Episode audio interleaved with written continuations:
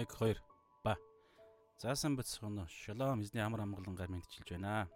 За би нэг за энэ яг бодит байдал цацалт хоёр жоох нэлээд хэдэн секундээр зөрж явах шиг байна. Дууга шалганаа. Дуунд гайг байгаа болоо яадаг бол. За тэгээд шууд бүгдээр библи судлал руугаа цагаан амьд хөднөөс орё. Тэгээд дунд нь ямар нэгэн байдлаар та комент бичих хүсэл бодлоо асуух ч юм ямар нэгэн байвал би төгсгөлд нь комент уншдаг байгаа шүү. За нэг дууга шалгаа тэгээд. За окей. За шууд идэгцээ хаалаа. Аа. За хамтдаа бүгдээрээ залбираа тэгээд эхлэе. За өнөөдөр бол Ром 7 дугаар бүлэг рүү орж байгаа. Ариусгалын ариусгалтай итгэлийн амьдрал ариусгал бас Ром номын яг Ром ном бол өөрөө яг ингээд итгэлийн амьдралын баг үйлчлэлүүдийг баг гэж угаасаа үйлчлэлүүдийг маш системтэйгээр тавьсан Паулын гайхалтай одоо баг эрдмийн ажил гэж ярьдаг те хүмүүс. Тэгэхээр энэ голд байдаг одоо дунд нь байгаа ариусгал гэдэг э, одоо итгэгч бидний яг өнөөдрийн өдөр тутмын амьдрал өрнөж байгаа яг энэ хэсгийг бол теологийн хэллэг нь ариусгал sanctification гэдэг. Тэгэхээр тэрний тэрэнд зориулсан 3 бүлэг гэж байгаа те Ром 6 7 8. Тэрний 7 дугаар бүлэг рүү бүгдээр одоо орж ийн. Өнөөдөр Ром 7-гийнхоо нэгээс 6 дугаар ишлэгийг бүгдээр үзнэ. За гарчиг бол За ариун бичээс дээр бол итгэгчд хуульд өгсөн гэж байна. За Стив Лосон доктор бол итгэгчд ба хууль гэж гарч байсан. За би бол ерөнхийдөө тэгээ дунд дунджийг бариад итгэгчд хуулиас чөлөөлөгдсөн гэсэн энэ гарчгаар ерөнхийдөө бол явнаа. Адилхан санаа. За тэгээ 6 ишлэл дээр бүгдээр хамтдаа судлаа. За ерөнхийдөө бол 2 цаг гарын явна. За баг 3 цаг төхөж магадгүй. Гэхдээ 2 цаг аль болох би багассан. Зэгцтэй хурдан ярьж гэхдээ дуржигнуулахгүй ойлгоход хэцүү бас ярихгүй байх хичээ. Залбираад бүгдээр эхлэе. Эзэн цагийн төлөө тань талархаж чинь тэгээд Steve Lawson доктор One Patient Ministries гэдэг энэ үйлчлэлээр дамжуулан эзэн дороо миний гимтээ дороо миний асуул дороо энэ оюун бодлыг амьдралыг минь таваас ашиглаж өөрийнхөө алдрын төлөө нэг ч гэсэн үннийг нэг ч гэсэн хүнд түгээх энэ гайхалтай чөлөөлөлт сүнсийг эзлэн авдаг энэ ажлын төлөө эзэн та бас бид бүгдийг хэрэгэлдэг учраас тань талархаж байна эзэн. Энэ цаг мөчид бас санийхаа өмнө гимшлэр ирж байна. Эзэн ямар нэгэн байдлаар бид миний дотор бардамнал ямар нэгэн байдлаар таны өмнөөр ярьдаг, таны эзний суудалд суугсан таны багшийн судалд суугсан тэр нэгэн сэтгэл хандлага байгаа бол та Иесусийн нэрээр эзэн яг энэ мөчөд гимшин улааж байна. Тэгээ эзэн бүгдийг ариун сүнсээр дамжуулан та өөрөө ярих болтугай. Тэгээ бүх техник бас үзэж байгаа нэгний сэтгэл нөхцөл байдал бүгдийг тань даатхан Иесусийн нэрээр даатхан залбирч байна. Амен. За бүгдээрээ шууд уншия. Ром 7-гийн 1-ээс 6. За итгэгчид хуульд өгсөн ах トゥ нараа хууль мэдгэстэд гэж хэлэхэд хууль нь хүнийг амьд байгаа загтал хүнийг захирдаг гэдгийг та нар мэдэхгүй гэж үү? Гэрэлсэн эмэгтэй нөхрөө амьд байх үед нь нөхөртөөгөө хуулиар холбогдсон байдаг. Харин нөхөр нь өөд болвол тэр эмэгтэй нөхрийн талаарх хуулиас чөлөөлөгдөнө. Тиймээс нөхрөө амьд байхад тэр эмэгтэй өөр эртээ нийлвэл завхаа эм гэгдэнэ. Харин нөхөр нь өөд болвол тэр хуулиас чөлөөлөгдөх бөгөөд тэрээр өөр эртээ нийлсэн ч завхаа эм биш юм аа. Түүнчлэн ах トゥ нар минь та нар Христийн биеэр дамжин хуйлд үхсэн. Ингэснээр бурхны төлөө бид үр жимс гаргахын тулд үхвэстээс амилсан өөр нэгэнтэй та нар холбогдсон юм аа. Учир нь биднийг махан бодод байхад хуулиар сэргээгдсэн нүгэлт хүсэлт ачаалууд нь үхэлд хүргэх үр жимс ургуулахын тулд бидний эрхтнүүдэд ажиллаж байсан. Харин бид хүлүүлж байсан хуйлда үхэж түүнээс чөлөөлөгдснөөр судар бичгийн хуучралд ор биш харин сүнсний шинчлэлд ор үйлчилдэг. Амен. За тэгэхээр шууд эхлээд гарчгийг нь Стив Лосон докторийн хуваарлсан. За тэгээд ганц нэг юм би жоохон арай ойлгомжтой болгож жоохон өөрчилсөн. Аа гарчгийг танд хэлээ. Тэгэхээр өнөөдөр өнөөдрийн энэ 6 ишлэлийн 1-р ишлэл нь Стив Лосон доктор бол хуулийн аксиом гэж нэрлэж байна л да. Аксиом. Өөрөөр хэлбэл аксиом гэдэг үг нь бол те монгол хэлээр хуулийн ерөнхий зарчим бүх хүний хүлээн зөвшөөрдөг одоо үнэн, суур үнэн бүх хүн хүлээн зөвшөөрдөг бүгдийг мэддэг тэр ойлголт гэсэн үг. Хуулийн талаарх. Энийг Паул хэлж хэлээд тэгээд 2 3 дугаар ишлэл дээр яаж байгаа гэхээр Паул энэ аксиомо тайлбарлсан. Жишээ авч ямар жишээ вэ гэхээр гэрлэлт. Хуулийн үндсэн зарчмыг гэрлэлт гэдэг энэ бидний амьдралд өдөр тутмын амьдрал байдаг энэ зүйлээр тайлбарлаад тэгээд дөрөвдүгээр ишлэл дээр тэр үнц хуулийн үндсэн ойлголт тэрийг тайлбарлсан гэрлэлтийн тайлбар энэ хоёр дээр тулгуурлаад итгэлийн амьдралд бууж байгаа одоо хөрсөн дээр бууж байгаа тэр хэрэгжүүлэлт тэр одоо ойлголт сүнслэг одоо яг теологийн бидний гол ойлголт нь бол дөрөвдүгээр ишлэл дээр. Тэгээд 5 6 дугаар ишлэл дээр юу вэ гэхээр баг дөрөвдүгээр ишлэлийнхаа тайлбар гэж хэлж болохоор энэ дөрөвдүгээр ишлэлээр байгаа одоо энэ хуульд өгсөн учраас ингээд чөлөөлөгдсөн гэдэг энэ санаа нь санаагаа тайлбарлахдаа хуульд өгөхөөс өмнө буюу итгэхээс өмнө дахин төрөхөөс өмнө бид нар ямар үр жимс гаргаж ирсэн дараа нь буюу 6 дугаар ишлэлээр ямар үр жимс гаргаж ирсэн. За иймэрхүү одоо бүтцтэйгээр бүгдээрээ үзээд явнаа. За эхлээд бүгдээрээ одоо хуулийн талаарх нэг үндсэн байх шаардлагатай, үндсэн итгэвч хүн болгонд байх шаардлагатай нэг хэдэн ойлголтыг бүгдээр үзье. За хууль гэж ярихаар Мосегийн хуулийг ярьж байгаа, хуучин гэрээний хуулийг ярьж байгаа. За мэдээж бүх хуулийг бол нийлээд 613 хууль гэж бид нар бол мэддэг те. За тэгэхээр хууль нь дотроо 3 хэсэгтэй, 3 төрөл байна гэсэн үг. Нэгдүгээр төрлийн хууль нь ямар хууль вэ гэхээр ёс суртахууны хууль. За нэгдүгээр хууль нь ёс суртахууны хууль гэж байгаа. Энэ хууль бол бид нэр гитлэл 21-р 21 дээр байгаа биш 20 дээр байгаачлан 10 хууль байгаа. Ёс суртахууны хууль. Хоёрдугаар хууль нь ямар ямар төрлийн хууль вэ гэхлээр нөгөө 613-аар 3 хэсэг хувааж штэ. Хоёрдугаар хууль нь ямар хууль вэ гэхлээр ёслолын хууль.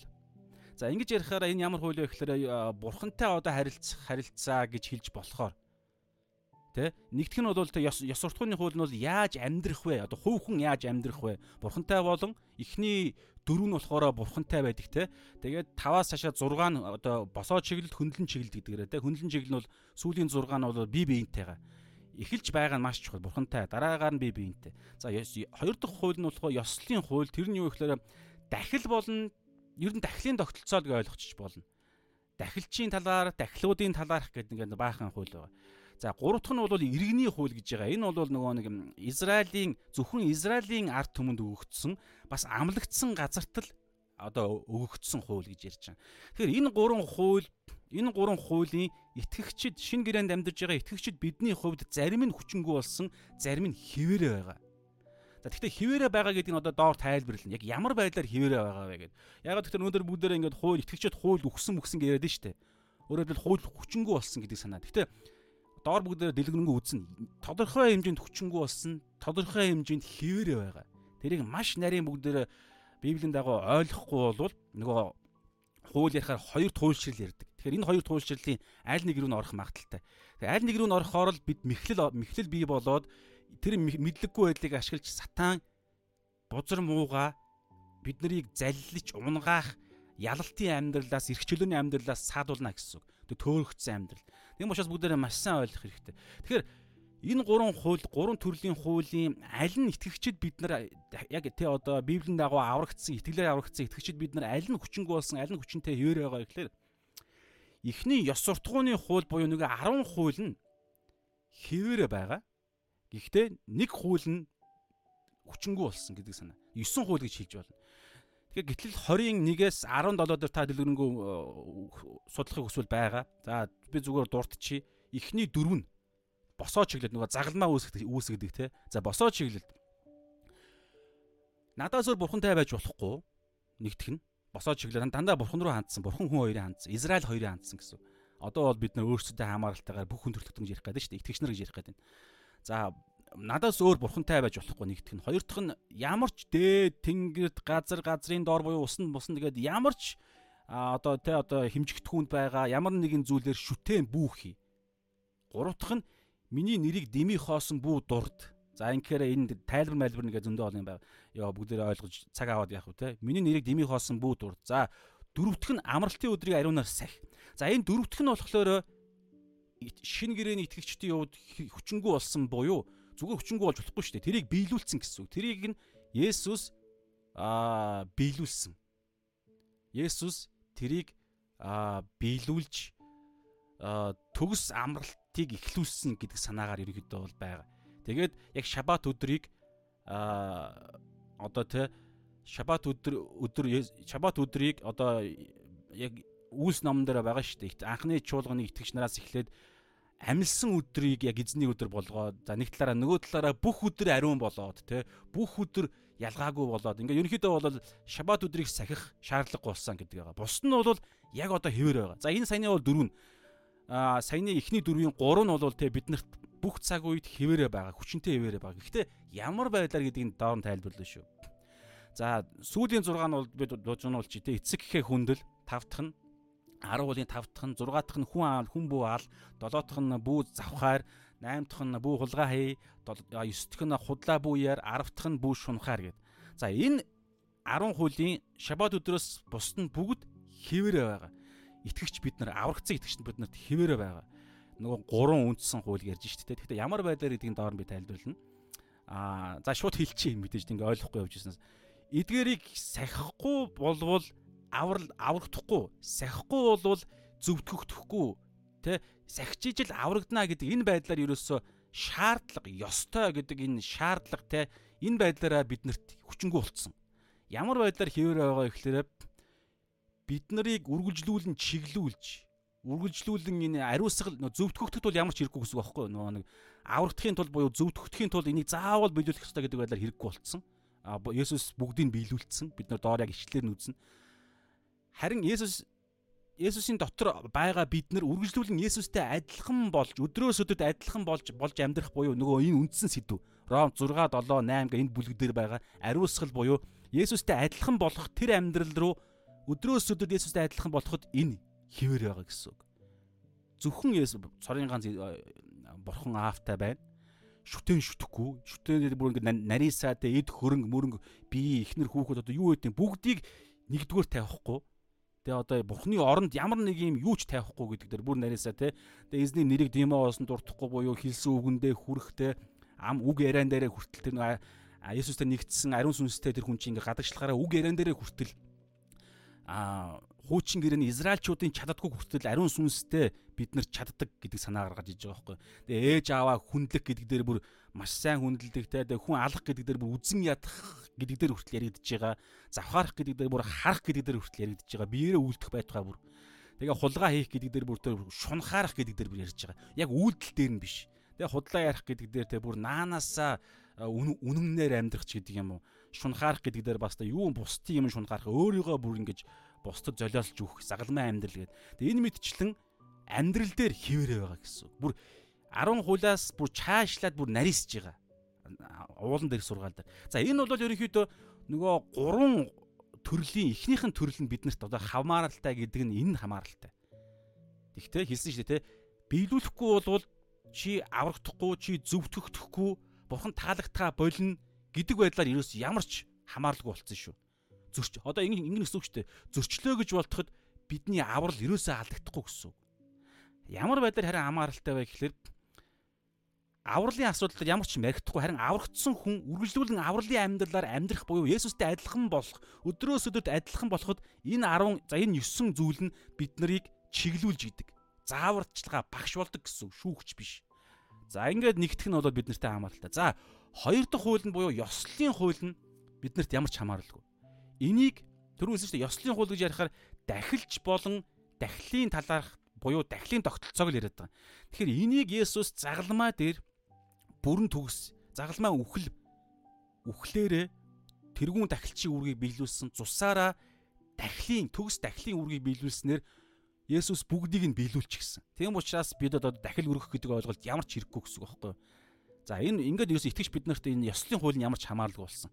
За гурав дахь хууль буюу иргэний хууль нь түрүү хэлсэн шүү дээ. Иргэний хууль нь юу гэхээр амлагдсан газарт Израильчуудад л өгөгдсөн хууль. Тэр утгаараа тэр заалт нь тэр бүх зүйлс нь биднэрт хамааралгүй. Биелүүлэх ямар ч шаардлагагүй.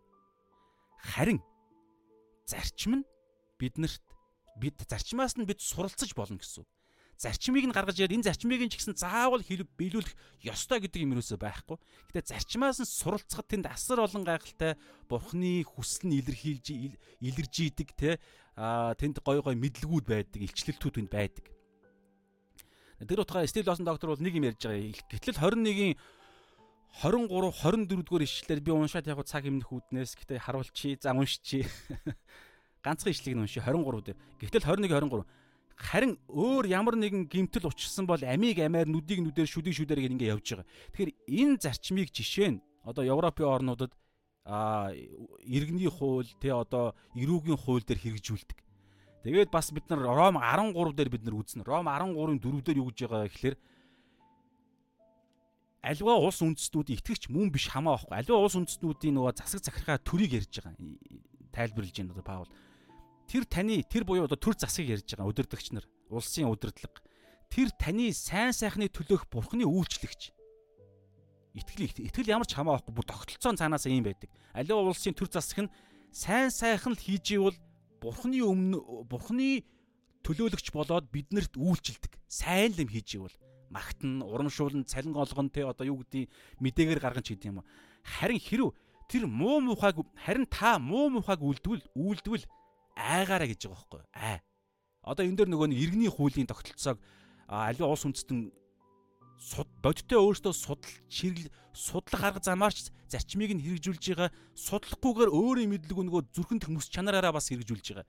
Хэрв та муу муухайг үйлдвэл айгаараа илдийг за илд гэж ягаад түрүү нөгөө нэг гэтэл 21 23 дээр хэлсэн шүү дээ. Хин нэгний харин өөр нэг харин өөр ямар нэгэн гимт учрсан бол амийг амиар нүдийг нүдээр шүдийг шүдээр энэ зарчмыг аливаа улс үндэстний төр засаг дээр энэ илд бурхнаас өгөгддөг гэж байгаа байхгүй. Илдийг тэр дими зүгээгүй юм аа. Одоо улсын төр засаг, үндсэн хууль, эрүүгийн хууль тэрийг хэрэгжүүлэгч цагдаагийн байгууллага, байгууллага бүх юм. Дээр чинь байгаа засаг захиргаа багш нар хүртэл орно.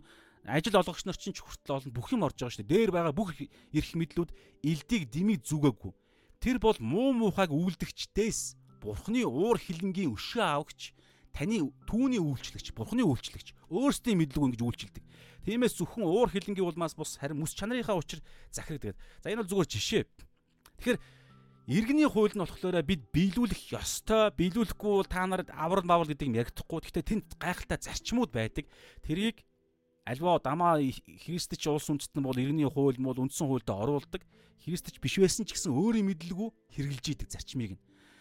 За тийм утгаар утгаараа юу гэсэн үг гэхээр энэ 613 хуулийн сүүлийн 2 дахь буюу ёслолын хууль, иргэний хууль нь итгэж биднэрт хамааралгүй болцсон гэсэн үг. Харин ёс суртахууны хууль нь биднэрт хамааралтай. Гэхдээ биелүүл заавал биелүүл ихгүй бол авралаа аврагдахгүй маргахгүй гэдэг байдлаар хамааралгүй. Харин бид нарыг Есүстэй улам адилх адилхан болох буюу өдөр болгоны ариусгалын амьдралаар амьдрахад биднэрт зааварчилгаа болдог. Гэхдээ тэрнээс ч илүүгээр бараг 10 үйлийг ч гэсэн судлах шаардлагагүйгээр Есүс өөрөө уулан дээрх сургаал Матай 5 6 7-гоод энэ гурван бүлэг дээрээ бүр илүү нарийн тайлбарлсан байгаа. Чааша тэгээ Паул захидлууд дээр ч гэсэн бүр дэлгэрүүлж байгаа.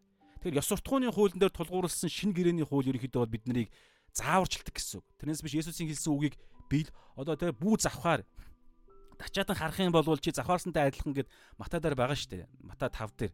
Тэгсэн чинь тэрийг биелүүлэхгүй бол бид нар аврагдахгүй. Авралаа алдна гэдэг юм ерөөсөө байхгүй байхгүй. Есүстэй адилхан болох Есүс дотроо ингэж агаас аврагдсан Есүс дотроо үргэлжлүүлэн явхад ариусгалын амьдрал дээр л бид нарт зааварчилгаа, дохио, сануулгал болдог. Хоёр талын тэр нэг юм хил хязгаар. За, овчхондоо бол энэ. Тэгэхээр ийм байдлаар бид хуулийг бол ерөнхийдөө та ойлгож байгаараа гэдэг санаа байна. За тэгээд хоёр туулшрал байгаа байхгүй юу? Түрүү хэлсэн шүү дээ анхандаа би нөгөө цус дурдсан. Хуулийн нарийн ширийг ойлгохгүй л ингээд туулшрал итгэгч нар туулширдаг өөрийн мэдлэггүй Тэр нь бүр бүр чуулганы түүхэнд бүр анханасаа энэ ингээд дайж исэн ингээд э, хэдэн зуун жилийн мянган одоо энэ чинь бүр 2000-аад жилийн түүхтэй ихтгэл үнэмшин шүү дээ энэ чуулганы түүх. Тэгэхээр ингээд бүх цаг үед энэ дайсан учраас ингээд чуулганы түүхэнд бүр ингээд тэмдэглээстэй нэр нэр нэр мөр нь ингээд өгөгдчихсэн байдаг. Тэгэхээр хоёр төрлийн туулшрал байгаа юм. Үе үеийн итгэгч хүн болгоны амьдрал ингээд гарч ирж идэг. Сатан ингээд Миний арт түмэн мэдлэггүйгээсээ болж мөхөн гэдэг те иш үзүүлэгчдийн ном юу үг байгаа шүү дээ те иш үзүүлэгч иш үзүүлэгчээрээ дамжуулан бурхны хэлсэн одоо те анхааруулах гэсэн үг шүү дээ. Тэгэхээр тэрийг мэдэхгүйгээсээ Библиэд хайхрамжгүй хандснаас болж хандсан тэр мэдлэггүй айдал тэр одоо те нөгөө нэг а тойм тоймшрал тойм тойм тоймшралгүй гэдэг лөө. Тэгээ үл тоосон тэр байдал дээр нь сатан дандаа тоглолтоо хийдэг. Тэгэхээр хоёр төрлийн тоглолт хийж байгаа юмыг бүгд одоо харъя. Хоёр туулшрал. За би нэг калс муура гаргаад гээд та энэ дэлгэцийг харж болно. Хоёр ойлголт байгаа. Legalism. Нэг нь antinomianism гэж байгаа. Та бас бодож ийн үз. Legalism гэхээр хууль хууль аа хуульчлал гэдэг ойлголт. Хуульчлал. Хит хуулийг барьдаг ойлголт. Антиноминизм гэхээр грекээр байгууг байгаа юм. Хуулийг бүр эсэргүүцдэг. Хуулийг бүр хитрхи хуулийг хуулийг юусаа ингэж хайдаг гэсэн. Түрүүн хэлсэн шүү дээ. Нэгдүгээр ёс суртахууны хуулийг хүртэл хэрэгжүүлэх гэж орлодгоо бүр. Ингээд бүр хоёр талын туулшрал байгаа байхгүй юу?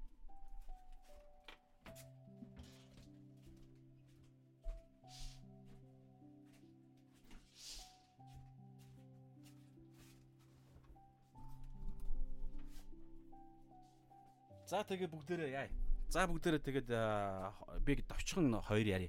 Тэгэхээр англиар чинь legal гэдэг чинь хууль шүү дээ. Тэгэхээр legalism гэдэг хуульчлах үзэл, хуулийн дагуу үзэл. Тэгэхээр ингэхээр гурван төрлийн аа хууль хуульчлах тэр одоо туулшрал байна гинэ. Одоо та ингэ ойлгочоор.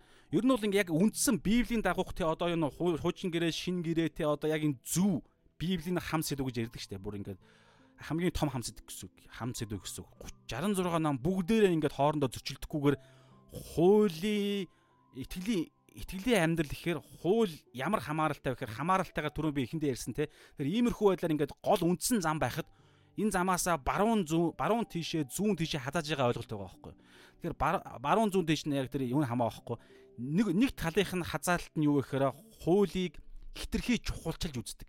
Ингэж үзэхэд гурван төрлийн одоо тууширсан ойлголт байна. Нэгдүгээрх нь аврагдахын тулд хуулийг сахих ёстой гэж ярьдаг итгэгч нарыг ярьж байгаа шүү. Яг одоо яг манай бидний дунд байна гэсэн үг. Аврагдахын тулд одоо жишээ нь түрүү ингэж яана гэсэн үг байхгүй. Бурханаас өөр бурхантай тэгээ одоо надаас өөр бурхантай байх юм бол чи ерөөсөө аврагдахгүй. За энэ бол мэдээж ойлгомжтой тий. Ойлгомжтой.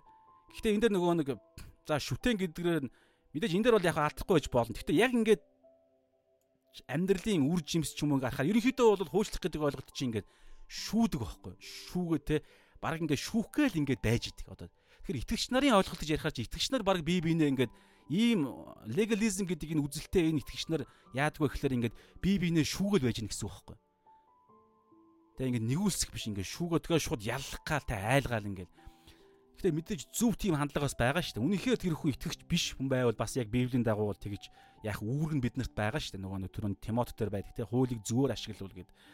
Тэгэхээр за ямар ч үсэн чаашла бүгд араа шүтшээ. За энэ дээр нэг айхтар цаг аваад яг мэдээж ойлгомжтой. Шүтээ те одоо эзэн нэрийг дэмий хоосонд бүгд дурдах. За эхний дөрөв гурав дээр нь те одоо айхтар юм ярихгүй байлаа ч гэсэн ер нь ийм багхгүй юу. Хуульчлах гэдэг нь ойлголт ярихаар одоо жишээнтэй 600 бүр ингээд хуучин гэрээний израилчууд бол ингэж 613 хуулийг бүгдийг нь биелүүлж иж аврагдах юм ярина шүү дээ. Угаасаа хуучин тийм л юм шаарддаг. Нэг хууль дээр бүдэрвөл бүх хуулийн өртөн гэж бид нар өмнө үтсэн шүү дээ, тийм. Тэгэхээр хууль чи өөрөө ийм л юм шаарддаг байхгүй.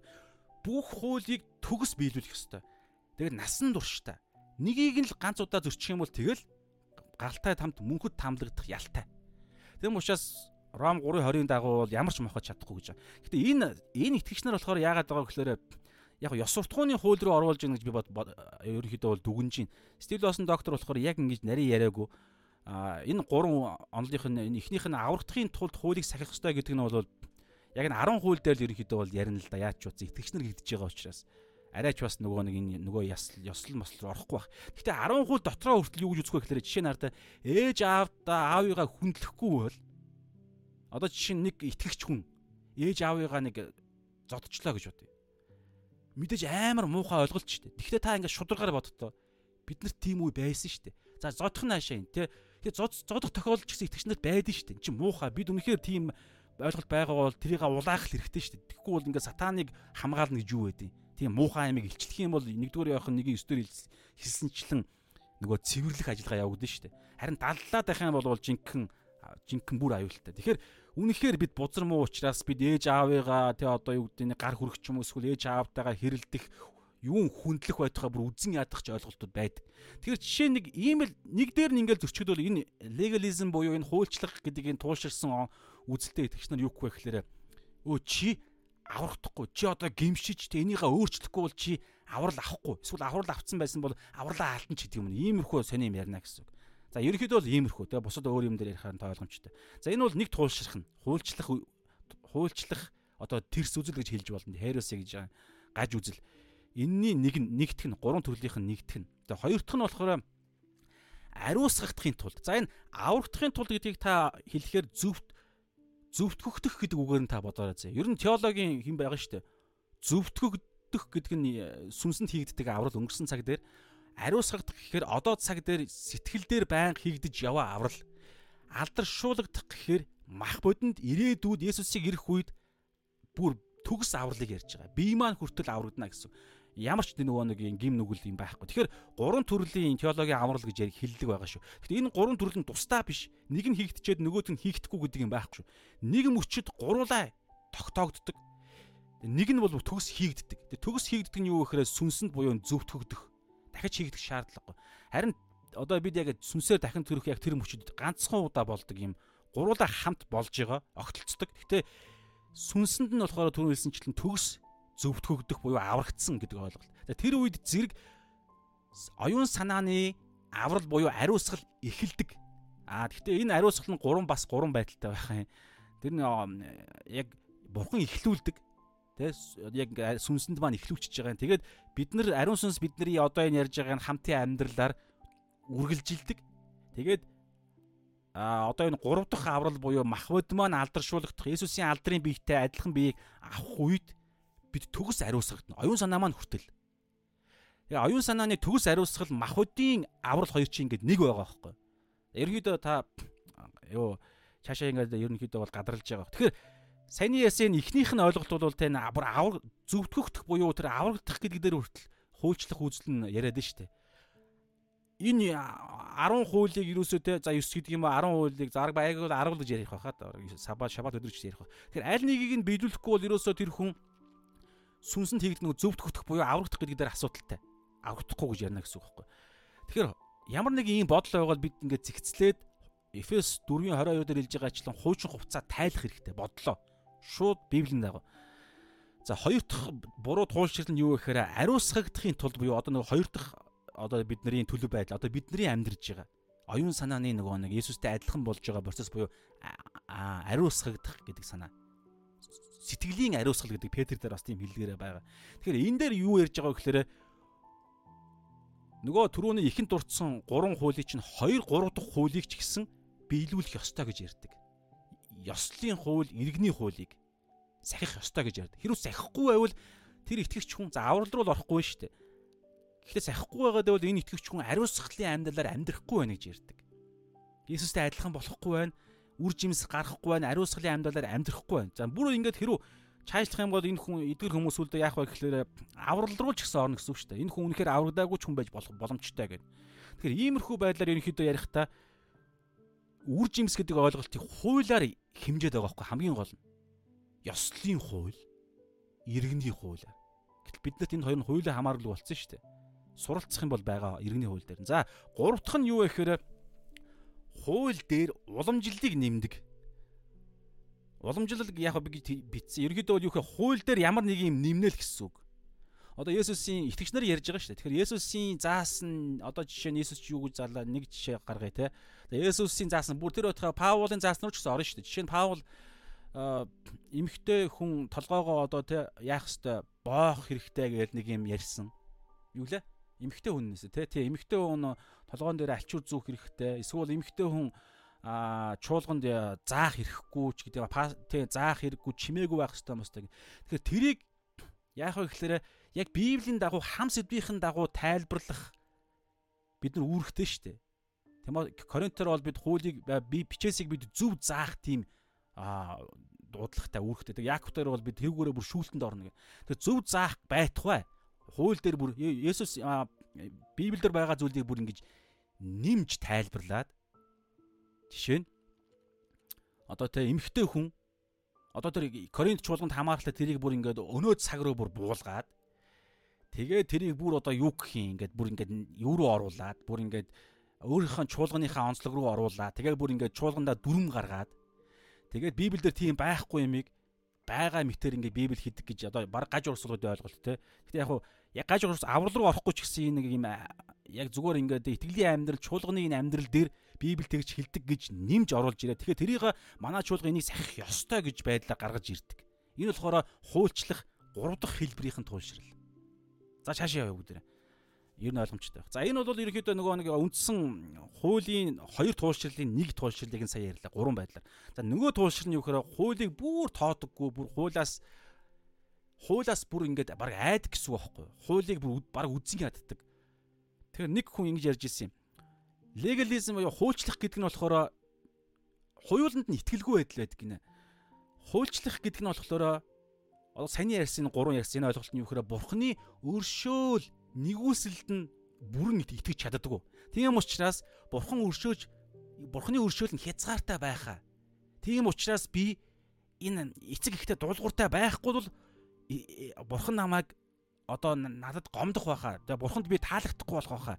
Би завхаарчих юм бол би хулгай хийчих юм бол би худлаа ярьчих юм бол бурхан намайг үдсэн ядаад бурханаас би холдох байхаа. Гэхдээ хуулийн хуулийн ойлголт байгаа байхгүй. Яа хуучин гэрээний хууль. Энд чинь зөв шүү дээ. Гэхдээ Есүсийн дотор хийгдсэн тэр гайхалтай хайрыг бүрэн итгэхгүй байна гэсэн үг. Тэр Есүсийн загалмайгаа загалмай тэрхүү хайрын цаана альж исэн тэр нэгүсэлд итгэхгүй байна гэсэн үг. Хэлбэл Еврей 4-ийн 10 10 Еврей 4-ийн сүүлийн хоёр ишлэлээр байгаа. Тэр 10 14 байна 15 ч юм уу. Сүүлийн хоёр ишлэлд хараарай. Нэгүслийн хаан ширээ гэж байгаа. Нэгүслийн хаан ширээний юм хэрэгцээтэй цагт өршөөл нэгүслийг авахын тулд нэгүслийн хаан ширээний өмнө зоригтойгоор очиорой гэдэг. Гэвтэл яг саяны ишлийг энэ хуульч хуульчлах хүмүүсүүд итгэхгүй гэсэн үг байхгүй юу? Нэгүсэл бишээ хууль хаан ширээн дээр бурхны бурхан тэг одоо шудраг байдлаараа хаан ширээн дээр сууж байгаа гэж үзэх гээд байгаа байхгүй. Гэвтэл нэгүслийн хаан ширээ гэж байгаа. Тэгээд зоригтойгоор очих гэж хэлсэн чинь айна гэсэн үг. Тэгээд нэг жоохон те за би өнөөдөр ингээ үгдээ нэг гимиг үлдчихлээ гэж бодъё. Хулгай яачлаа. За хүн юу завхаарчлаа гэж бодъё. Тэгэнгүүтэл би шууд нэгүслийн хаан ширний өмнө очиод гим нүглээ улаагаад өөрийнхөө будад завхааргач гэдгээ хүлээн зөвшөөрөөд амаараа тунхаглаад тэгээд эзнээсээ өршөөл хайр нэгүслийн цагаан хувцсыг тэр дорой үнгүүгээр авах тийм эр зориг байхгүй. Бурхны өршөөдөг, хайрладаг, тэ Петрос хүртэл Есүс тэ Петрт хүртэл Есүс 70 дахин 7 удаа 490 удаа нэг хүнийг уучлах гэж яхад бурхан өөрөө хэд дахин уучлах вэ? Бүр хязгааргүй шүү дээ. Тэгэхээр тэр уучлалт нь хязгаар байна гэж бодоод тэгээд за нэг би нэг 10 өдөр жишээ нэг нэг сар цуглаанд явахгүй бай. Тэ. Эсвэл бол би энэ гимнүглээ яг болж ижил Есүс дээр очие гэж ярина гэсэн үг байхгүй. Ингээд ирэхээр шин гэрэний сайн мэдээний сайн гэдэг чанар нь сайн биш юм шиг харагдаад ирнэ гэсэн үг. За ингээд цаашаа ингээд олон юм руу орно гэсэн. Тэгэхээр энэ бол ингээд яг хуульчлах үзэл нь бурхны өршөөл хайранд нь бүрэн итгэдэггүй. Мэдээж тодорхой хэмжээнд итгэнэ. Магадгүй авар намайг аврахад намайг одоо юу гэдэг нь намайг аврахад Есүс намайг хайрлсан марилсан. Гэхдээ ариусгалын амьдралаар амьдрахад хайр нь хязгаартай юм шиг. Өршөөл нь хязгаартай юм шиг. Гэтэл үгүй байхгүй. Ром 3:20 эдэр 25 байна тэр хавцаа байгаа.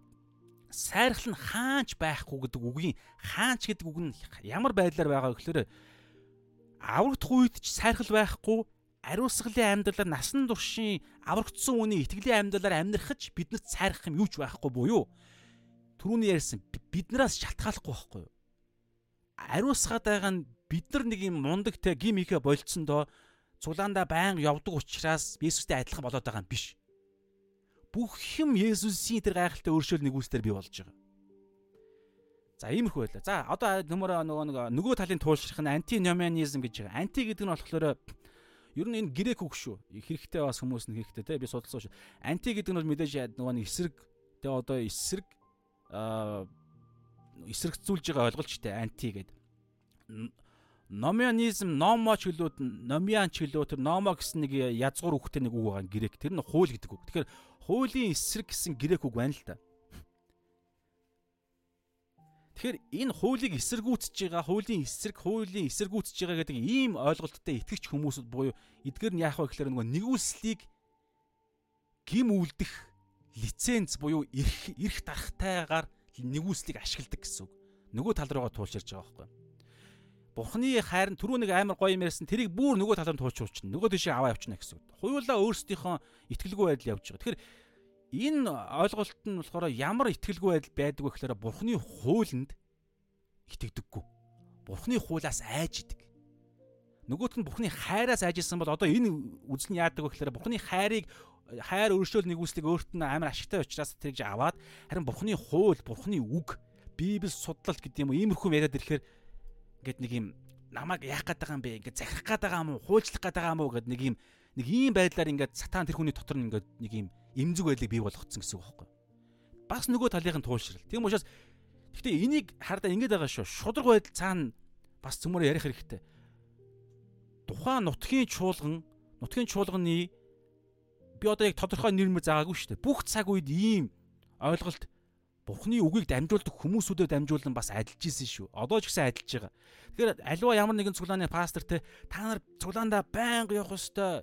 Явах нь зөв. Гэхдээ явахгүй бол тэг нэг нэг айлгачдаг ч юм. Эсвэл Библийг судлах, эсвэл бол сайн мэдээ тараах, эсвэл өглөг өргөл өгөх, эсвэл бол те ямар яаж ийж хувцлах, мовслох одоо юу гэдэг ямар нэг юм дээр ингээд нэг юм ачаа дарамт өгөөд тэгээд тэрнээсээ болоод тухайн итгэгч тэг одоо бурхан амар гой хайрлаад ингээд тахад энэ нэг юм хуульчлах гэдэг энэ нэг муухай юм энэ ийм хүмүүсүүд гээд нөгөө магадгүй үнэхээр тэр пастор ч юм уу нөгөө талын туушигдсан хүмүүс байж болно ш. Тэндээс ингээд шарах аваад бурхны үг, бурхны хууль гэдгийн тэр ариун сайхан бүгдээр доор үзсэн. Бурхны үг бол бурхны хууль бол ариун сайн гэж байгаа.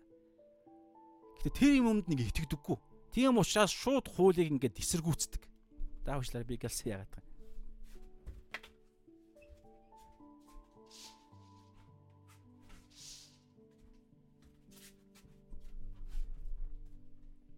За лайв явж байгаа болохоор ингээ нөгөө нэг зүгээр явж исэн бол дараа нь хасч масаа те. За тэгэхээр тийм төрлийн ихтгэлгүй байдал тэднэрт байдгаа гэсэн. За эдгээр хүмүүс нь юу гэхээр ёс суртахууны хуулийг хүртэл эсэргүүцдэг. Одоо түрүү ярьсан. Нөгөө нэг ёс суртахууны хууль буюу 10 хууль. Шабат өдрийг бүр ойлгомжтой нэгдүгээр хасаа ичин дараагаар нь те одоо юу гэдэг ээж аав хүн алах малах одоо юу гэдэг бүх юм дээр бурхны өршөөл хайр бүгдэн дээр нь үргэлж бурхан өршөөн. Тэр нь үнэн үү үнэн. Тэнгүүтээ гол нь эндээс тулгуурлаад юуг бий болгоод байгаа гэхээр тийм учраас бид нар өмнө үтсэн шүү дээ. Тийм учраас нүгэл үйлдэх гэдэг энэ ойлголт нь асуудалгүй болцсон гэж ярих гэдэг байгаа байхгүй асуудалгүй. Яг тэгэхээр бурхан өргөж өргөлж уучилдаг. Харин ч нүгэл үйлснийхаа дараагаар нь гимшиж байгаа хүнийг харах юм бол баг итгэлгүй байдал. Баг тэр хүн чи юунаас хайгаад байгаа. Бурхан чамайг уучлсан шүү дээ, тэ нэг удаа аврагдах үедээ чи залбирсан ирээдүйн гим нүглийг чи хүртэл чамааг уучлцсан. Нэг удаа гимшсэн байхад чи дахиад яага өдөр болгон гимшдیں۔ Чи итгэлгүй байдалтай байна мэн гэж ярина гэсэн үг байхгүй. Гэтэл яг дундуур нь явдаг зам нь юу гэхээр хуйлаа хамтдаа явдаг. Чин сая дөнгөж саяны ярьсан ойлголтын дээр ярьчих. Гимших гэдэг. Гимших гэдэг нь өөрөө за энэ доор уг нь ярих юм. Гэхдээ би одоо хамааралтай учраас ярьчих.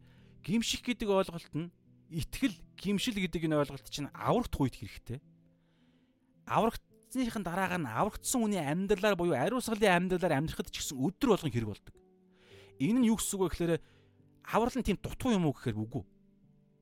Энэ дэлхий дээр бид нар гим үйлддэг учраас тэр гим чинь өөрөө бид нарыг ялалттай амьдрахад, эрх чөлөөтэй амьдрахад, шинэ хүнийхээ бүтээлээр амьдрахад саад болдог байхгүй юу? Тийм учраас тэр муухай имийг бид хүлээн зөвшөөрнө. Нэгдүгээр явах нэг дээр байгаа бурхантай нөхөрлөдөг буюу тэр хам сэдвийн нэгдүгээр явах нь нэгийн 5-аас 10-ыг уншаараа бурхантай нөхөрлөх, гэрэлтэй нөхөрлөх, үгтэй нөхөрлөх бүгдээрээ нэг ойлголт. Тэгэхээр гэрэл асцсан байхад, гэрэл асахад өрөөн дотор буюу бидний зүрхэнд хар тул байхад бид нар тэрийг шууд цэвэрлэх гэдэг чинь жам ёсны ойлголт байхгүй? Цэвэрлэх буюу хүлээн зөвшөөрч гимшээ тэгээд байхгүй болгох. Байхгүй болгох хүч нь байгаа. Тэр нь яг та нэгдүгээр явах нэг нь 9 дээрээ байгаа. Христийн цус бид нарыг бүхий л зөвхт бус байдлуудаас төлөв байдлаас цэвэрлэнэ гэж байгаа. Тэгэхээр аврагдсан гэдэг ойлголт чинь зүгээр л те. Гим нэг бол үлдээл. Одоо одоо юу гэдэг юм? За би нэг нэг за би нэг хүнийг одоо үдсэн яа за одоо юу гэдэг маш бодиттой юм юу байж болох вэ? За би ингээ уурлаа нэг хүний нэг үйлдэл дээр дандаа ууралдаг байлаа гэж бодъё. Тэнгүүт нь тэр ууралснаасаа болоод би нэг муухай үг хэлчихдэг. Эсвэл магадгүй одоо юу гэдэг дүү мүгээ мэдхгүй одоо ямар нэг хүн ингээ цохоод авдаг ч юм. Гэсэн тэр нэг А гэдэг тэр гим нүглийг би үйлцсэн. Гим нүгэл мөн мөн. Тэр хүн итгэж хүн өөрөө ойлгож байгаа, ойлгож байгаа. Тэгээд тэр хүн гимшин. Одоо нөгөө нэг антинеманизм гэдэг те хуулийг хуулийн эсрэг үзэлтэй хүмүүс бол яалтчгүй за баг гимшихгүй байх. Гэтэл тэр гимшин гэдэг ойлголтыг бид нар яагаад эсэргүүцэх гээд байгаа гэхээр ингээд те баг итгэлгүй байдал майдал ч юм уу тиймэрхүү ярих магадaltaй байх гэхээр за тэр юу гимшин шаардлагагүй. Харин би болохоор арай нэг өөр юм ярьж байгаа өөр юмроо орчлоо. Бид яг жинхэнэ тэр голоор нь хоёр тал руу туулчих биш. Голоор нь явж байгаа зөв үзэл нь болохоор өдөр болгон гим нүгэл үйлдэх болгондоо гимшин гэдэг нь яагаад чухал вэ гэхээр бурхны өршөөл хайраас хайраас хайрт нь итгэхгүй байгаа биш. Тэг хуулаас нь айгаад байгаа юм биш. Гимшил гэдэг чинь өөрөө биднэрт байгаа гайхалтай ерөөл нэгүүлсэл. Түрүүнээс шүү дээ Еврей 4-ийн 10 сүүлийн 2 ишлэлээр нь хэрэгцээтэй цагт өршөөл нэгүслийг авахын тулд нэгүслийн хаан ширээний юм зоригтойгоор оч. Эн чинь ямар үйлдэл юм? Гимшлиг ярьж байгаа байхгүй. Тэг гимшил чинь биднийг өдөр болгон а зүвт тэр цагаан хувцастайгаа явж яхад апдейт хийж идэг. Тэг ингэж ярихаар одоо түрүүн би нэг А гэдэг гимнүгэл ярьлаа. Уурлаад нэг хүн ингэ зодчихсон ч юм уу. Тэрийг би ингэ за тэр гимнүгэл гэдгээ би хүлэн зөвшөөрч байна. Тэгээ би гимшлээ гэж бодъё. Тэг гимшээд гимшингүүд нь тухайн гимнүглийн ял шийтгэлийг нь Есүс Бурхан Аав Есүсийн загламай руу шилжүүлнэ. Энэ бол бүх цаг үед байнга хийгдэж их үйл явдал. Есүс ч гэсэн Еврей 7-гийн 25-ын дагуу энэ энэ зуучлах юмаа байнга хийж байгаа. 2-р Коринт 5-21-ийн дагуу бидний гим нүглийг Есүсийн гим нүгэл болгосоор л байгаа. Өдөр болго. Яг тэр шудраг учраас би яг өнөөдөр гим нүгэл үлдлээ. Төлөөс нь заавал төлөгдөх ёстой. Тэр нь цаг хугацаараа ухарлаа Есүс рүү шилжиж байгаа. Гэхдээ нөгөө Аа гэдэг гим нүглээ би гимшлээ. Тэгсэн чинь маргааш нь дахиад нөгөө Аа гэдэг гин нүглээ дахиад үйлдвэл дахиад гимшин бурхан дандаа уучлна. Нэг удаа, хоёр удаа, гурван удаа, 10 удаа, 100 удаа уучлах уу уучлна. Гэхдээ та энийг хардаа ийм ийм итгэлийн амьдрал гэдэг гэдэг чинь амар дорой байгааз. Нөгөө нэг тэ зохиулж байгаа хүн тэ нөгөө зохиулж байгаа хүн одоо юу гэдэг тэр уурыг хөдөлгөөд тэгээд зохиурыг авж байгаа тэр дүү маань ч гэдэг юм уу хинч байдгийн тэр нэг хүн нь ямар бодол төрөх вэ? Энэ итгэгч ах маань Тэ дандаа намайг зодчих юм. Тэ нь гуйдаг. Дараагаар нь дахиад зодоод ах юм. Яагаад өөрчлөгддөггүй юм болоо? Энэ итгэл нь бодиттой юм биш шүү гэдэг асуудал гарна гэсэн байхгүй. Тэгэхээр яг өдөр ч гэсэн байгаа шүү дээ. Үйлсгүй итгэл нь үхмэл. Тэгэхээр тэр үйлстэй итгэл нь яаж бий болдог вэ гэхээр гимшлэр эхэлдэг байгаа даа байхгүй. Нэгдүгээр явах нь 9 дээр байгаа.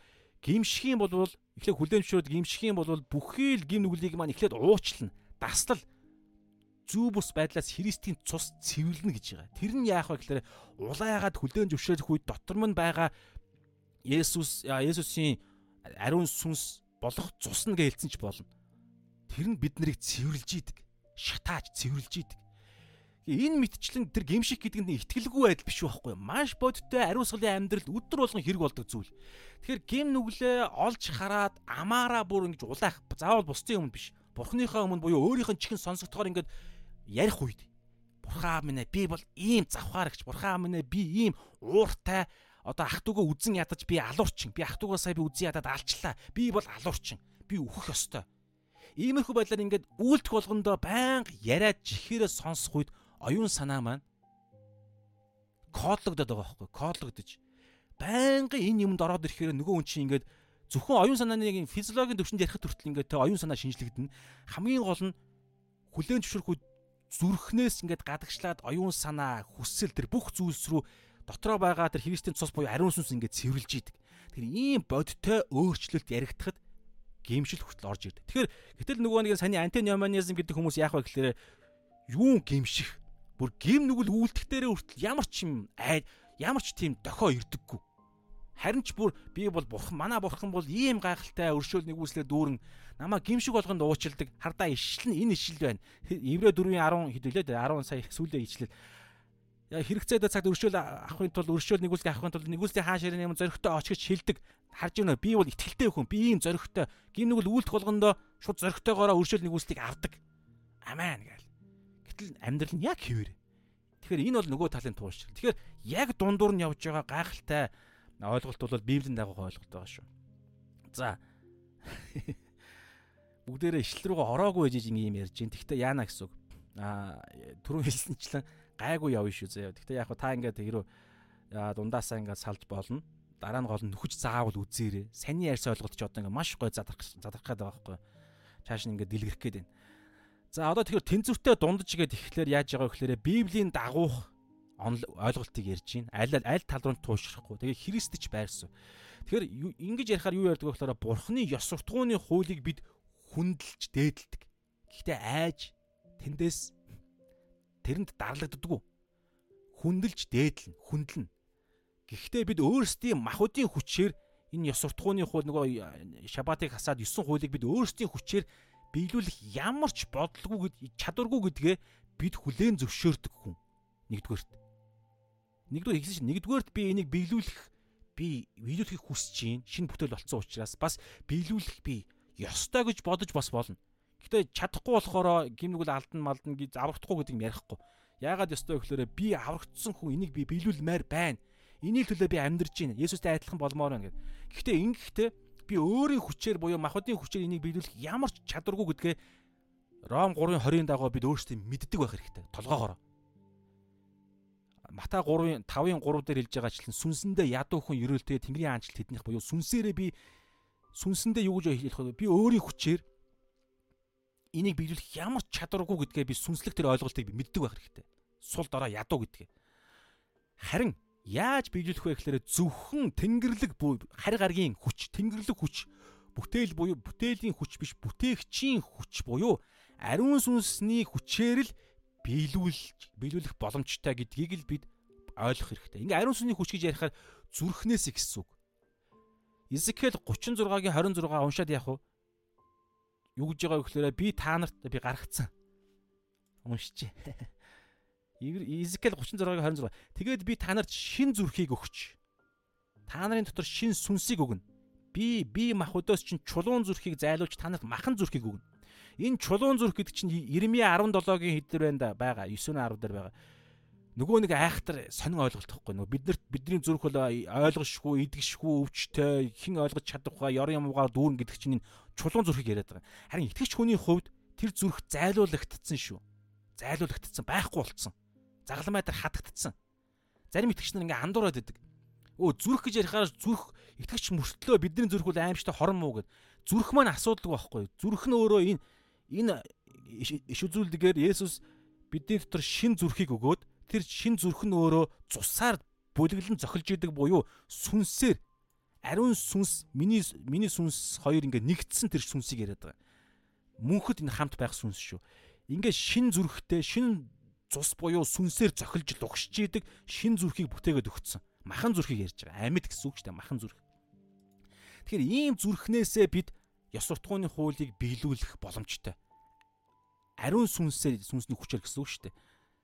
Ром 7-гийн энэ талаар юу ярих вэ гэхээр Ром 7-гийн 14-өөс 10 25-г төгсгөлийн хэсэг энэ талаар ерөнхийдөө бид нар юм шүү. Би нэг зүйлийг яриаг юм байна.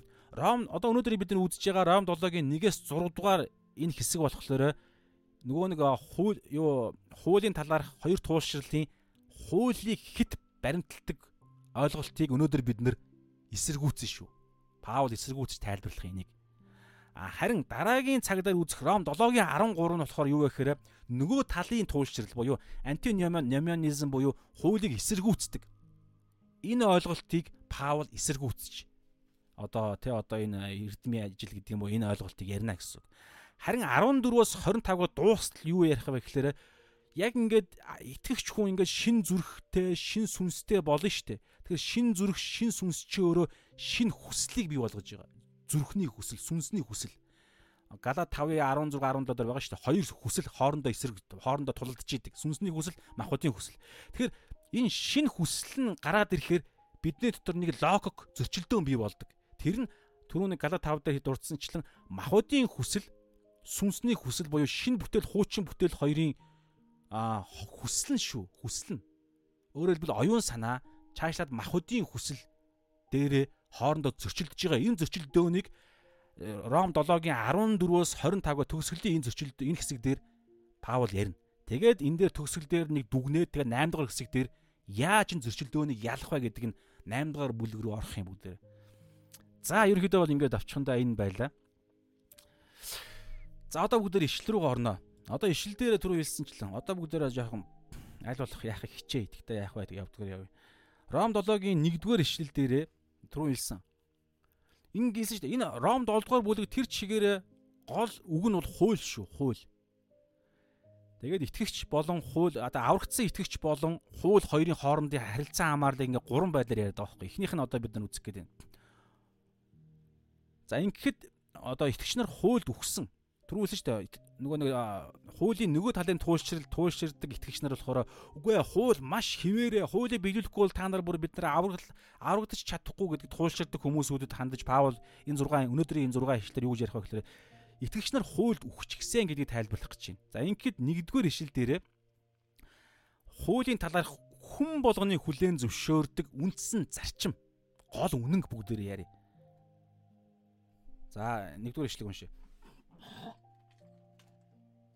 Ах トゥ нараа ах トゥ нараа гэд ихээр аврагдсан итгэгч нарыг ярьж байгаа гэж та ойлгоорой. Ах トゥ нараа гэж Паул захидлууд хэлэхээр шууд итгэгч нарыг хандж байгаа гэсэн шүү. Захидлууд дээр ярьж байгаа шүү дээ. Ах トゥ нараа Тэгэхээр аврагдсан итгэгч нэг аврагдсан итгэгч нарыг хэлж байгаа нэгдүгээр хоёрдугаар бүх итгэгч нар шүү. Бүх та итгэгч хүн мөн л бол энэ танд хамааралтай нэг үнэнг үндсэн суур зарчмыг одоо хэлэх гэж байна гэсэн. Ахтундараа хууль мэдэхсдэд гэж хэлэхэд хууль нь хүнийг амьд байгаа загтал хүнийг захирдаг гэдгийг та нар мэдэхгүй гэж юу. Тэгэхээр энэ хууль нь шүү дээ нөгөө Мосегийн хуулийг яриаггүй шүү. Ягаад гэхээр энэ хуулийн аксиом буюу зүгээр хууль гэдэг хууль заавар зөвлөгөө дүрм журам гэж зүгээр итгэгч мэтгэж хамаахгүй зүгээр хүн төрлөختний энэ юм хэрэглэг хэрэглэг ярьж байгаа. Тэгэхээр хууль дүрм дүрм мөрөм гэж ярихаар ямар ч хууль байсан хуулийг хуулийн дор хүн болгоно л хуулийн дор байгаа шүү дээ. За магадгүй за тэр яг. Тэгэхээр ямар нэгэн хуулийн дор байгаа бол та нэг үннийг мэдж байгаа шүү дээ. Тэ гэж одоо Паул ярьж байна гэсэн. Тэр үнэн үндсэн хуулийг үндсэн бүх хүний мэддэг итгэж мөн ч бай ч тэр бүх хууль байдаг тэр зарчмыг Христ итгэлийн хуулийн зарчим руу одоо дөрөвдүгээр ишлэлээр холбох байхгүй. Тэгэхээр нэгдүгээр хуулийн аксиом буюу хуулийн үндсэн зарчим. Хууль мэдгэстэд гэж хэлэхэд хууль нь хүнийг амьд байгаа загтал хүнийг захирдаг гэдгийг та нар мэдэхгүй гэж юу? Энэ rhetorical question гэж ярьдаг нөгөө хариулт нь тодорхой одоо ёгтолсон, ёжилсан асуулт байхгүй. Хариулт нь тодорхой. Шууд хариулт нь мэднэ гэж ярина гэсэн. Хүн болго энийг мэднэ гэсэн хууль нь тухайн хүнийг амьд байгаа загтал хүчинтэй. Өгчих юм бол өгсөн үнээс аа чи сэрэч амьлаатгаач би чамтай хууль заргалдамаар гэж хинж ярихгүй шүү дээ. Өгцөн бол тэгэл дуусаа. За тэгэхээр ийм үндсэн маш чухал энэ зарчим дээр итгэлийн амьдралд болсон гайхалтай нэг үннийг буюу итгэгч нар хуульд өгсөн гэдэг нь ойлголт ярих гэдэг байна. Бүр маш гоё логиктой тайлбарлах гэдэг байхгүй. Тэгэхээр Гэхдээ энд нэг юм ойлгох хэрэгтэй. Хуулийг хэрэгж одоо энэ дээр Монгол Монгол орчуулган дээр бол ингэсэн шүү дээ. Хуулийг хууль нь хүнийг амьд байгаа загтал хүнийг захирдаг гэдэг энэ үг байгаа байхгүй захирдаг. Гэхдээ энэ яг юун дээр англи одоо орчуулгууд дээр ингээд харахаар нэг иймэрхүү үг байгаа.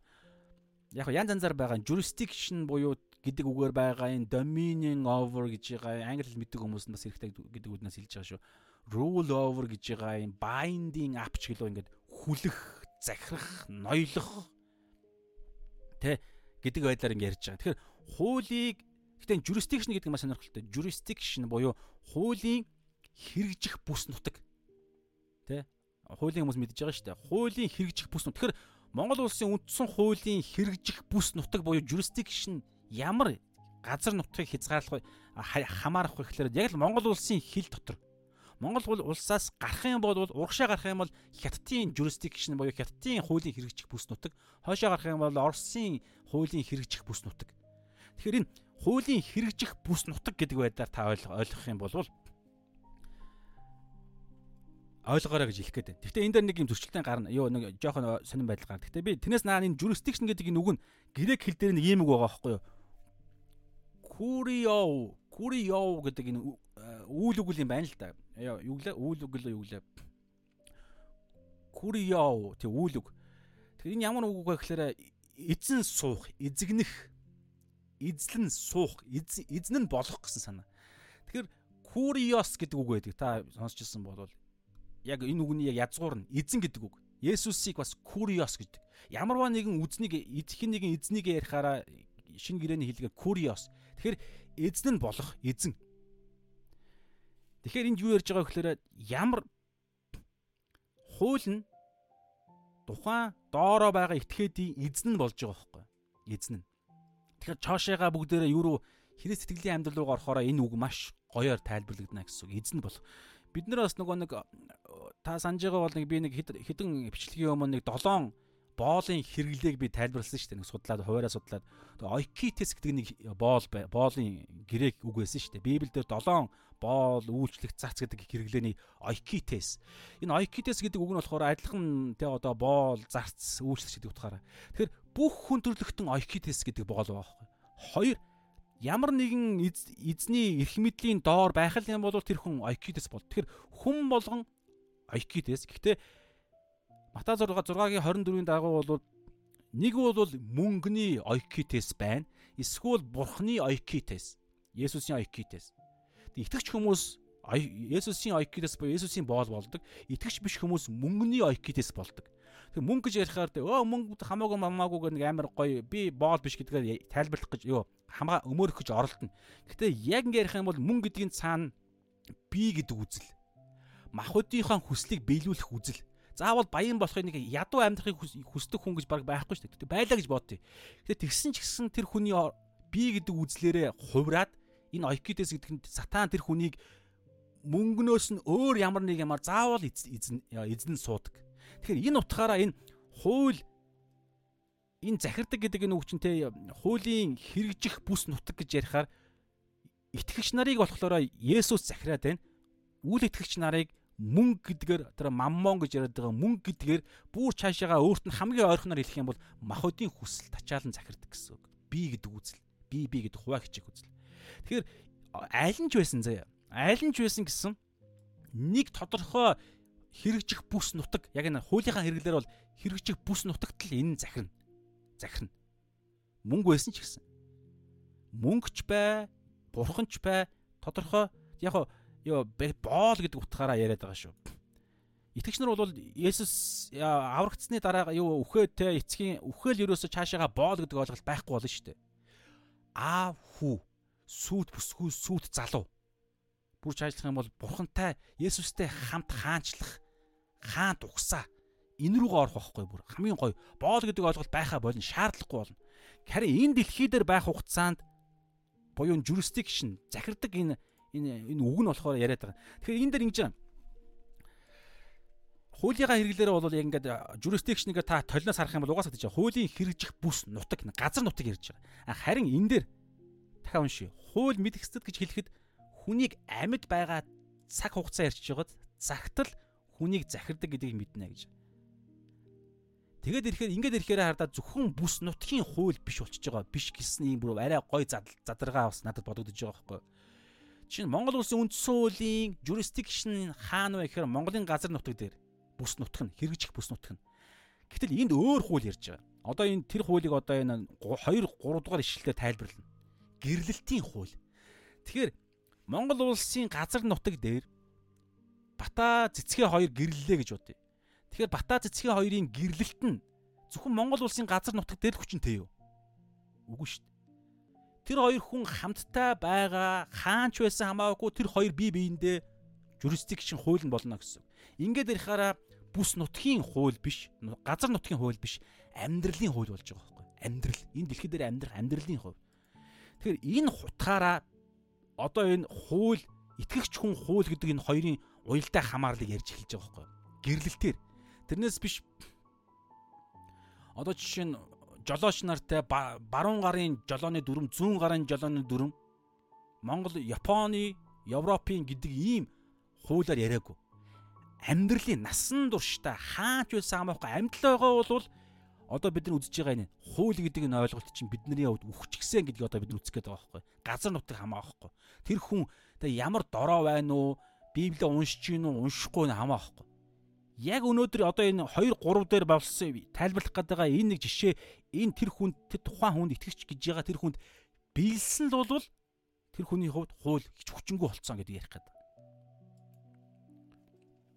За ингэж ингэж нарийн ингэж Паул ингэж задлж байгаа нь оюун санааг шинчлэхэд маш ингэж тогтолцсон одоо нэг парадайм гэж яддаг парадигм гэх те бодлын тогтолцоогоор нь ингэж ойлгохгүй бол зүгээр те Итгэгч нар хуульд өгсөн гэдэг энэ ганцхан гачхийг уншаал хин нэгэн хүн оо болчлоо гэх юм бол сатан л хамгийн их баярлна.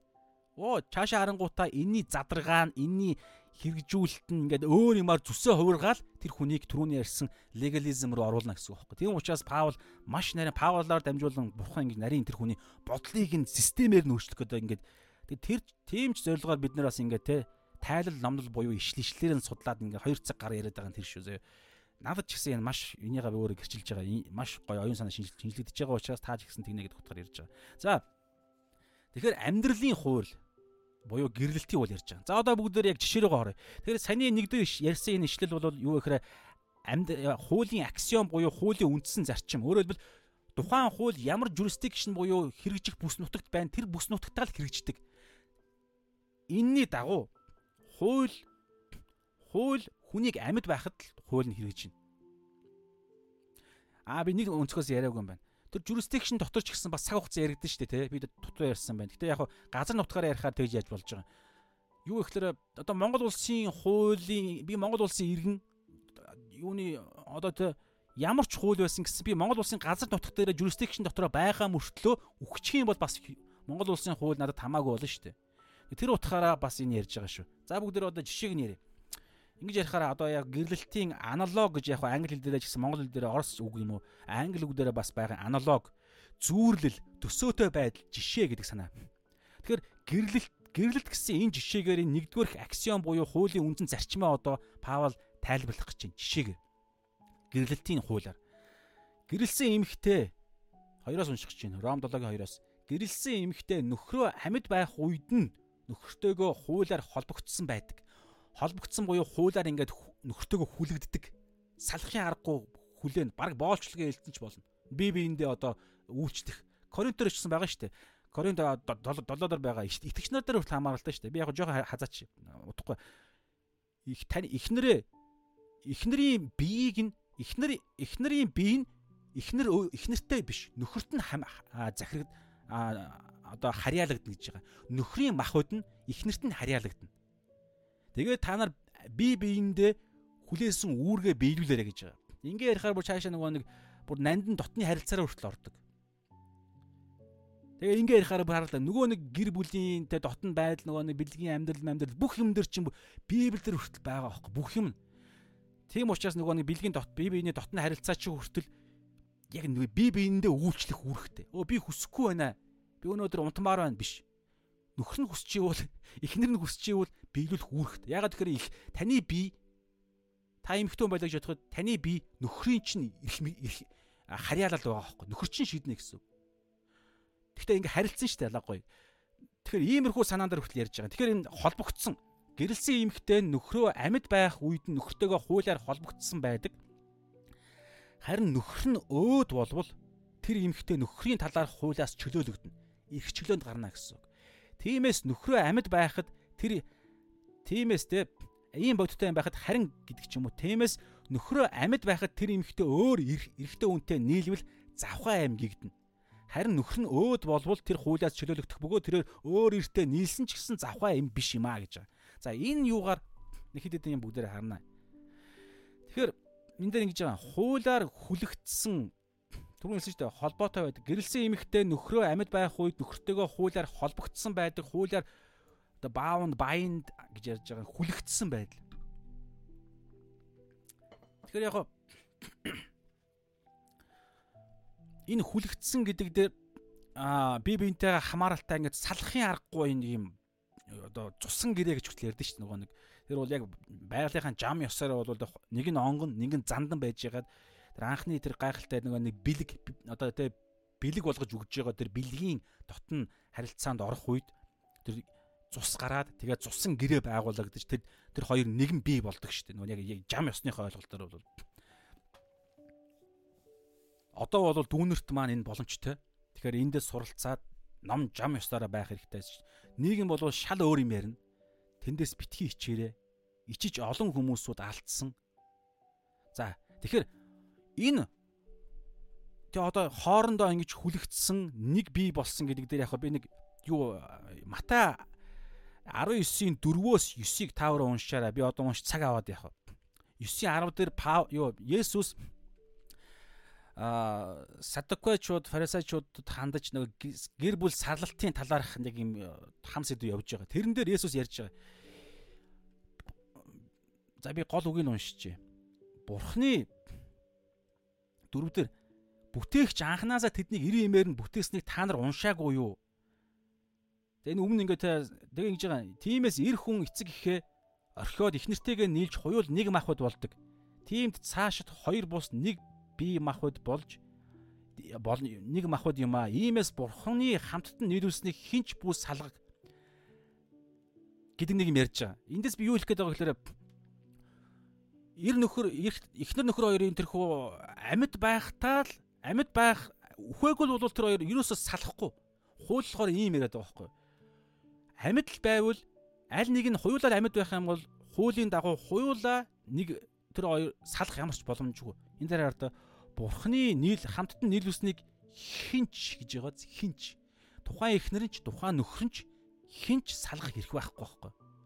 Энэ бол бүтээлийн онцлог. Бүтээл анханасаа ийм байсан. 90 имээр нь бүтээстийг ингээ яриа явж байгаа. Гэхдээ уналтаас хойш Есүсийн хэлснээр бол нэг юм гаргаж ирж байгаа. Гэхдээ тэр нь хүртэл а Мосегоор ярьж байгаа тэ хууль дээр байгаа нөгөө нэг салалтын нөгөө нэг юм энэ дээр. Есүсийн яг тэр Мосегийн хууль мөлийг яриад цумо цаг аваад яг. Есүс өөрөө нэг тэрийг зүгээр тайлбарлахдаа нэг л юм дээр Есүс ярьж байгаа. Паул тэрийг хоёр болгож Паул бас Паулаар дамжуулан ариун сүнстэй нэмж ярьсан. Тэгэхээр Паул ярьсан нь дутуу, Есүсийн ярьсан нь үнэн, Паул ярьсан нь бас заавал үнэн байх албагүй гэдэг юм ойлголт байхгүй шүү дээ.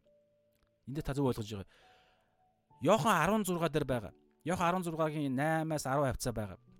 Та нарт ярих олон зүйл надад байна. Гэхдээ та нар олоод та нар дааж чадахгүй гэж ярьж байгаа. Харин үнний сүнс та нарт ирэхээр бүхий л үнэн өөд өдөрдөн. Тэгээ миний явах нь ашигтай би явахгүй бол туслагч буюу ариун сүнс танадад ирэхгүй гэж Есүс хэлж байгаа.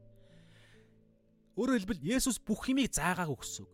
Тэгээ 2 дугаар Тимот 3:16 бичвэр бүр буюу бүх бичээс буюу нөгөө нэг Паулын загталмагт бүгд орно. Бичвэр бүр Бурхны амьсгалснаар байгаа бөгөөд заахад зэмлэх залруулах. Тэгээ энэ дээр бүгд нэг ч үсэг алдагдахгүй. Бүх юм Есүс юу. Тэгээ ариун сүнс Иохан 16 16-аар тэгж байгаа шүү дээ. Ариун сүнс өөрөөсөө юу ч ярихгүй сонссон юм болгоно л ярина. Өөрөөр хэлбэл Есүс эцгийн баруун гар талаас ариун сүнсээр дамжуулан үргэлжлүүлэн Паулаар дамжуулан энэ гэрлэлийн талаар хоёр дахь санааг нь хэлсэн гэсэн үг байхгүй.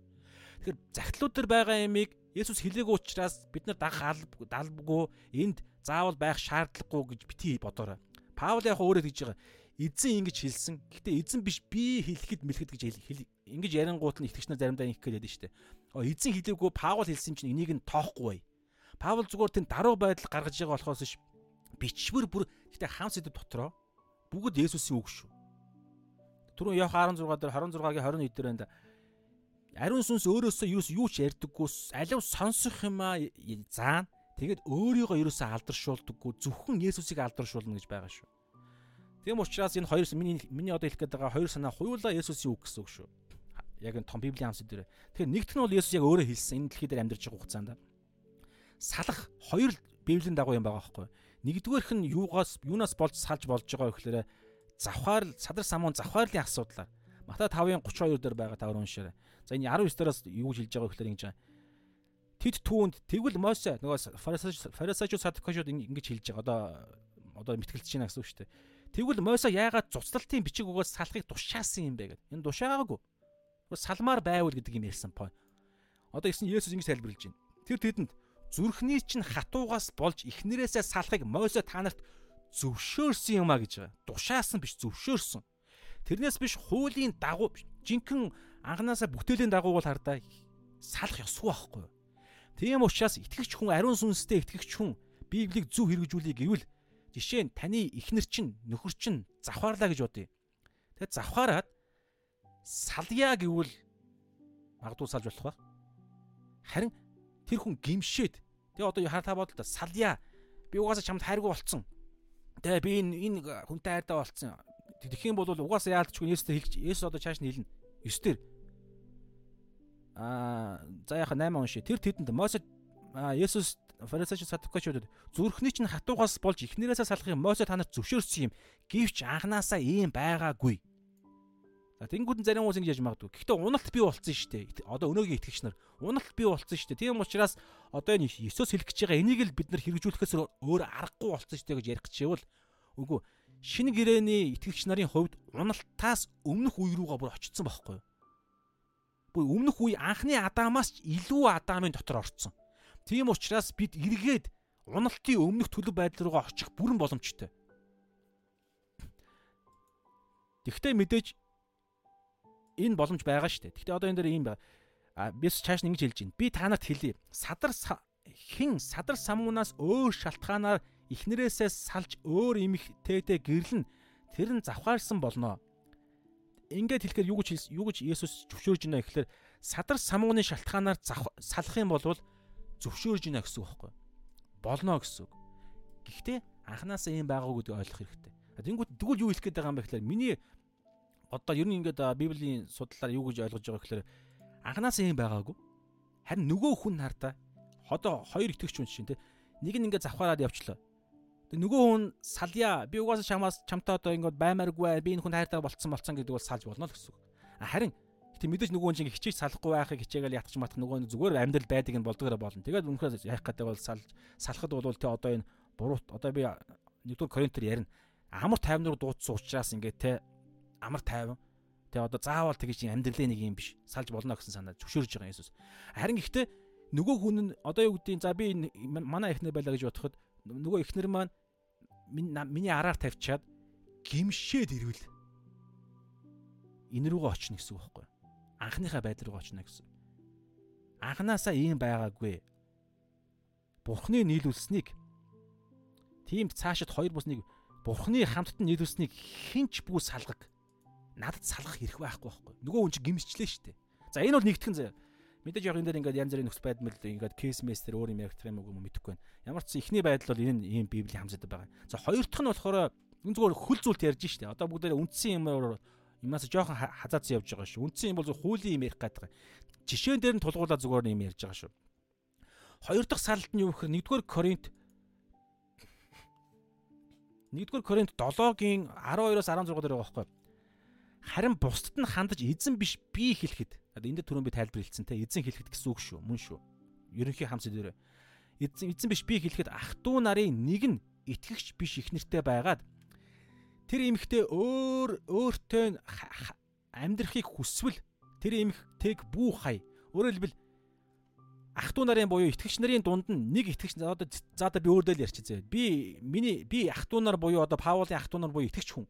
Гэсэн чинь миний ихнэр өөр юу итгэгч биш хүн байлаа гэж бодъё. Тэрийг ярьж байгаа. Хэрвээ эмэгтэй нь итгэгч биш одоо энэ 13-аас нь одоо эрэгтэй хүүсдэр ярьж шүү дээ. Хэрвээ эмэгтэй нь итгэгч биш нөхөртэй байгаад а биш ээ эхнийх нь юм байна.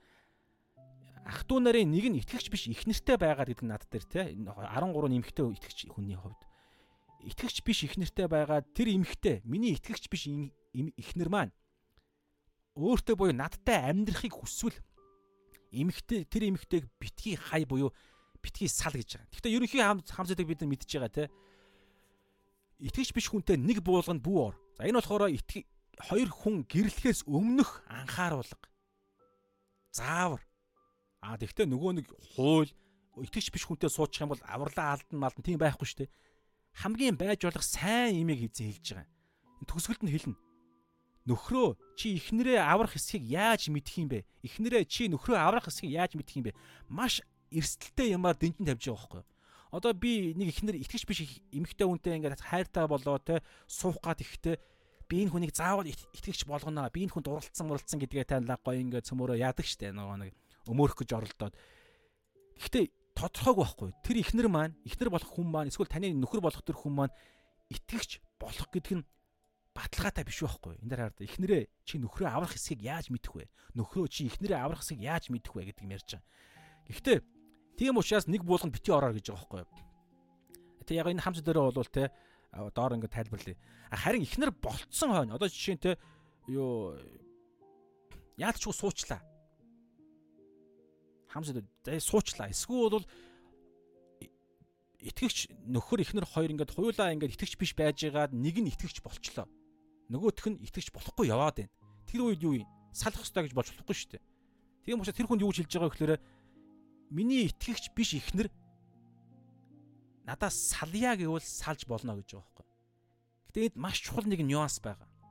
Би урд нь судалж байхдаа энийг бас эзэн хэлж ирсэн. Юу гэхээр 1 Коринт 7-гийн 12 дээр 1 Коринт 7-гийн 12 дээр юу гэж хэлж байгаа вэ гэхээр 2 дахь энд нэг юм байгаа да. Харин бусад хандаж эзэн биш би ингээд ах トゥ нарын нэг нь итгэгч биш хүнтэй их нэртэй байгаа тэр эмэгтэй өөртөө амьдрахыг хүсвэл өөртөө амьдрахыг хүсвэл гэдгийн цаана нь маш чухал нэг юм байгаа.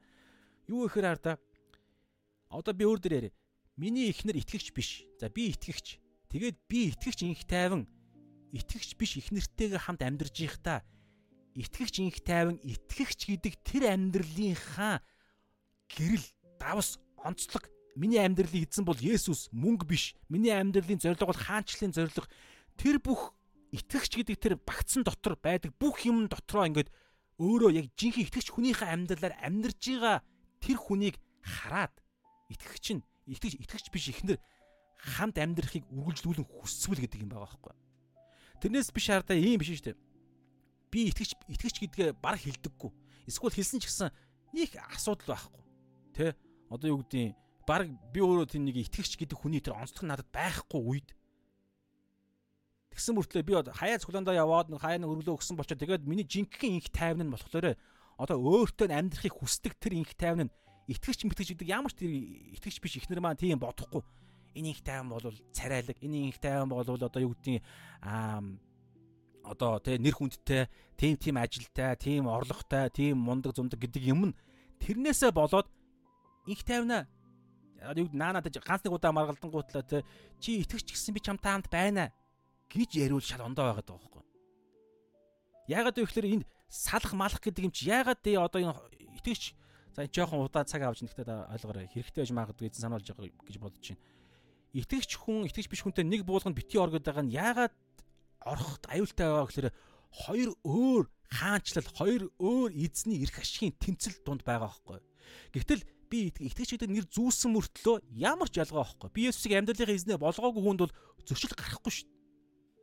Тийм тохиолдолд энэ сэдвийг яриад ч хэрэггүй байхгүй. Тэгэхээр ингэж яригдж байгаа гэдэг нь тухайн хүн үнэхээр та үнэхээр итгэж хүн муу юм уу?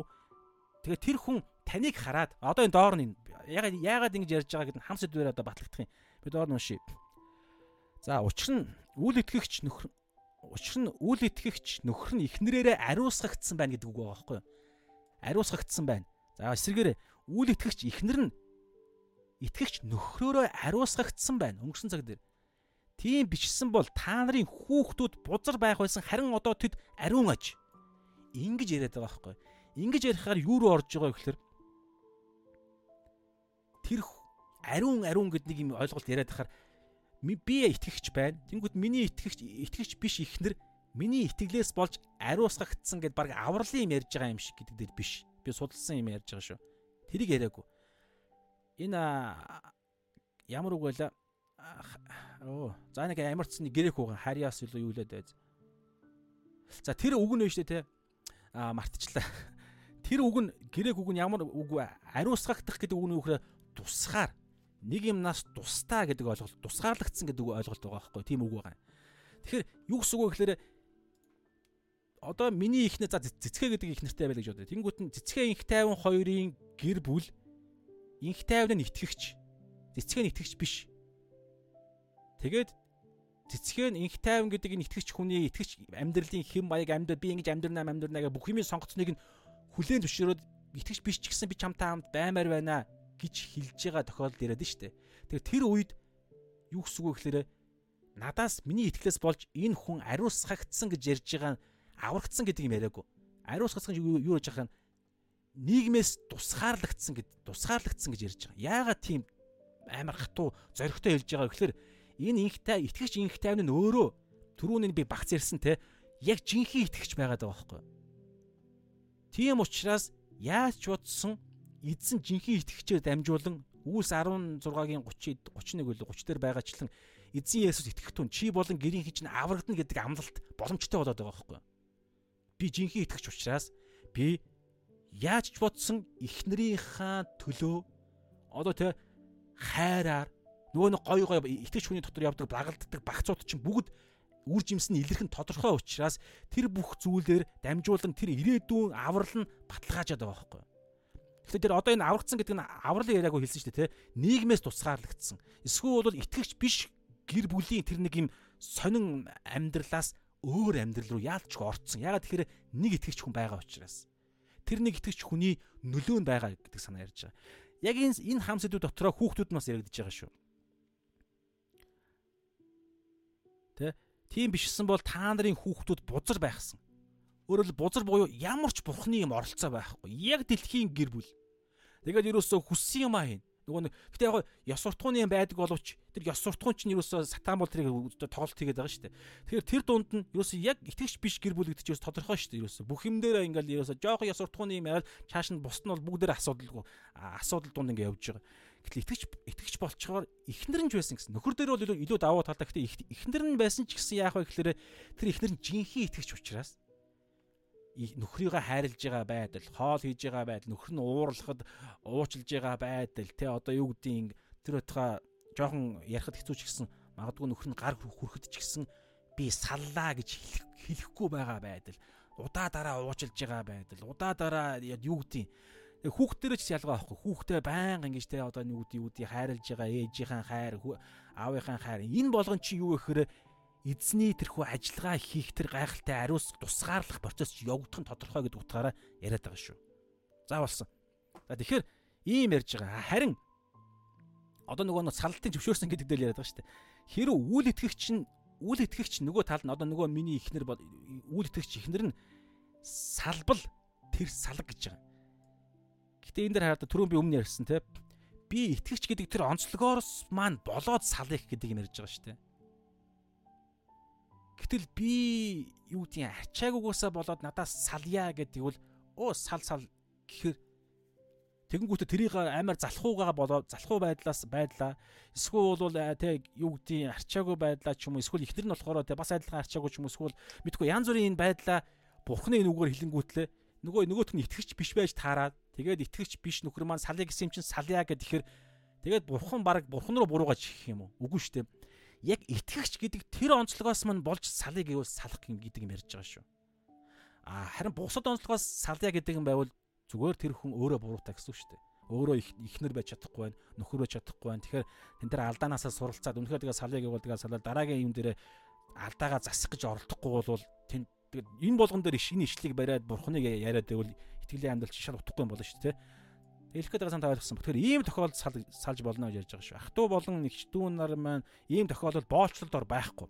Итгэлээсээ болж нөхөр нь ихнэр нь итгэж биш нэг хосон салъя гэвэл боолчлолд ор байхгүй буюу хуулиар боолчлогдохгүй, буруутгал байхгүй. Харин ч бурхан биднийг амар амгаланд дуудсан.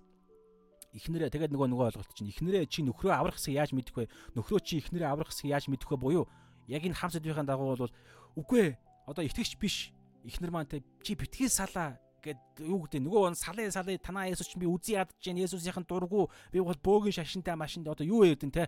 Би заавал салмаар байна те. Одоо юу гэдэг ихэд үгүй битгий салаа би чамайг цаана авуул те би үнэхээр энэ хүнийг авармаар байна гэтэл үнэхээр нэг юм хатуу бас ойлгох арга ойлголт нь зарим хүмүүс аврагдах гэдэг ойлголт маш сонирн байгаа шүү дээ.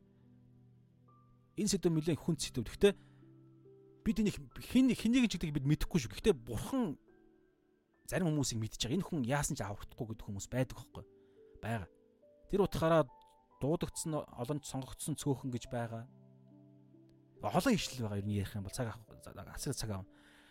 Эсвэл тэр хүн аврагдах байсан ч байж болно. Гэхдээ яг надаас болоод тэр хүн Есүс дургу байгаад гэж бас магадгүй мэдхгүй одоо янз бүр ойлгоо. Тийм учраас тодорхойгүй байхгүй. Яг тэр хүн итгэлээс болоод салъя гэдэг байвал салиа салаараа л гэсэн санаа зөвшөөрж гинэ гэсэн. Гэхдээ мэдээж хичээнэ гэсэн. За яг энэ бол ингээ ерөнхийдөө нөгөө хүл зүйлт. Аа дундын нэг юм байгаа шүү. За аа энэ дээр хардаа энэ дээр нэг ийм дээр би бас нэг юм яриа гэж утсан юм. Энэ одоо бүгдээрээ 2 2 3 руу орцсон явж байгаа шүү дээ. Тэг 3 дээр ингэж байгаа. За хоёр дээр бол тодорхой сайн ярьсан. Битгий салаарай гэдэг юм дээр бол ингээ те салж болохгүй. Хууль байгаа бол тэр хүн амьд л байгаа бол салж болохгүй гэдэг юм ярьсан. Гэхдээ Библийн хам сэдвэрээ хоёр тохиолдолд салахыг Библи зөвшөөрдөг. Нэг нь завхаарсан тохиолдолд, нөгөөх нь итгэлээсээ болж нөгөө итгэж биш хосон салъя гэдэг тохиолдолд. Мэдээж аль алин дээр нь хичээн. Тэгээ бүр болохгүй бол салж болно гэж ярьж байгаа. Битгий ингэж дарамтан дор яваарай. Бурхан зөвшөөрж байгаа болж гинэ гэсэн үг байхгүй. За Гэтэ энэ та яг иймэрхүү юм ярихаараа дөнгөж намайг сонсоод ч юм уу дөнгөж энийг сонсонгуутлаа шийдвэр гаргаж болохгүй шүү дээ. Яг тослогоо гэж байгаа шүү. Яг таны цуглааны дээр чинь байгаа таны нөхцөл байдлыг мэдж байгаа эсийн ахлагч пастор итгэлийн найзууд чинь маш өөр тослогоо байдаг аахгүй юу. Тэгэхээр тэр тослогооных нь хүмүүс нь танд бас яг хүмүүсээр нь дамжиж бурхан ярьдэн шүү. Тийм учраас энэ ерөнхий би нөгөө Библи судал учраас ингэ яриад байгаа. Яг онцгой кейсүүдийг бол нутг нутгийн нутгийн тэрхүү тослогоотой хүмүүсийг дээр нь байгаа тавигдсан хүмүүсүүд нь зөвлөгөө өгнө гэсэн үг. За одоо 3 дээр болохоор ингэж байгаа. Аа нэг ийм хууль зөрчиж байгаа нөхцөл байдал яаж яг энэ нөгөө нэг яг яг гэрэлтийнхаа юм дотор зүгээр ингээд тайлбарлахын тулд ярьж байгаа. Тиймээс нөхрөө нөхөр нь амьд байхад нөгөө эмэгтэй чинь өөр эртээ нийлвэл завхаа юм гэгднэ. Хууль хуулийн дагуу хуулийн дагуу аль нэг нь өгчиж ил хууль зөрчөөгүй болно гэсэн үг те. Гэтэл нэг нь хуйлаа амьд байхад үхсэн юм шиг өөр хүнтэй завхаар юу нийлээд явбал завхаарсан гэдэг ойлголт ярьж байгаа. Харин нөхөр нь өөд бол ингээ те завхаарах биш зүгээр чөлөөлөгдөж байгаа. Харин би энэ дээр нэг юм их гэдэг. Завхаарл завхаарл гэдэг энэ ойлголт нь болохоор хуучин гэрээний хувьд садар самуун завхаал гэдэг нь юу ярьж байгаа гэхээр Левит 20-ын 10 дээр байгаа үхэх ялтай байхгүй. Үх гэж ярьдаг шүү. Харин шинэ гэрээн дээр болохоор түр хэлсэн те сал гэж ярьж байгааз. Сал. Сал гэж ярьж байгаа. Шууд аал гэж ярихгүй шүү дээ те. Чи энэ завхаарсан ардаа Левит за би уншчихъя бүр. Левит 20-ын 10-ын дагуу. Тэ Левит 20-ын 10 өөр хүний их нэртэй завхаарсан хүн мөн хөршийнхөө их нэртэй завхаарсан нэгэн байх аваас завхаа эр им хуйлаа гарцаагүй алуулаг. Хуйлаа гэж шүү бүр нэгэнч биш. Тэгээ эн чинь болохоор юу гэх нөгөө иргэний хууль чинь шүү дээ. Иргэний хууль. Тэгэхээр энэ иргэний хуулийг би дагах ёсгүй болсон шүү дээ. Ёсгүй болсон.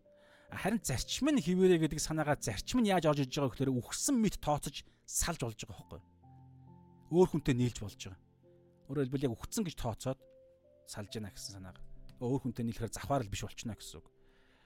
Аа дайм ирэхгүй санаа ирсэн. За харин эрхчлээ юу харин нөхөр нь нөхөр нь өөд болвол эсвэл эхнэр нь өөд болвол тэр хуулаас тэр нөхөр ихнэр хуулаас чөлөөлөгдөх буюу хуулаас эрхчлөөнд гарна гэсэн. Тэгээ тэрээр өөр өртөө нийлсэн ч гэсэн завхаа им биш, завхаа ир биш. За энэ эрхчлөө гэдэг нь юу гэхээр хос нь нөгөө хос нь үхвэл үхэх гэдэг энэ ганцхан арга замаар л хуулиас чөлөөлөгдөн. За энэ дээр биш тий.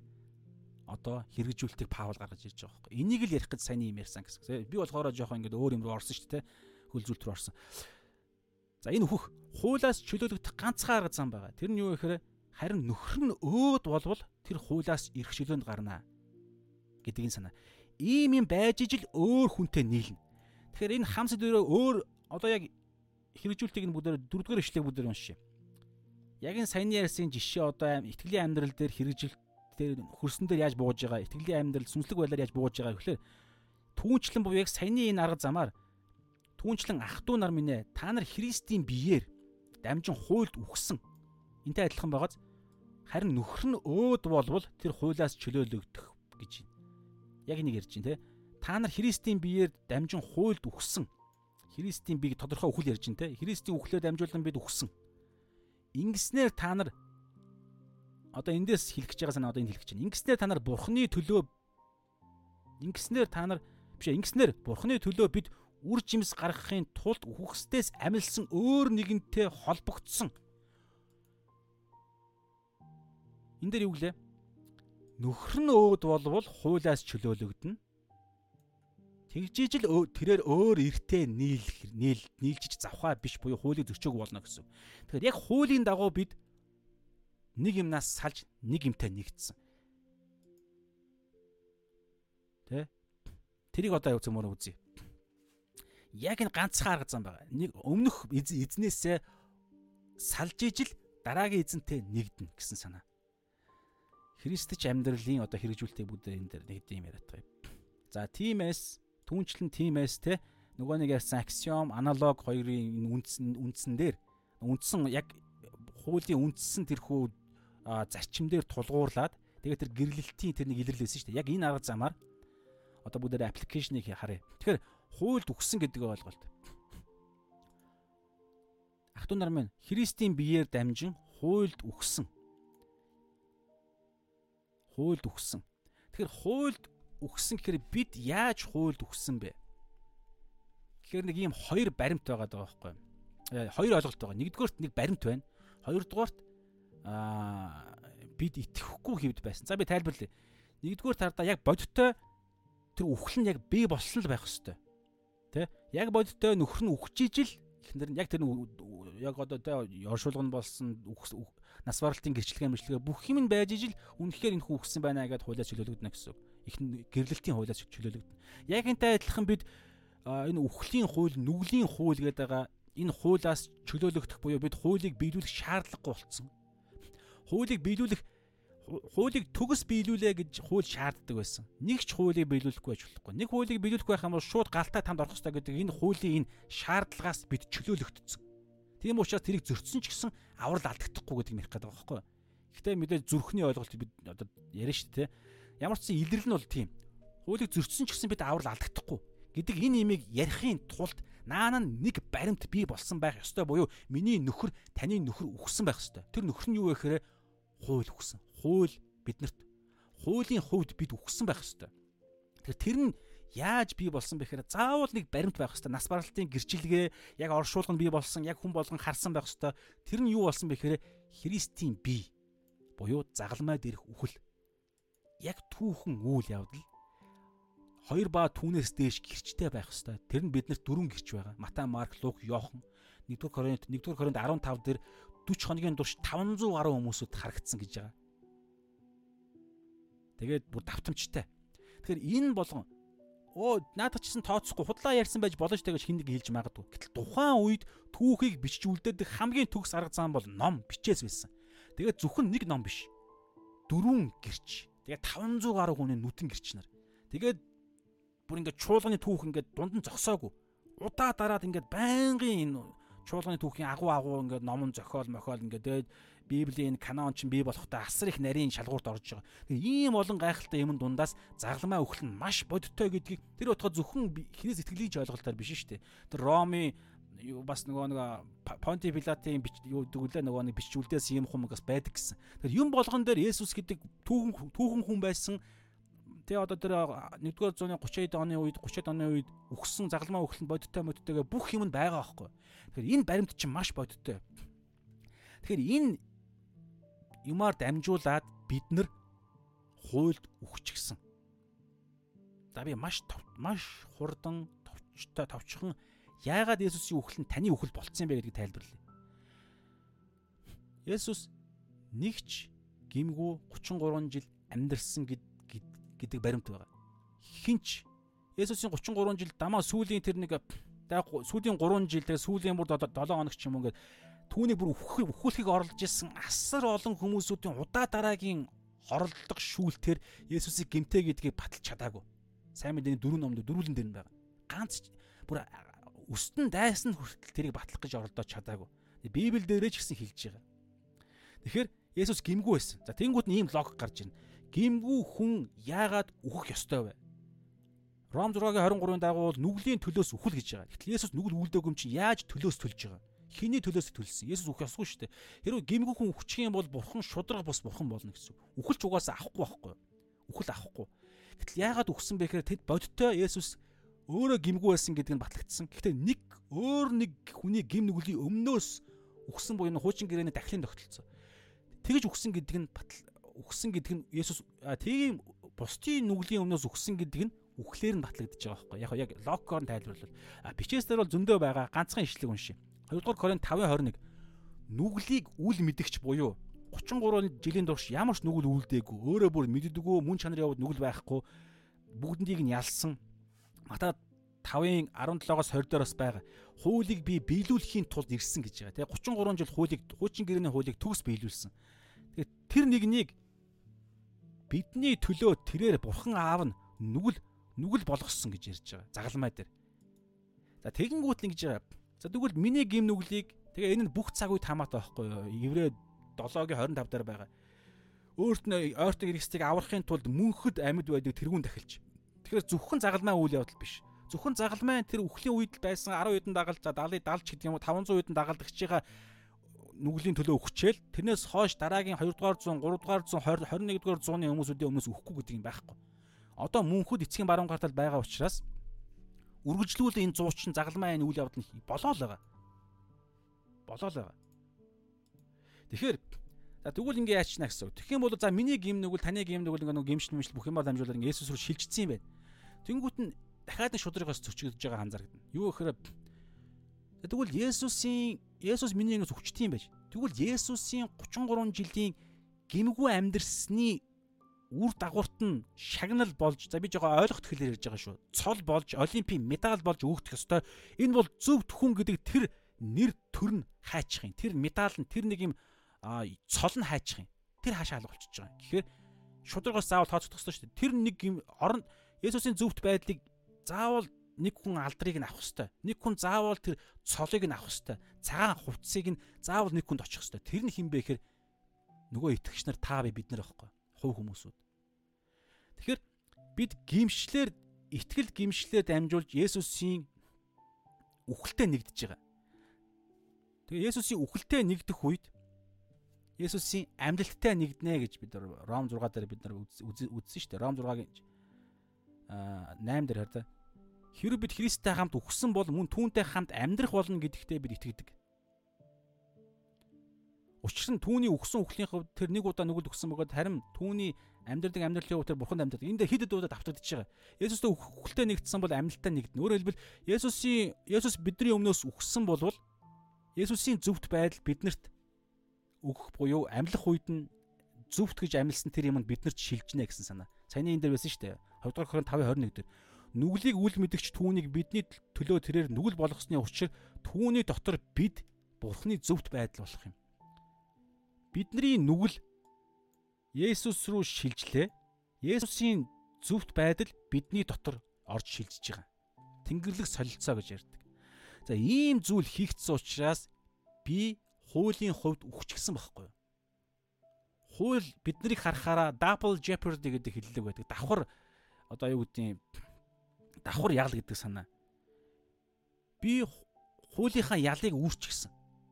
Тэгэхээр яг тэр тэр гим нүглийнхаа ялыг би дахиж үүрэх ёсгүй байхгүй? Би хуулийн ялын би үхэх ёстой. Үхсдийн оронд бүр там руу очих ёстой. Тэгээ би би би үхсэн итгэлээрээ дамжуулан би гимшлэрээ дамжуулан Есүс үхэлтэд нэгтчихсэн. Тийм учраас би үхсэн. Тэгэнгүүтэл бурхан биднийг Есүсийн амьдлалтай ч гэсэн нэгдэж бид амьд болж байгаа. За эн чинь л ерөнхийдөө нөгөө нь хууль өгсөн гэдэг ойлголт. Тэгэхээр хууль биднийг харахаараа шууд а инх тайван үхчихсэн юм байна гэж харна гэсэн. Юу үхээгүй шүү дээ. Энэ хүн гимшсэн гимших үед бурхан юр бусын арга замаар хүн ойлгохын арга гаргах замаар бид нарыг Есүсийн үхэлтэд нэгтчихсэн байхгүй. Тэнгүүд нь хууль харахаараа юу ч харах вэ? Үхэл харахаараа шудрагаас харахаараа юу ч харах харах вэ гэхлээр инх тайван манай эртний 29 он 30 он 33 ч юм уу тэр оны үед инх тайван үхсэн байна гэж харна гэсэн. Тэгэхээр хууль бид нөгөө нэг энд дээр хэлсэн шүү дээ. Харин нөхөр нь өөд болвол хуулиас чөлөөлөгдөх бөгөөд тэрээр өөр өөр эртээ нийлж болно гэсэн тэгсэн завхаар нь завхаарсан буюу хууль зөрчсөн гэж тооцогдохгүй. Тэгэхээр бид хуульд буюу өгчихсэн бид загламаа дээр Есүстэй хамт өгсөн учраас одоо бид нар өөр эзэнтэй за одоо энэ гэр бүлийн хиллэгээр бол өөр нөхөртэй болох боломжтой болцсон. Чуулганыг эмхтэй хүүс хүүстээр ярьдаг шүү. Чуулган бол сүт бүсгүй Есүс сүт залуу гэдэг хүүсээр ярьдаг. Тэгэхээр амьд Есүс амьлах үед Есүс яг эзэн байр суурин дээр гарч ирээд бид нарыг өөртөөгөө нэгтгэж бид шин нөхөртэй, шин хостой, шин эзэнтэй болсон гэсэн. За ийм л санаа ерөнхийдөө бол байгаа юм. За одоо бүгдээр нэг зүйлийг би түрүүн цус дурдсан гэхдээ дахиад нэг дурдаах юм. Юу гэхээр ингэж байгаа штэ. Аа хуулийн юунд нь бид өгсөн. Одоо сайн ингээд ярихаа хууль биднээс ямар ч хамааралгүй болцсон гэх тэгэхээр нөгөө антиньяманизм ч болчихж байгаа байхгүй нөгөө талын туйлшрал хууль ерөөсөө ямар ч хуулийг судлах хэрэг байхгүй, хуулийг биелүүлэх хэрэг байхгүй, хуулийг хуулиас суралцах шаардлага байхгүй. Тийм биш. Хууль хуулийн юу нь бидний хувьд өгсөн, юу нь одоо хിവэрэ байгаа гэдэг нэг гаярхан үгэл бирлээд. Нэгдүгээр зөвтгөхдхийн тулд буюу аврагдахын тулд, бурхан таалагдахын тулд, бурхантай мөнхөд хамт байхын тулд, бурханаар хүлээн зөвшөөрөгдөхийн тулд хуулийг биелүүлэх ёстой гэсэн тэр хуулийн шаардлага биднэрт ямар ч хамааралгүй болсон. Есүстэй бид нэгдсэн учраас Есүс бидний өмнөөс хуулийг төгс биелүүлчихсэн. Харин юу нь хിവэрэ байгаа гэхээр Есүстэй бид нэгдсэн үхэл амьдлалтай нэгдсэн учраас Есүсийн дотор орцсон учраас бид хуулийг биелүүлсэн гэдэгт тооцогдчихж байгаа байхгүй. Тэгэхээр Есүсийн дотор орцсон гэдэг байдлаараа дахиад нэг юм нь хууль биднэрт одоо хамааралтай. Ёс суртахууны хуулийн дагуух Христч амьдралын хувьд биднэртэй хамааралтай. За би ганц ишлэг уншия энтэй хамааралтай. Матай 5-ын 17-оос ийм байгаа байхгүй юу? Хуулийг за энэ Есүсийг одоо бидний оронд орсон бидний өмнөөс Есүс юу хийснийг одоо бүгд харъя. Хуулийг эсвэл иш үзүүлэгчдийг хэрэгсэхгүй болохоор намайг гэж байгааз итгэгчнэрээ гэж хэлээгүй шүү. Намайг ирсэн гэж бүү бод. Хэрэгсэхгүй болохын тулд биш харин гүйцэлдүүлэхийн тулд би ирсэн. Итгэгч нар бид нар биш. Би ирсэн. Үннээр би та нарт хэлье. Тэнгэр газар өнгөрөн одож бүгд биелэгдтэл хуулиас ганц ч үсэг ганц зураас алга болохгүй. Тэнгэр газар одоо хэвээр байгаа байгаа. Тэгэхээр хууль одоо хүчнтэй хүчнтэй байгаа байхгүй. За одоо сонсож байгаа. Эдгээр тушаалын хамгийн өчүүхнийг нь чүгэл тоомсорлон бусдад тийм заасан хэн боловч итгэгч нар ч гэсэн Тэнгэрийн хаанчлалд хамгийн өчүүхэн нэгэн гихтэх болно. Яаков 3 дээр хэлж байгаачлан багш нар илүү Библийг заадаг хүмүүс илүү хүнд шүүлтэнд орно. Тийм учраас энийг бодох хэрэгтэй гэсэн. Тэнгэрийн хаанчлалд хамгийн өчүүхэн нэгэн гихтэх болно. Харин эдгээрийг сахиж хардаа хуулийг биелүүлэх биелүүлэх нь хэвээрээ байгааз сахиж ийм заасан хэн боловч Тэнгэрийн хаанчлал агуу нэгэн гихтэх болно би та нарт хэлье. Та нарын зөвхт байдал фарисеучуд болон хуулийн багш нарынхаас илүү гарахгүй бол та нарын Тэнгэрийн хаанчлалд яасан ч орохгүй гэж. За энэ дэр хүмүүс буруу ойлголт гардаг. Тэгэхээр газ тайлбарлчих. Хуулийг сахих гэдэг хэллэг байна. Хуулиас ганц зураас алга үсэг алга болохгүй гэдэг хэллэг байна. Фарисеучуд болон хуулийн багш нарт багш нараас та нарын зөвхт байдал илүү гарах ёстой гэдэг хэллэг байна эдгээр ойлголтууд юу ярьж байгаа гэхлээр энэ дотор базагдж байгаа. Нэг нэг талаараа базагдж байгаа. Нөгөө талаараа тайлбар. Энэ би гэдэг үгэн дотор базагдж байгаа байхгүй би. Есүсийн дотор л бид фарисеучуд хуулийн багш нарынхаас статусын хувьд ч илүү гарсан бодит амьдрал дээрээ ч гэсэн илүү байж чаддаг. Чаддаг энэ үйлстэй. Сахиж чаддаг гэсэн үг. Тэгээд Тэнгэр газар өнгөө одсон ч одох хүртэл буюу бид өхөн үхтлээ хуулийг бүрэн биелүүлж биелүүлэх гэдэг тэр үүрэг нь хэвээрээ байгаа. Гэхдээ хууль гэдэг чинь юу вэ гэхлээр бичээс мөрөө мөн шүү дээ. Библи тэр чигээр. Тэгэхээр Библийнхаа хам сэдв буюу хууль хуулийн дотроо хууль нь зарим хуулиа хүчингү болсон гэж хэлдэг байхгүй.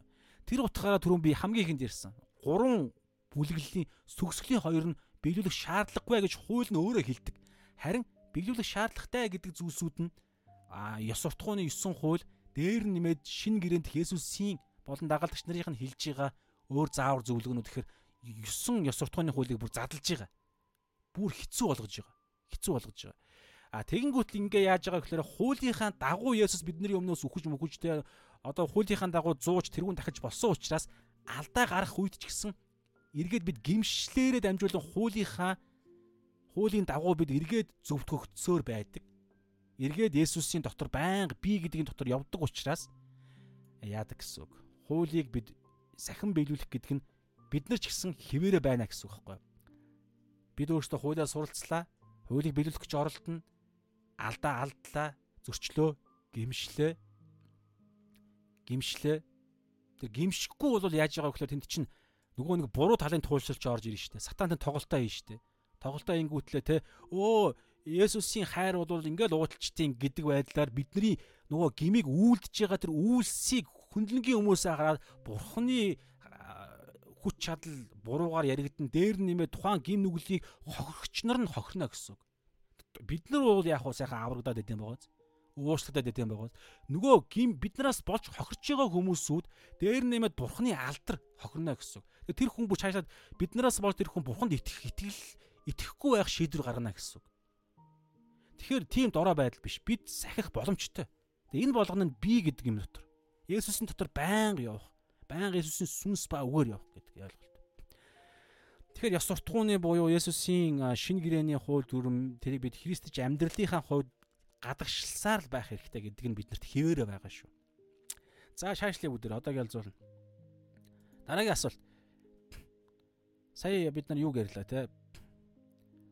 А түүнчлэн ах トゥ нар минь Христийн биеэр ах トゥ нар минь Христийн биеэр дамжин хуульд өгсөн. Энд нэг юм ба. Яаж түрүү яг ярьсан гэхдээ би дахиад яриа. Яаж бид хуульд өгсөн бэ? Яг хуулийнх нь ямар байдлаар юунд нь бид өгсөн байхад төрүүлсэн шүү дээ. Хуулийн тэгэх ёстой, ингэх ёстой тэгэхгүй бол та нар ингэн тэгнэ гэдэг юм дээр бид тэг хуулийг биелүүлэхгүй бол мөнхийн галтаа там тамлагдана гэдэг энэ хуулийн энэ шаардлага нь бол биднэрт бид тэр нь бол бидний хувьд өгч гисэн. Харин хуулийнх нь тэгээ одоо цаад хилдэг санаа нь одоо жишээ нь хардаа ингэ штэ. Хөршийнхөө эсрэг худал бүү гэрчил. 9 дэх хууль байна уу те? Тэнгүүтэл энэ хууль чинь өөрөө хууль гэдэг энэ нэг юм зүгээр нэг юм бичээс биш байхгүй. Цаана бурхны өөрийнх нь хүсэл явж байгаа. Тэр утгаа шин бүтээл шин бүтээл миний таны хүсэл явж байгаа. Миний таны хүсэл. За одоо. Миний таны хүсэл явж байгаа шүү.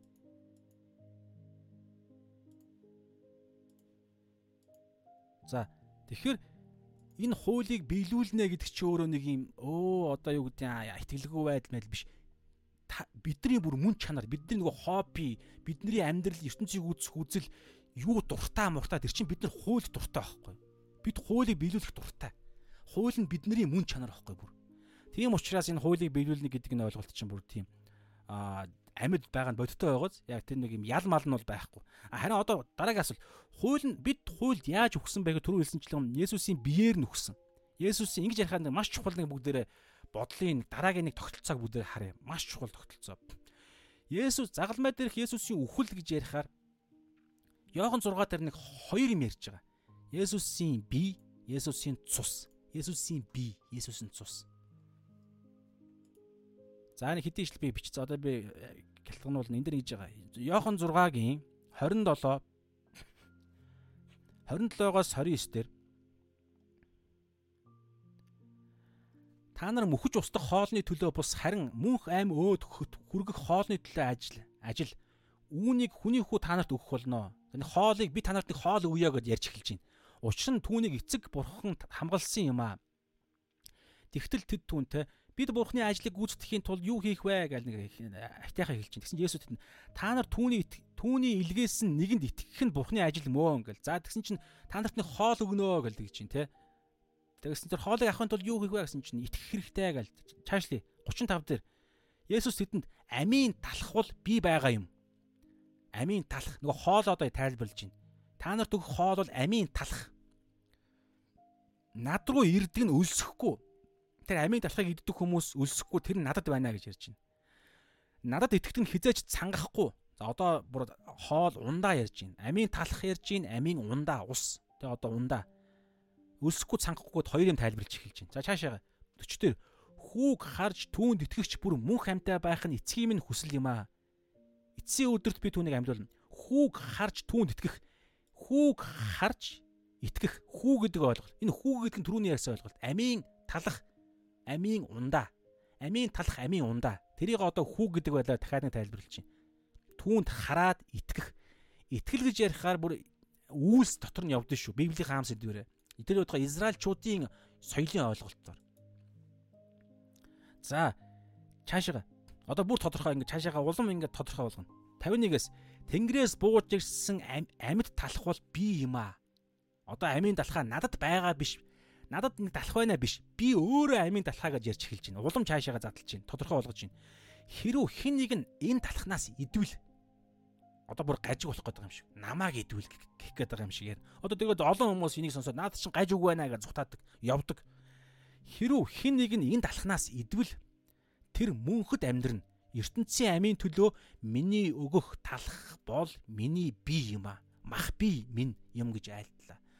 Миний энэ махан бие амийн далах юм аа. Энэ далхнаас идвэл мөнх амьдрын буюу миний махуудыг идээрэй гэж байгаа байхгүй. За тэнгууд нь боо юм болно. Өө наад чинь тийм сонин сонин юм байна гэд. Чааш нь Есүс Есүс тэдэнд үннээр би та нарт хэлье. Хэрв та нар хүний хүүгийн махыг идэж цусыг нь уухгүй бол та нарын дотор ам байхгүй. Махыг нь идээж идээд Есүсийн цусыг нь уувал та нарын дотор ам байна гэж ярьж байна. 54.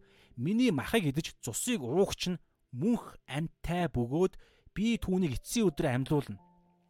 Ерөөсөө мөнх ам Есүсийн шүүх уур хилэнтлэгээр бүх ертөнцийн шүүхээр ирэх тэр үед хоёр лимийг харна гэж байгааз махыг нь идээд цусыг нь ууж гинөө уусна уу уусаар байна уу гэдэг ойлголт байхгүй. 55 миний мах жинхэнэ хоол миний цус жинхэнэ ундаа мөн. Чааш нь тайлбарлана. Миний махыг идэж цусыг уугч нь миний дотор байж би ч түүний дотор оршино за эндээс нэг санаа гарч эхэлж байгаа миний махыг идэж цусыг уугч нь миний дотор байна би ч түүний дотор байна. Библийн хам сэдвэрээ бидний дотор хэн байгаа вэ? Ариун сүнс, сүнс. За цаашаа уншия. Амьд эцэг намайг илгээсэн бөгөөд би эцгээр амьдрахын адил намайг идэх чинь мөн надаар амьдрна. Ямар цаг үеийн хүмүүс яа чинь бүх цаг үеийн хүмүүс. 21-р зууны өнөөдөр инх тайван би та Есүсээс Есүсээр амьдрна гэхээр Есүсийн тэ намайг илгээсэн бөгөөд би эцгээр амьдрахын тулд намайг идэгч Есүсийн махыг нь идэж цусыг нь уудаг хүн Есүсээр амьдрна. Есүсийн бие нь энэ дэлхийд байхгүй шүү дээ. Өхөд 3 хоногийн дараа амьлаад 40 хоног байж байгаа дэш явцсан. Тэгэд Есүсийн биеийг хаанаас олох вэ гэх юм одоо. Есүсийн цус нь хаана байна? 2000 жилийн өмнөх цус аль эзэнэ байхгүй болсон шүү дээ. Хэр уудаг бол тэр нэг хүний хэдэн литр цусын уугаад дууссан шүү дээ. Гэтэ Есүс тэгээгүй шүү дээ. Дээш амилцсан. Тэгэхээр энд юу ярьж байна вэ? зүүрлэл байгаа байхгүй. Гэтэ бодиттой нэг юм байгаа бас зүүрлэл. Тэгэхээр бүх цаг үед хамаатай ойлголт ярьж эхэлж байна гэсэн. За 58. Тэнгэрээс бууж ирсэн талах бол энэ мөн. Тэнгэрээс бууж ирсэн талах бол энэ мөн. Өвөг дээдэс чинь идээд үхсэнтэй адилгүй энэ талхыг идэх чинь мөнх амьдрна гэлээ. Цаашаага бүгд 60 дээр. За биш ээ. 63 дээр. Ам үг гэдэг нь сүнс. Хартаа. Амин сүнс мах бол ашиггүй. Миний та нарт хэлсэн үгс бол сүнс ба ам үг. Үг ярьж байгааз Есүсийн хэлсэн үг биднэрт юу вэ? Библи байна. Одоо яг хийж байгаа зүйл чинь. Та Есүсийн биеийг нь идэж байна гэсэн үг.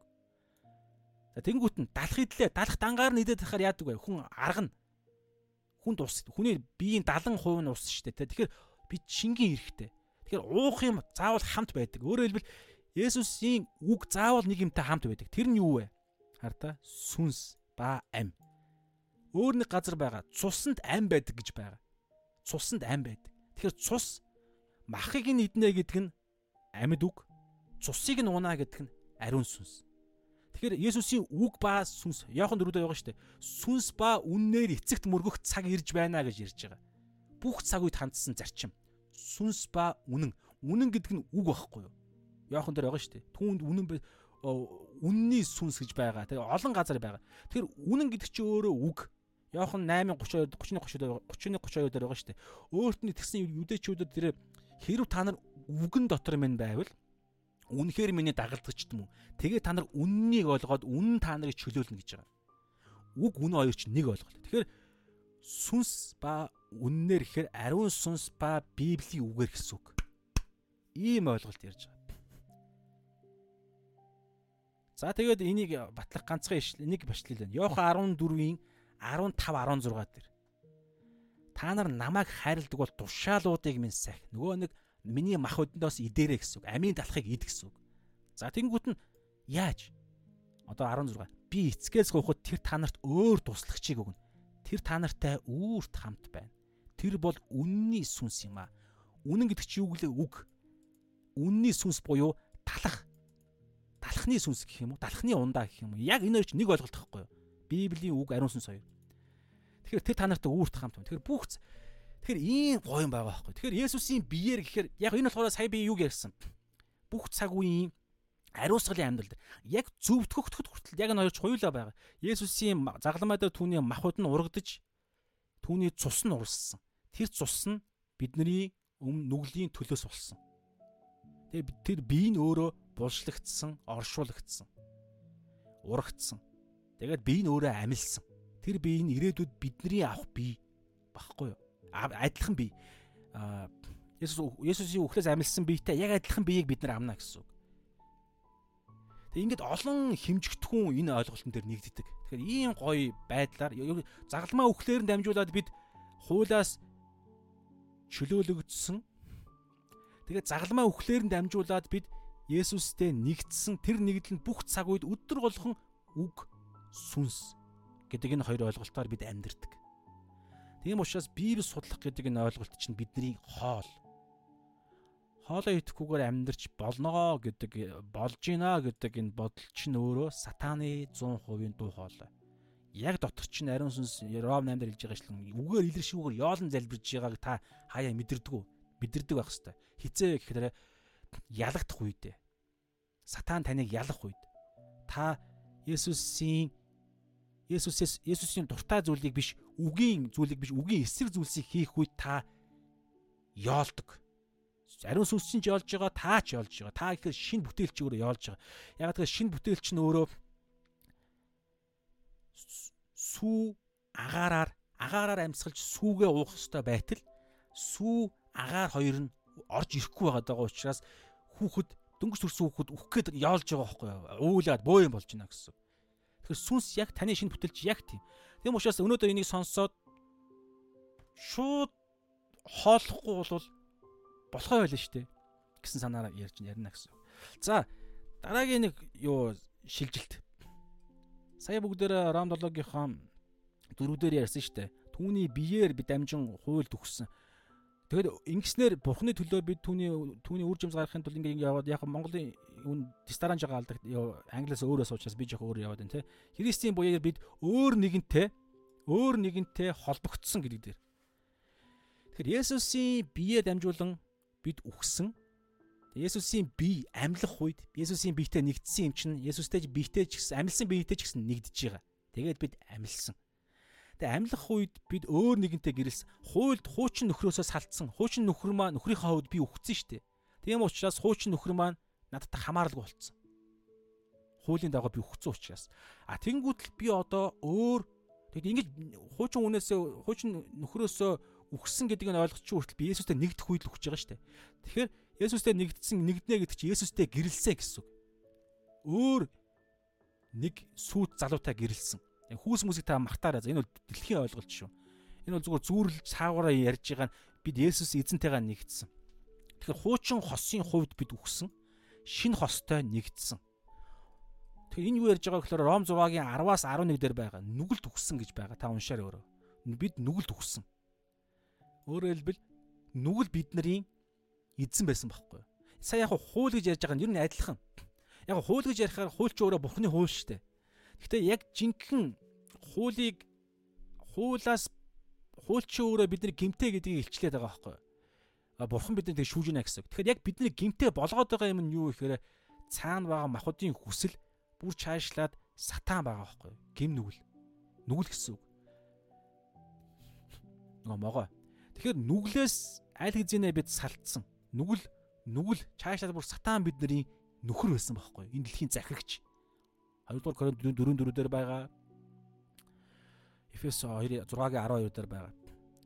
Тэгэнгүүтээ одоо бид харин хэний бид сүут бүсгүй хэний бид боолн болсон бэ гэхээр Христ Ром 6-гийн 8 дээр байгаа 18 дээр байгаа та уншаарай. Би цаг өмнөх үднээс явъя.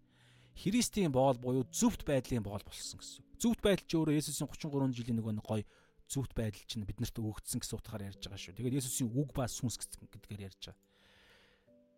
Тэгэхээр Есүсийг үхлээс амьлуулсан тэр хүч бидний амьдралд хүч болж ажиллаж байгаа. Ром 1-ийн 4 дээр ариун сүнсний хүчээр үхэхстээс амьлснараа сүр хүч чадал Бурхны хүү гэж тунгаглагдсан бидний эзэн Есүс Христ гэж байгаа. Тэгэхээр Есүсийг үхлээс амьлуулсан ариун сүнс биднийг өдөр болгон амьлуулдаг нь бас биднийг одоо хардаа ингэ штэ нэг хүн аврагдсан гэж ярихаар мөнх амьтаа болсон гэсэн үг шүү дээ. Тэгэхээр мөнх амь нь өөрөө ариун сүнс шүү дээ. Түрүүн Йох 14 16 дээр хэлсэн шүү дээ. Өөр нэгэн туслагчийг та нарт өгөн тэр та нартай үүрт хамт байна. Эхлэл хоёрын долоо дээр байгаа амийн амьсгалыг нь хамраар нь үлээж оруулах. Тэр амийн амьсгал чи өөрөө ариун сүнс. Тэгээ Есүс Йохан 19 байна уу 20 дээр ч байгаа.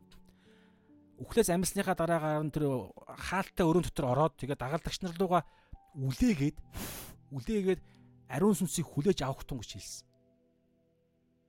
Эхэлж наан нь нөгөө нь урдчлахаа трай киноны трейлер шиг. Тэгээд дээшээгээ 40 хоногийн дараа өргөгдөө. Тэгээд 10 байна 10 ойролцоогоор 10 10 хоногийн дараа тэд нар харахгүй учраас наан Тэнгэрийн улсад ингэж үлээн шүү гэдгээ илэрхийлсэн байхгүй. Тэгээд яг жинхэнэ үлээлт нь Пентекостийн өдөр үлээлт нь ариун сүнс бууж ирдэг. Наан гэхдээ энэ ариун сүнсийг илгээсэн чинь би шүү гэдгээ наан нь тэр өрөө өрөөнд дотор гэж үлээж харуулдаг. Ариун сүнс. Тэгэхээр тэр ариун сүнс чи өөрөө Есүсийг амьдуулсан сүнс биднийг аврах бидний мөнх ам байхгүй юу. Өдөр болгон бидний юу нөгөө нэг юу амьдралд хүч болж идэг. Би хоёр хоёр ишлэг харуулъя. Ром 8-ийн Ром 8-ийн Ром 8-ийн 2 дээр болохоор биднийг төрөх үед ариун сүнс яасныг нь хэлье. Ром 4 дээр төрсний дараагаар нь төрсөн хүний амьдралаар амьдрахад ариун сүнс бас бидний гол юм болж байгаа. Бүх юм ариун сүнсээр. Ром 8-ийн 2 дээр учир нь Христ Есүс доторх амийн сүнсний хууль нь чамайг нүглийн болон үхлийн хуулиас чөлөөлсөн. Эн чинь дахин төрөлтийн процесс. Ингэж аварсан гэсэн үг. Энийг Есүс хийж байгаа шүү дээ. Хүү эцэг хоёр хамтдаа хийж байгаа. За дөрөвдөр нь Тэгээ авраа тэгээд аврагдсан хүний амьдралаар амьдрах буюу нөгөө нэг э, гимгүү амьдрал амьдрал ч одоо ярих чинь. Ингэснээр хуулийн шаардлага нь энэ хууль ямар хуулийг ярьж байгаа. Түрүүн Матай 5 дээр хэлсэн. Тэнгэр газар өнгөрөө оттол хуулиэс нэг ч үсэг нэг ч зураас алга болохгүй. Энийг хэн нэгэн алга болсон мэт заавал Тэнгэрийн улсад хамгийн өчүүхэн нэгэн гихтэх болно. Тэнгэрийн улсад хэн орох юм? Итгэгч нар орно. Та бай бид нар орно. Тэгэхээр биднээс хуулийг байхгүй болцсон мэт заах хүмүүсүүд гарч ирнэ гэсэн үг байхгүй юу? Битгий биелүүлээ гэж ярина гэсэн. Онцгойл нь бүр Есүсийн ярих хуулиудыг ярьж байгаа шүү дээ. Шинэ гэрэн дээр ярьсан хуулиудыг ярьж байгаа шүү дээ. Есүс шинэ гэрэн дээр нь ёс суртахууны тэр 10 хуулийг я 9 хуулийг гэдэг юм уу тэрийг л задлсан. Тэрнээс биш иргэний хуулийг дахлын хуулийг задлаагүй шүү дээ. Дахил өрөмөр гэж юу ч яриаггүй. Яг тэр ёс суртахууны хуулийг бүр задлж дэлгэрүүлсэн. Тэгэхээр Есүсийн ярьсан юм зарим итгэгч нар ингэж бас нэг сонио итгэгч нарын ойлголт байдаг одоо чинь уулан дээр сургаалыг те наадах чинь биднэрт хамаагүй гэж ярьдаг. Наадах чинь те одоо диспенсац гэдэг ойлголтоор Израильчууд л хамааралтай. Шин гэрээний биднэрт хамааралгүй гэж ярьдаг. Гэтэл агуу захирамжн дээр нь юу гэж байгаа вэ? Тэнгэр ёо миний танарт тушаасан бүхнийг сахин биелүүлэхийг тэдэнд заа гэж байгаа.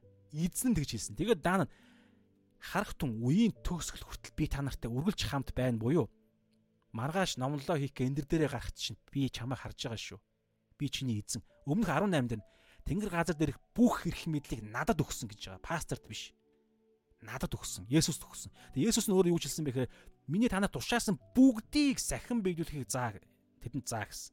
Гэвтэл итгэгч нараас өө Есүсийн хэлсэн заримыг нь захин биелүүлээгээ зааж гинэ гэдэг чинь Есүсийн оронд эзэн болж байгааз ийм хүнийг яах вэ гэхээр магадгүй тэр хүн итгэлэн зүв байж болно. Гэхдээ мэдлэгийн ийм асуудалтай байхаар Тэнгэрийн улсад очихороо хамгийн өчүүхэн нэгэн гэгдэнэ.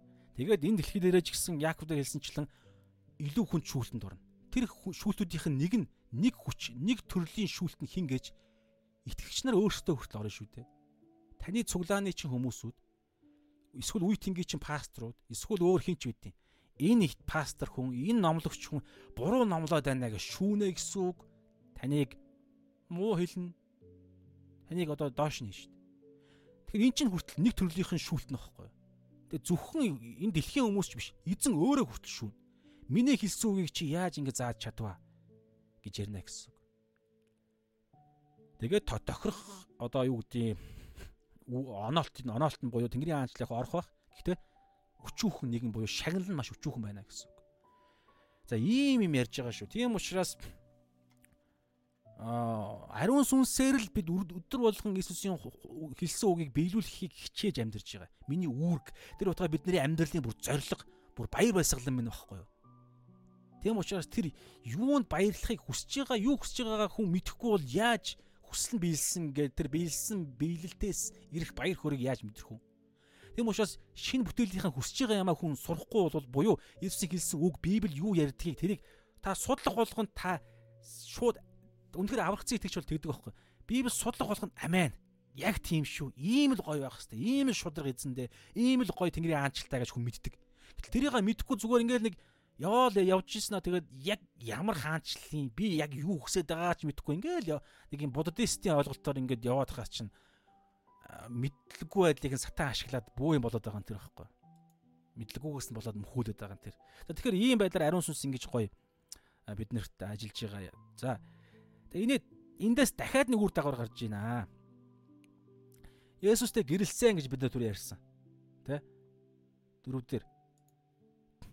Ингэснээр Бурхны төлөө бид үр жимс гаргахын тулд үхэгчдээс амилсан өөр нэгэнтэй холбогдсон, нэгдсэн, гэрэлсэн гэсэн. Нэг гэрэлсэн, нэг бий болсон. Тэгвэл ингэж биелсний нэг гэрэлсний зорилго нь юу вэ? Дараагийн зорилго нь. Э, зорилго нь юу вэ? Ингэсэн чинь эхнийхэн зорилго нь юу гэхээр хуйлд өгсөн. Өгсөн зорилго нь юу гэхээр Есүстэй гэрлэхийн тулд өмнөх нөхрөөсөө одоо хуулийн дагуу салах ганц зорилго нь өгөх ёстой. Бид өгчихсэн загалмай дээр. Энийх нь өгч байгаа зорилго нь Есүстэй амьдлалтай нэгдэх буюу Есүстэй гэрлэхийн тулд яг гоо өгч байгаа нүрт Есүстэй хамт шүү. Тэрийг ойлгоорой. Нэг ойлголт шүү. Есүстэй гэрэлсэн. Есүстэй гэрэлж байгаагийн зорилго нь юу юм? Есүстэй нэгдсэн зорилго нь юу юм гэхээр үр жимс. Ингэснээр бурхны төлөө бурхны төлөө бид үр жимс гаргахын тулд энэ үр жимс чинь дахиад нөгөө хууль. Үйлс, сайн үйлс. Тэгэхээр ийм чухал ойлголтыг сатан маш зөвүүнээр юу вэ? Үйлс чухал биш ээ гэж ярина гэдэг чинь сатан маш залтай байгаа байхгүй маш залтай, маш ухаалаг, маш их дата баацтай. Тийм учраас бид суралцахгүй бол сатаныг барж дийлэхгүй. За яах вэ нэг үндсэн яах вэ явахтай аврал нь өөрөө маш энгийн, маш гоё учраас бид авралаа алдахгүй гэж болно. Биш. Аврал дотроо яваад байна мэдээж. Гэтэ энэ дэлхий дээр амьдрахтаа нэг нэг харчаагүй амьдралаар амьдрах гэдэг байхгүй. Эсвэл бол үр жимс байхгүй. Бусдыг аврал дуудаж, бусдыг эрхчлөөнд гаргах юм ярьж, бусдад нөлөөлж чадахгүй. Үр хүүхдээ нөлөөлж чадахгүй. Буюу нөгөө шагнал ярихдаггүй гэсэн. Тэнгэр улсад орсон ч гэсэн шагнал ярихдаггүй. Тэгэхээр энэ дэлхийд дээрээс нэг амтай голтой нэг хөгийн нэг юмтэй нэг өвчнөөс өвчнөд амжсан өр цөрнөөсөө салах юм байхгүй бөөн хүнтэй гомдсон бөөн царилцааны асуудал дунд тэгж тэгж тэгж амьдарч амьдарч байгаад нэг юм үхэн тэгтээ тэнгэр улсад гоё шагнал нь юу аврал мөнхийн ам яригдана гэхдээ тэнд очиод ялгаатай бусдаас ялгаатай мөнхөд амьдрна гэсэн. Шагнал нь ялгаатай. Тэгээ тэрийг мөнхөө уст очсныхоо хойно өө би ингээ би жоохоо ингэж ингээд би энэ байшин руу орчи ийм амьдралаар амьдрий гэж хүсэхгүй шүү дээ. Мөнхөд яг нэг амьдралаар амьдрна. Тэр нь шагнал энэ газар дээр шийдэгдэнэ. Нэгдүгээр Коринт 3 дээр байгаа. Та нар Христийн барьсан тэр суурин дээр ямар байшин барихаа анхаараарай. Тэгээд цаг нь болохоор галан галаар шалгах мэд үүсээ байшин гэж шалгана үүсийн шүүлт. Тэгээд ингээд шалгаад яхаа нөгөө алтаа малтаар барьсан ингээ үлдээд харин шавар юу мод зодоор сүрлээр барьсан шатна. Гал дундуур нэг амтай голтой гараад асар их хохирол амсан гэхдээ өөрөө аврагдана гэж байна. Тэгэхээр ийм гоё тогтолцоог бид судалж мэдээ тэгээд маш бодиттой хөрөнгө оруулалтаа маш бодиттой хувь тавилангаар амьдрахгүй бол зүгээр л амьдрын амьдралын урсгалаар ингээ урсгаар чинь хохироод байгаа байхгүй. Яг аврал марвал бол хохирохгүй. Гэхдээ яах гэж тэгвэл энэ дэлхий дээр зовоод байгаа юм. Тэр зовлон ямар үр дүнгүй зовох ямар хэрэг байгаа юм. Тэгээд энэ дэлхий дээр байгаа хугацаанда асар их тэнгэрт эд баялаг хураах хэрэгтэй байтал буюу бусдад үйлчлэх, бусдыг хайрлах, сайн мэдэнэ тэр гайхалтай энэ бий тийм байх болохоор мөнхөн улсад очиод ялгаатай амьдралын бас хохирол мөн шүү дээ. Ялгаатай гэдэг чинь. Яг го тэнгэр улсад орж байгаа нь гоё л да мэдээж. Гэхдээ яг очихоороо мөнхөд та тэгж байна гэж бодлоо. За нэг юм яригдж байна. Тэгэхээр энэ үр жимс гэдэг нь өөрөө юу гэхээр сайн үйлсийг л ярьж байгаа шүү дээ. Сайн үйлс буюу хуулийн дагуух үйлсийг л ярьж байна гэсэн үг. Хууль чинь өөрөө юу нь сайн бай, юу нь муу вэ гэдгийг хэлдэг төхөөрөмж шүү дээ. Тэгэхээр юу нь сайн мууг бид Библи судалж ижил Есүсийг хэлсэн үг, Есүсийн амьдрсан амьдрал тэр бүх зүйлээс судлаа шүү дээ. Би хэлсэн шүү дээ. Ёслолын хуулийг яриаггүй шүү. Иргэний хуулийг яриаггүй. Ёс суртахууны хууль буюу 10 хууль. За 9 хууль шабат өдрийг хаслаа. 9 хууль дээр нэмээд шин гэрэн дээр Есүсээс Есүсээр эхэлсэн ёс суртахууны хуулийг бүр задлцсан асар их дүрм журам гайхалтай Есүс Бурхны хүсэл үнний илчлэлүүд байгаа. Үнний тогтолцоо байгаа. Тэрийг судалж ягаад тэр болгоныг судлах үед бид яах ёстойгоо мэддэг гэсэн үг. Түрүү харалтаа гэр бүл сарлалтан дээр хүртэл ярьсан шүү дээ. Яаж би энэ асуудлыг шийдэх вэ? Арх уух дээр хүртэл ярьж байгаа шүү дээ. Дарсанд бүү согтуур харин сүнсээр дүүр гэж байгаа. Тэгэхээр ариун сүнсээр дүүрэн хүн дар суух шаардлагагүй болдог байхгүй юу? Шаардлагагүй. А тэгэнгүүтлээ зарим тохиол байна. Тэ? Паулын хэлсэн би хуйлгүй газар хуйлгүй. Тэгээ одоо юу гэдэг ямар газар ямар гэд. Тэр мэрэгүү ухааны дагуу жишээ нь цагаан сараар баяр ёслолын үеэр Тэгэд өөрийгөө мэддэг байх хэрэгтэй тий. Нэг ганц сундаг одоо юу гэдэг юм тэр тэр нэг яг тэр ёсл ном журмынхаа дагуу одоо хууль юу гэдэг вэ хурим мөрмийн дагуу ганц сундаг татхаасаа айн нэг айдаг итгэж гэж бодлоо. Тэгэхээр нөгөө нэг легализм болох гэдэг байна. Хуульчлах. Энэ хундгийг би татхаараа би гим үлдэх гэдэг юм Тэгээ ингэж ярих гэж байгаа бол энэ хун энэ хурим руу ирэхдээ би хідэн гимнүүд үлдсэн. Яг адилхан шүү дээ. Харин тэр хундагыг татахтаа өөрийгөө захирах байдал, өөрийгөө мэддэг байдал Тэ? За би хоёр хундаг татхаар л би баларчдээ шүү. Гурван хундаг татхаар баларчдээ шүү гэдэг юм уу те. Эсвэл би энэ хундагыг татахтаа би шунж хүсэж татж гин үү? Эсвэл бол те татах шүү явах одоо юу гэдэг вэ хундаг өргөх. Эсвэл би энэ хос хоёрыг би хүндлээд эсвэл энэ гоё настай хүний хүндлээд би энэ дээжийг эдэний дээжийг ингээд ууя тэ тати яд гэдэг вэ хундаг өргөе. Тэгээд ихээр хүн өөрийгөө захирдсан шүү дээ. Юу юу согдох вэ? жоохон халуул халаал ходоод халаал тэгэл сайхан ингэ бүх юм хിവэрэн штэ. Тэгэхээр ийм байдлаар ариун сүнсээр дүүрэн хүн чинь юун согтохгүй байх боломжтой байхгүй. Гэтэ кейс болгоо хондоо шүү. Нөгөө урд нь нөгөө нэг айхтар архины донтоо байсан хүм бүгд тийм хүмүүс бол өөр юм ярьдаг. Тэг чинь маш зөв штэ. Эзэн бүгдийг мэдж байгаа. Бүх зүйл Библиэлд байгаа штэ. Паул хэлж байгаа. Бүх зүйл зөвшөөрөгддөг. Гэхдээ бүгд тусдаа биш. Тэгэхээр хүнд нь юу тустай, юу тусгүй вэ гэдгийг тухайн хүн өөрөө ариун сүнстэйгээ ингээд нөхрөл харилцаад мэдэн штэ. За би ингүүл яг балардаг. Би ийм юм үзэхээрээ яг балардаг. Би инкээрээ балардаг гэх тэ. Айдсын гэн аимшиг ана үзэхээрээ би яг ингээд тэгдэг. Тэгвэл үзэхгүй байх хэрэгтэй байхгүй юу? Чи мэрэгүү ухаан байгаа үст тэ. Хим мэтчлэн ингээд янз янзын байш шүү. Тэгэхээр энэ болгон чи юу вэ гэхээр үр жимс гэж ярихаар бид үр жимс гаргадаг гэж ярихаар сайн үйлс ярьдаг. За тэгтээ болоогүй. Сайн үйлс нь өөрөө нэг юмний үр жимс хэвгүй. Ариун сүнсний үр жимс чинь өөрөө сайн үйлс байгаа. Йоо, ариун сүнсний үр жимс гэж ярихаар Галат 5:22-оос 23 хайр баяр баясгалын бүх юм байгаа. Тэгээ энэ болгон чи өөрөө сайн үйлсийн зүрх нь байдаг. Тэгэхээр ариун сүнснээ ариун сүнстэй нөхөрлөх гэх нэг библийн үг. Тэ? Үнний сүнс, үгийн сүнс. Тэгэхээр энэ зүйл чи ингээд үр жимс рүү гаргадаг ариун сүнсний үр жимс. Гэхдээ сайн үйлсийг ариун сүнсний үр жимс бий болгодог гэсэн үг шүү дээ. Тэгээ ингээхийн тулд бид ингэсээ үхстэй Есүстэй нэгдсэн өөр одоо тий сүд сүд залуутай гэрэлсэн гэсэн. За тэгээ сайн үйлс гаргаж байгаа нь дахиад зоригтой. Юуны төлөө сайн үйлс гаргаж байгаа гэхээр өө би өөрийгөө итгэж гэдгийг харуулахын тулд гэх юм уу? Эсвэл би сайн үйлс гаргаснараа би тэгээ одоо шагнал мөнхөө улсад шагналыг авахын тулд. Эсвэл сайн улс гаргаснараа би одоо юу гэдгийг Христ тэ одоо тэ сайн улс гаргаснараа тэг ер нь бол цаанаа тийм нэг юм хувийн ямар нэг ирэх шиг байвал тэг одоо би сайн пастор гэдгээ батлахын тулд эсвэл би цалингаа авахын тулд эсвэл би ингэж амлсан амлалтаа биелүүлэхийн тулд мулд гэд ирэхээр Библийн дагаа биш болоод байгаа байхгүй. Та энэ таарда хоёр ишлийг биелээ. Яг энэ өнөөдөр энэ дээр байгаа дөрвдөр байна. Түүнчлэн ах トゥ нар минь та нар Христийн биеэр дамжин хуульд өгсөн ингэснээр бурхны төлөө өөрийнхөө төлөө биш, цалингийнхаа төлөө биш, Тэнгэрийн уусад шагнал авахын төлөөч биш. Бурхны төлөө бид үр жимс гаргахын тулд ингээд Есүстэй нэгдсэн гэсэн санаа. За энэ нэг ишлэн, бас нэг ишлэн. Эфес 2:10 дээр 8 9 дээр нь Есүс Бурхны хийсэн гайхалтай юм байгаа. Бидэнд өгсөн бүх хүч чадал мадал. Тэгээ энэ бүх бидний өгсөн сайн сайхан юм нэг зоригтой. 10 дээр нь Учир нь бид сайн үйлсийн төлөө Христ Есүс дотор бүтээгдсэн түүний бүтээл, Бурхан Аавын бүтээл. Биднийг эдгээрийн дотор яваасаж Бурхан урдаас бэлтгэсэн. За сайн үйлсийн төлөө Бурхан бүтээжээ. Тэгвэл сайн үйлс нь юуны төлөө байгаа гэхээр түрүү яг Ром дээр бол хилцсэнтэй Бурханы төлөө. За одоо бас нэг хэвчлэл байна. Матай 5-ын 16 дээр байгаа байхгүй юу? Матай 5-ын 16 16. Матай 5 16 дээр энэ чинь хүмүүс та нарын сайн үйлсийг хараад Тэнгэр дэх эцгийг чинь алдаршуулахын тулд та нарын гэрэл тэдний өмнө тийхүү гэрэлдэг. Амен. Харин ингэж хэлээгүү. Хүмүүс та нарын сайн үлсийг хараад та нарын итгэлийг алдаршуулахын тулд тэ танаа цуглааныг алдаршуулахын тулд та нарын гэрэл тэдний өмнө тийхүү гэрэлдэг гэж хэлээгүү. Тэнгэр дэх эцгийг чинь алдаршуулахын тулд Би ягаасаа цуглаан хэлчихэж байгаа гэхээр нөгөө нэг яг ном журмын дагуу цуглаан ч өөр Есүс шүү дээ. Есүсийн анчлалын нөгөө нэг яг одоо тий яг төлөөлөгч хатан суур энэ энэ суурин дээр би чуулганаа байгуулна чуулганыг үхсдийн орны хаалга дэлэхгүй тэнгэрийн хаанчлалын төлхөр чуулганд байгаа гэдэг. Тэгэхээр чуулган гэдэг чинь нөгөө нэг энэ одоо компанитай нэг юм нийгэмлэг болчиход байгаа байхгүй. Тэр утгаараа бисаа ярьсан шүү.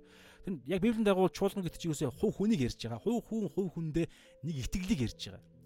Та бол Христ амьд бурхны хүү гэдэг энэ итгэлтэй нэг хүнийг яриад байгаа байхгүй. Тэр хүмүүсүүд ийм итгэлтэй яг ийм итгэлтэй буюу Есүсийг эзнээ болгодог амьдрал Есүсийн хүслээр амьдрдаг амьдралтай тэр аврагц итгэгч ярьж байгаа. Энэ итгэгч чинь олон итгэгч нар нэгтгэхээрээ чуулганыг бий болгож. Гэтэл одоо өөрсдийн мэдлэггүй ингээд энийг байнга ингэж сэлбэж байнга ингэж цэвэрлж явахгүй бол нэг юм бий болдог нь оо тийм пастортай, тийм цуглаан. Эсвэл одоо тийм нэртэй тэр цуглаан тэр нэг нэр. Тэгээ тэр цуглааны итгэж би бол тийм цуглааны хүн гэхээр тэр нэг үл мэддэг нэг юм сонин нэг юм бий болгочдөг. Гэтэл Библиэд судалдаггүй одоо энэ ярьж байгаа энэ ойлголтоор ч явдаггүй. Гэтэл тэр нэг юу нэг мэддэхгүй нэг цуглааны төлөөл яваад байдаг. Тэр цуглаан дотор нь миний ирэх ашиг байгаа учраас давхар баг би өөрийгөө алдаршуулж байна гэсэн үг байхгүй. Тэгэхээр тэр утгаараа бисаа хэлсэн шүү. Тэгэхээр тийм биш. Есүсийг тэнгэрт эцгийг хараа л да. Есүс өөрөө ингэж хэлсэн шүү дээ. Есүсийг ч биш. Бурхан аавыг алдаршуулахын тулд ярьж байгаа. Тэгэхээр бурхан аав алдарших үед Есүс алдаршдаг, Есүс алдарших үед бурхан аав алдаршдаг. Бурхан аав Есүс хоёр алдаршуул алдаршихад бурхан аав Есүс хоёр биднийг алдаршуулдаг шүү. Тэгэхээр биднэрт бас алдаршихгүй гэж бурхан өөрөө зөвшөөргүй бас байдаг. Тэр үед бид тэр алдыг авах одоо магтаал алдрыг авах үедээ бид юус айгадаг, айдаггүй байдаг хөөхгүй. Айдаггүй байж чадна гэсэн үг. Ягаад тэгэхээр бурханыхаа л алдаршуулж байгаа учраас тий бурхан л миний гол дүр. Тэгвэл бурхан нь маа миний хөө гэж та нэм өгөхөд те тэрийг нь авна. Тэгтэл бурхан. За ийм ярьж байна. За тэгээд сүүлийн хоёр ишлэг яриад өндөрлөө. Энэ хоёр ишлэр бол одоо энэ дээр нэг хайхтар явахгүй байх хичээ. За энэ дээр юу ярьж байгаа ихлээр ингэж байна. Түрүүн хэлсэн. За одоо сая энэний хүртэл товчхон дүгэн чи. Яг гол юм ингээ болцсон ерөнхийдөө бол. Юу ярьж байгаа ихлээр итгэгч нар өмнөх нөхөр буюу нүглээс чөлөөлөгдсөн. Өмнөх Ром 6-гийн 19 дээр энэ удаа байгаа шүү дээ. Та нар хуулийн дор байхгүй би хаана харчих. А тий Ром 6-гийн 19 дээр байна уу? Та нарын махбод сул дорой тул би хүний ёсоор хэлье. 14 дээр Учир нь та нар хуулийн дор байгаа бус харин нэгүслийн дор байгаа тул нүгэл та нарыг захирахгүй. Тэгэхээр энэ хууль чинь ч бурхны хууль аахгүй. Нэгүүлсэн ч бурхны нэгүүлсэл. Гэхдээ энэ хууль нь өөрөө зорилго нь бидний нүгэлтэй гэдэг илчилдэг. Тийм учраас нүгэл бидний захиад байгаа юм. Нүгэл. Тэгэхээр нүгэл гэдэг чинь өөрөө бидний нөхөр байсан байхгүй юу? Итгэхээс өмнө. Одоо бидний эзэн гэсэн үг. Яг яг яг гэрчлэл яг гэрлэлт гэдэг энэ жишээн дээр нь тулгуурлаж яриад байгаа нөхөр гэдэг байлаа. Гэтэ яг бодит байдлаар бол эзэн. Тэгэхээр нүгэл гим нүгэл бидний эзэн байсан. Тэгээ энэ гим нүгэл энэ эзнээс энэ эзэн боолчлолд ор энэ гэрлэлтэнд ор байхад ямар үр жимс гаргаж ирсэн нь одоо хэлэх гээд байна. Энэ тав дээр. Эсвэл хүгийн амьдрал байсан. За би уншчихъя.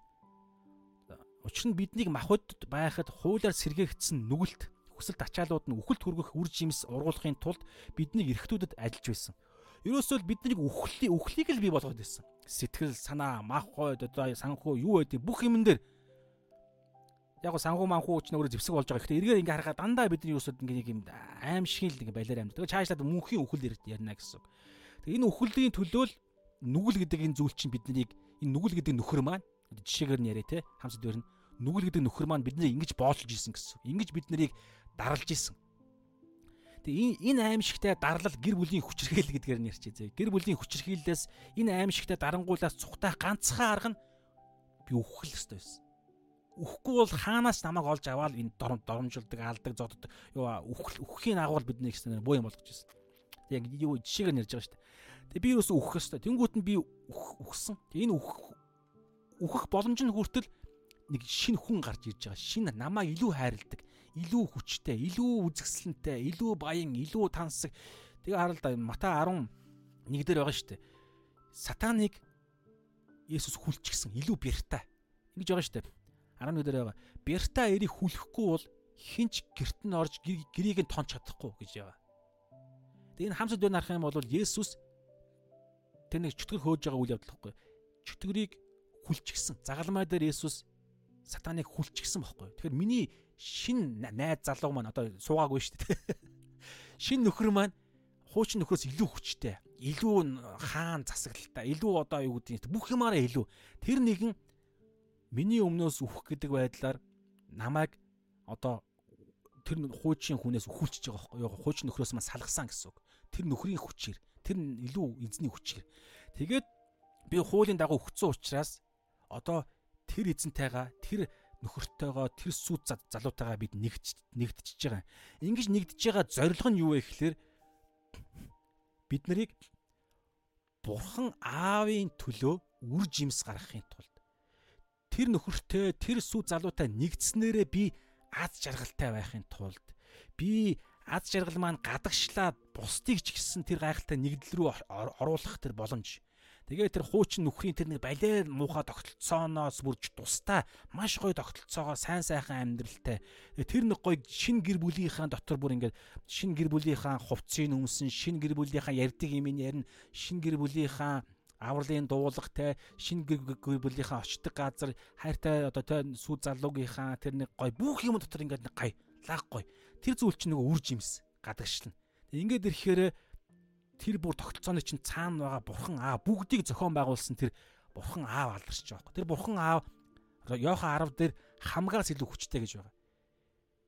Хүүгийн гараас хонин сүргийг хинч булаахгүй, эцгийн гараас хонин сүргийг хинч булаахгүй, эцэг хамгаас илүү хүчтэй. Эцэг хүү хоёр нэг юм гэж байгаа шүү. Йохан 10-ын 30 дээр байгаа. 29 28 хавцаа саяны хэлсэн ишлүүд байгаа.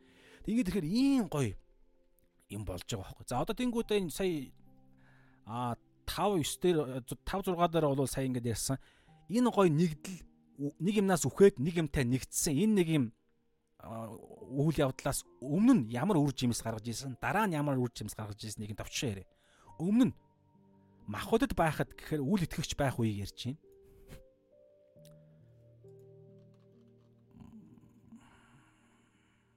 Махбодод байхад энд нэг юм байсан юмсан. За за За махбодод байхад гэхээр шүү дээ тийм а одоо бид бол сүнсээр амьдарч байгаа шүү дээ. Үгүүд итгэгч байх үеийг ярьж чинь тэгэнгүүтлээ харин биднийг махбодод байхад хуулиар сэргээгдсэн нүгэлт хүсэл тачаалууд нь үхэл төрөх үр жимс сургуулахын тулд биднийг эрхтнүүдэд ажиллаж байсан. За ингэн гэж махбодод байхад хуулиар сэргээгдсэн гэж ярихаар ингэж хуулиар сэргээгдсэн шунал тачаал тачаал гэж байгааз хуулиар сэргээгдсэн нүгэлт хүсэл тачаалууд би энэ дээр хараад орчуулгын нэг ийм алдаа байгуулах гэж боддоо энэ хүсэл гэдэг энэ яг орчуулга биш ээ. Орчуулга биш шүү. Теологийн. Яг нүгэлт хүсэлчгээр болж л байгаа юм л да. Зүгээр зүгээр хүсэл гэж байгаа байхгүй юу? За энэ арай биш юм. Буруу алдаа байхгүй шүү. Би өөр юм ярих гэж холчлоо. Ийм байгаа байхгүй. Махуудын хүсэл гэж ойлголт байгаа. Махуудын тачаал гэж байгаа. Махуудын хүсэл тачаал гэхээс илүүгээр махуудын хүсэл, махуудын шунал тачаал гэдгээр нь та ойлгоорой. Шунал тачаал. Тэгэхээр энэ шунал ачаалд надаа итгэгч байхаас өмнө хуулаар сэргээгдэжсэн буюу хуулаар өдөөгдөжсэн. Хуулаар өдөөгдөжсэн байгаа байхгүй. Өөрөөр хэлбэл энэ шунал ачаал угаасаа төрхөөс байдаг. Гэхдээ ямар нэгэн хориглох юм гарч ирэх болгоно ингээд улам одоо нөгөө тэрсэлдэг тийм шунал ачаал байхгүй. Бүр хүүхэд багаасаа ингээд энэ гарч ирдэг. Тэгэхээр Ром 1-ийн 18-аас 21-ийг та уншаарай. За би хальт харуулчих. За уншаад яах вэ? Ер нь цагаан хэмнээ. Ром 1-ийн 18-аас 21 дээр байгаа. Юу нь юу гэж байгаа гэхээр үннийг зүү бусаар зүү бусаар буюу ингээд хүч хэрэглэн ингэж баг хүчнэдэж гэсэн санаа байгаа байхгүй юу? Хүч хэрэглэн хүчнэдэж бүр ингээд зориудаар бүр албаар ингэж шийдвэртэйгээр үннийг ингэж дарддаг, эсэргүүцдэг гэсэн санаа. Тэгээ 2-ын 14-өөс 15 дээр болохоор юу аа гэхээр бүр зүрхэнд нь мэс чанарт нь хүртэл тэр хууль бичээстэй байдаг. Тэгээд 2-ын Ром 1-ийнхээ 18-аас 21 дээр тэнд нөгөө бурхан байдаг гэдгээ ингээд бүтээлүүдээрээ тий одоо байдаг гэдгээ асар олон юмар ингээд үнэн ийм үнэн байгаа шүүгээд хүн гаднаас нь жилчилдэг. Тэгээ Ром 2-ын 14-өөс 15 дээр дотроос нь зүрхэнд нь ч гэсэн бурхан өөрөө хуулаа бичиж илчилдэг. Гэтэл гаднаас нь ч дотроос нь ч аль аль талаас нь дээр нэмээд улсын хууль тэгээд хажууд нь явж байгаа те одоо жишээ нь энэ штэ. Гудамжинд явж байгаа л биш автобусанд явж байгаа л те нэг хүний хөл дээр нь ч юм уу эсвэл настай хүнд суудал тавьж өгөх.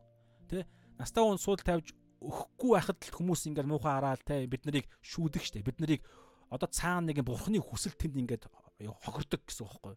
Эсвэл нэг хүнийг би ингээд нэг жоохон хүүхдийн имийг би булаагаад авахд хажууд нэг хүн те хүүш хүүхдийн им жоохон хүүхдийн им яага булаагаад байгаа. Цаана бурхны хүсэл тэнд ингээ хохирч байгаа. Би булааснараа бурхны хүслийг би булаахтаа мэдж байгаа шүү дээ.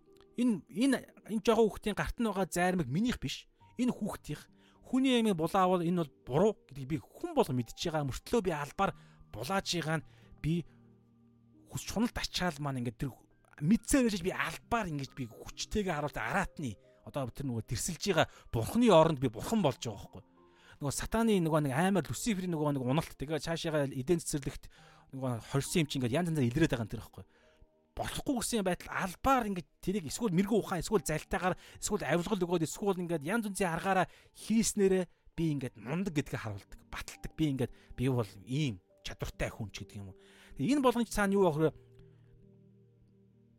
хуулиар буюу тэр нэг болохгүй гэсэн юмар хүн ингээд улам шунал тачаална ингээд тэрслээд байгаа байхгүй. Улам ингээд өдөөгддөг тэрийг ярьж байгаа.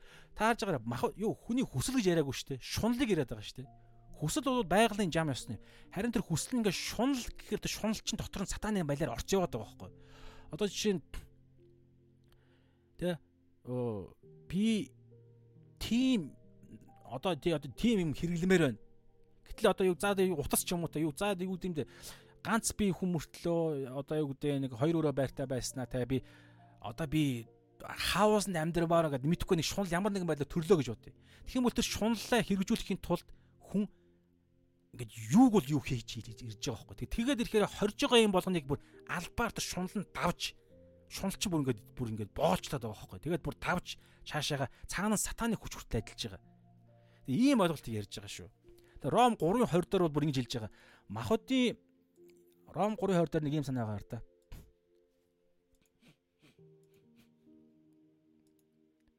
Аа Учир нь ямар ч махбод хуулийн үйлсээр түүний өмнө зөвтгөгдөхгүй.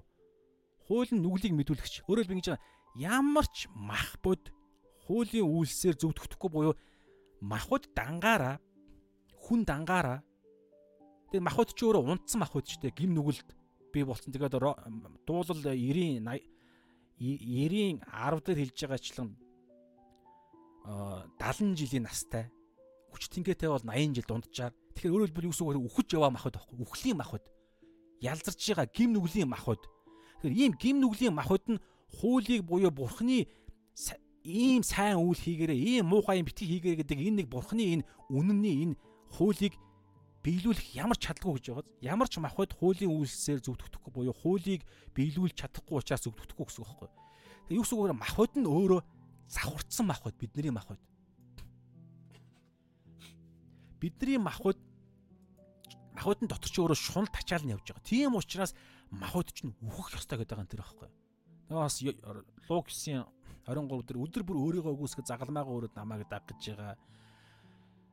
Тий. Ер нь бол тийм Тэгэхээр энэ шунал тачаал гэдэг ойлголт чинь аимшигтай хүчтэй байгаад байгаа.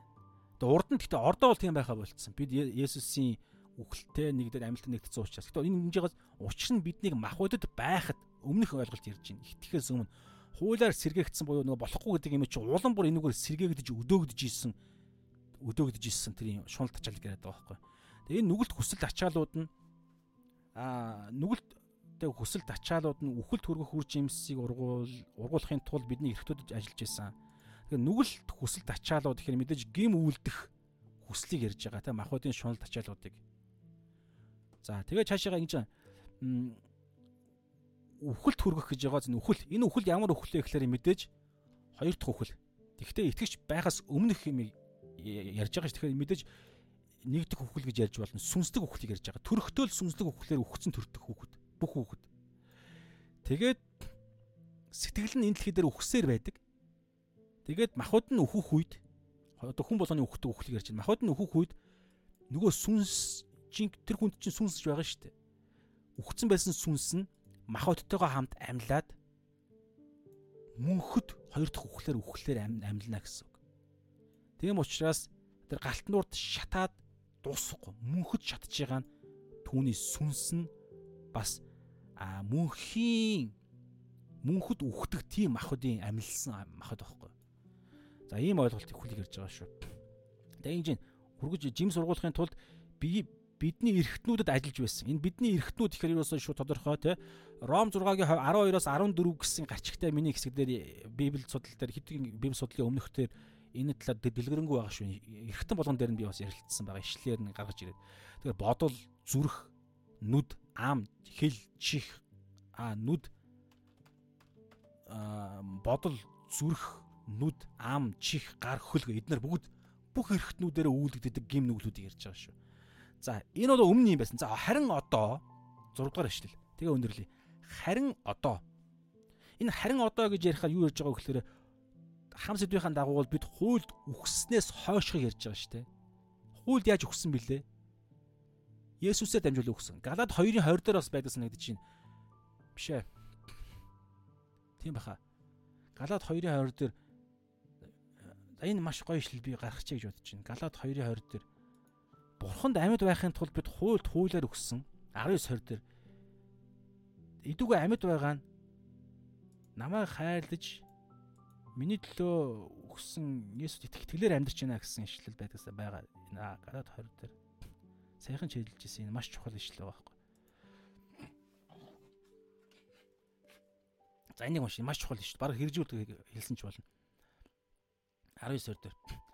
Учир нь бурханд амьд байхын тулд Өөрөөр хэлбэл шин гэрэлсэн сүд сүд залуутайгаа буюу шин эзэнтэйгээ хамт амьд байх. Бурханд яаж амьд байх вэ? Есүсийн дотор амьд байна шүү. Тэгэхээр бурханд амьд байхын тулд бид хуульд хуулаар өгсөн. Өөрөөр хэлбэл бид хууль ёсны дагуу бид өгчихсэн шүү. Бидний бие Есүстэй хамт. Есүсийн үхэл бодиттой байсан шүү дээ. Үхсэн. Тэгээ би Христтэй хамт цовдлогдсон. Энэ яаж үхснийг нь ярьж чинь. Тэгээ 8 дээр а 20 дээр амьд байгаа нь одоо бидний жинхэнэ амьдрал, ариусгалын амьдрал, шин бүтээлийн амьдрал Харин энэ одоо амьд байгаа нь би биш. Энэ би гэдэг ойлголт чинь аль хэзээ өөхөх ёстой учраас хуульд хуулаар буюу Есүстэй хамт өчгсөн. Харин би нь амьд байгаа би нь би биш. Харин миний дотор амьдрдаг Христ юм гэж байгааз Христ бит хоёр нэг болцсон байхгүй. Миний мөнх амч өөрөө Есүсийн сүнс буюу ариун сүнс. Йохан 14 16. Үрд мөнхөд хамт байна. Идүгэ махбодтой миний амьдрч байгаа намайг хайрлаж миний төлөө өөрийгөө өргөссөн Бурхны хүүд итгэх итгэлээр амьдарч байгаа хэрэг юм. Итгэлээр ихээр түрүүн ярьсан. Йохан 6-аар давтан давтан хэлсэн те. Түүний үг ба сүнсээр. Түүний махыг нэгдэж цусыг нууж. Түүний мах нь болж цус нь болж амьдрах. Үг ба сүнс гэсэн санаа. Үнэн ба сүнсээр эцэг төмөрөх цаг ирж байна гэд. Тэгэхээр ийм гоё зүйл болсон тэр цагаас хойш ирж байна. Харин одоо гэд. Харин одоо Христ хуйлд өгсөн Христтэй хамт амилсан шин гэрэл гэрлэлтийн шин гэрлэлтийн амьдралыг ярьж эхэлж байна. Харин одоо хүлүүлж байсан хуйлда үхэж түүнээс чөлөөлөгдснөөр харин одоо бид энэ бид гэдэг дээр бүх итгэгч нарыг ярьж байгаа ямар ч ялгуурлал байхгүй. Ром 3:22 дээр байгаа.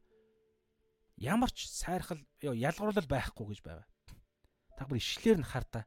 Маш чухал. Та өөрийгөө яаж голдог вэ? Юусоо гоож болохгүй. Бурх таны ямар байгаа зүйл шалтгаалаад бурхан маш гоё юм хийж өгсөн. Есүс Христэд итгэх итгэлээр Бурхны зөвхт байдал нь зөв нөгөө гэрлэлт нь гэсэн. Гэрлэлтийн харилцаа тэр гоё юм нь аврал нь бүх юм нь итгэгч бүхэнд байна. Ялгуурлал байхгүй. Хэн байх нь үл хамааран бүх хүнд энэ гоё юм бий болсон гэсэн.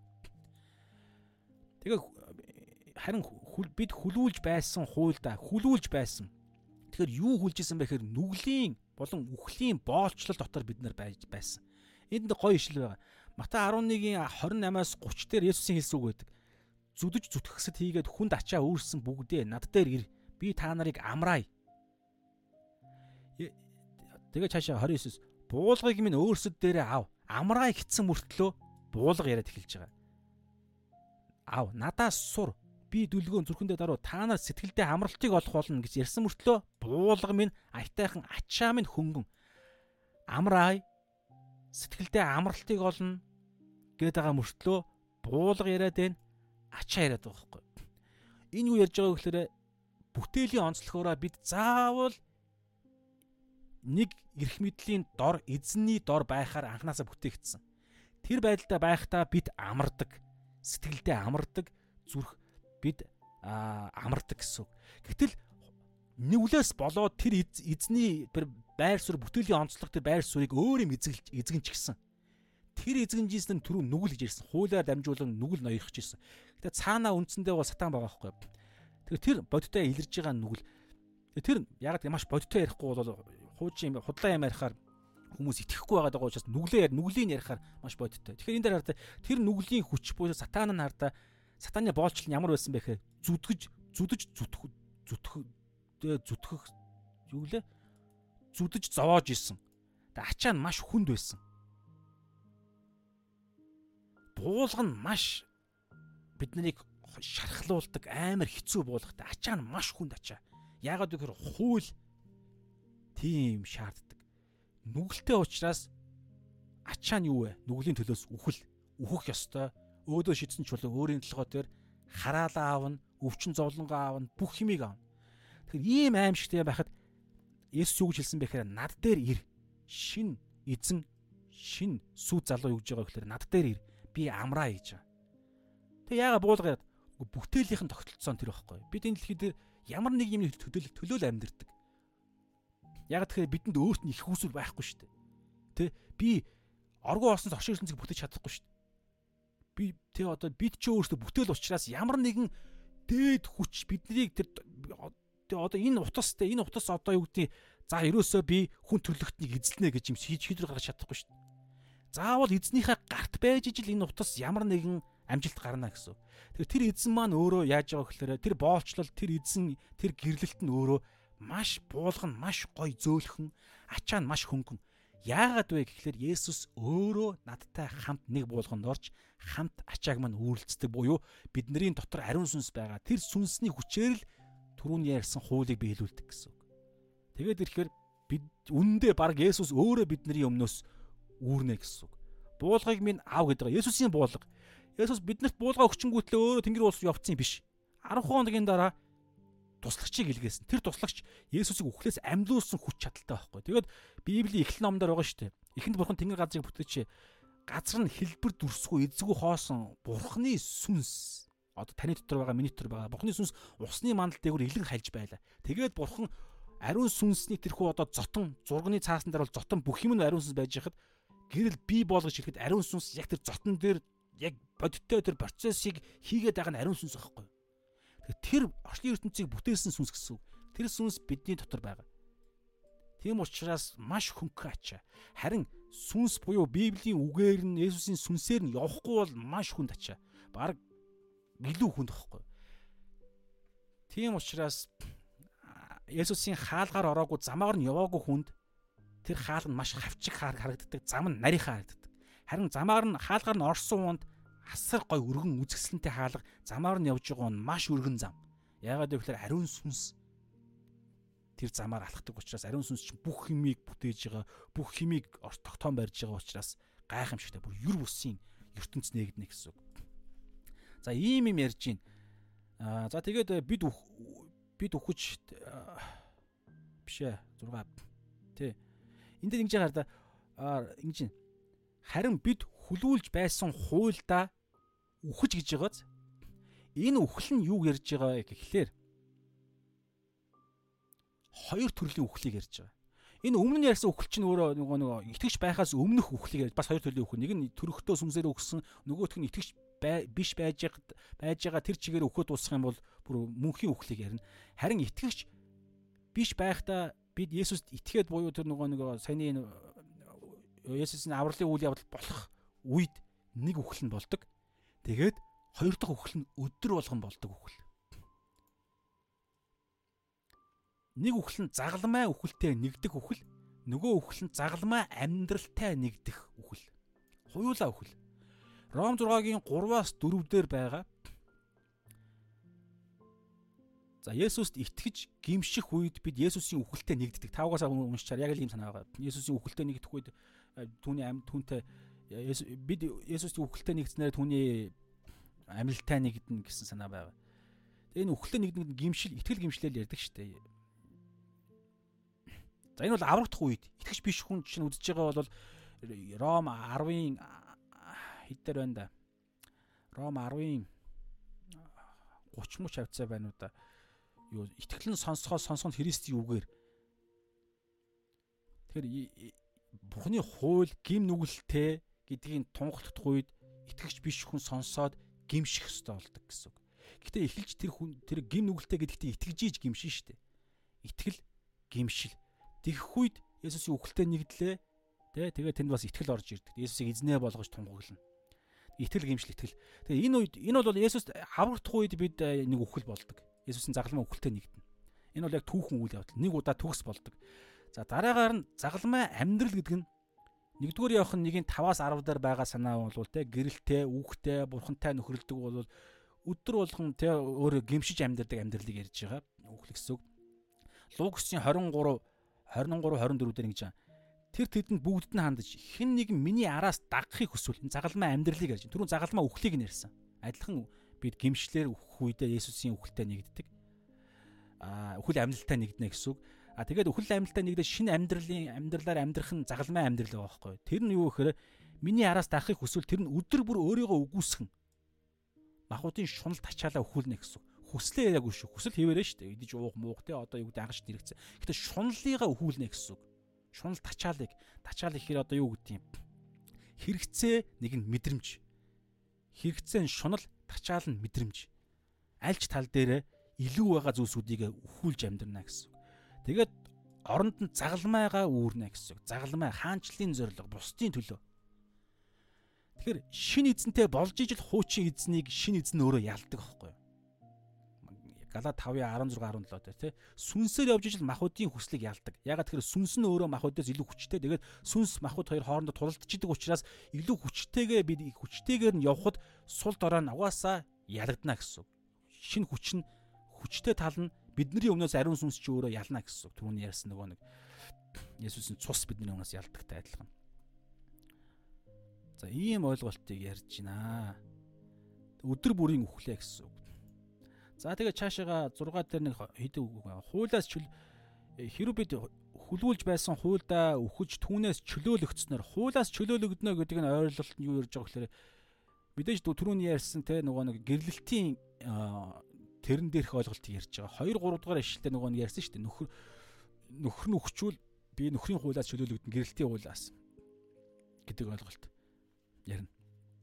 Тэгэхээр нөхөр гэдэг тэр зүйрэл дээр бол нөхөр гэдгийг юу ярьсан бэ гэхээр хуулийн мэдээж нүглийн хүчийг бол ярьсан шүү. Нүглийн хүч, ноёрхол нь бол хүч гэсэн тэр нөхөр нөхөр гэдгээр нь зүйрлж болж байгаа юм. Тэрнээс гадна тэр нөхөр гэдэг нь онцгойлон ярихаар хууль ярьж байгаа учраас хуулийн шаардлагыг ярьж байгаа шүү. Тэгэхээр хууль хоёр зүйлийг шаарддаг. Нэгдүгээрт хуулийг төгс биелүүл гэж шаарддаг. Нэгийн ч төрчихгүйгээр. Тэгсэн чинь биелүүлж чадахгүй биелүүлэх шаарддаг. Тэгээ энэ шаардлагыг Есүс биелүүлсэн. Мата 5:17-оос 20 дээр төгс биелүүлсэн. Миний бидний өмнөөс амьдрсан гэсэн биелүүлсэн. Тэнгүүт нь Гэхдээ бодит байдлаар бид биелүүлээгүй шүү дээ. Тэнгүүт нь хуулийн хоёр дахь шаардлага нь юу вэ гэхээр чи биелүүлээгүй учраас хуулийн шаардлагын дагуу хуульд нь юу зааж байгаа гэхээр Ром 6-гийн 23 нүглийн хөлс бол үхэл. Тийм учраас үхэх гэж шаарддаг. Хоёр дахь шаардлага. Эхний шаардлага нь Есүс 33 жилийн амьдралаараа биелүүлсэн. Хоёр дахь шаардлага буюу бид нар биелүүлээгүй шүү дээ. Тэгмэд бидний шаардлага буюу хуулийг биелүүлээгүй учраас үхэх гэдэг шаардлагыг бидний өмнөөс үхэж биелүүлсэн. Есүсийн амьдрал, Есүсийн үхэл нь бид хуулийн хоёр шаардлагыг хуулийн нь биелүүлсэн. Тэгэхээр энэ хоёр ойлголт чинь хуйлаа биднэрт бас тогтоогдсон шүү. Үхлээрээ бид хууль Есүсийн гим нүглийнхаа төлөөс төлсөн Есүстэй нэгдсэн бидний үхэл Есүс үхэлтэй бид нар нэгдсэн гимшлэрээ гимш бас баян гимшдэг учраас бид биелүүлдэг. Тэгээд гимшлийн хариуд нь биднэрт зөвхт байдлыг өгдөг. Тэгээд тэр ариун сүнсний хүчээр бид Есүсийн 33 жил зөвхт амьдрсан амьдрал руу өдөр өдөрт алхам алхмаар ойртдог. Төгс байх шаардлага. Гэхдээ ойртож явж байгаа энэ нэг зүйл чинь нөгөө үр жимсгээд байгаа нөгөө дээш явж байгаа чиглэл өдрөөс өдөрт итгэлээс ром нэгдэр бол итгэлээс итгэлд илчлэгддэг бурхны хүртэх зөвхт байдал сайн мэдээний дотор итгэлээс итгэл илчлэгддэг. Тэгж явж байгаа Есүсийн хоёр дахь ирэлтээр бид алдрын биеийг авах үед төгс илчлэгдэнэ. За ийм санаа ярьж байна. За тэгээ төгсгөлд нь хоёр үгээ шүү дээ. Харин сүнсний шинчлэл дор бид үйлчилдэг. Сүнсний шинчлэл гэж ярихаар сүнс төгс шинчлэгдсэн гурван ерөнхийдөө бол бидний шинжлэхт шаардлагатай бидний үхсэн байдал байгаа шүү дээ. Нэгдүгээр бидний сүнс үхсэн. Тэгээ Адамын гин нүгэл дотор сүнс өгсөн, сэтгэл өдөр болгон өгсээр байдаг, махбод өдөр болгон өгсээр байдаг.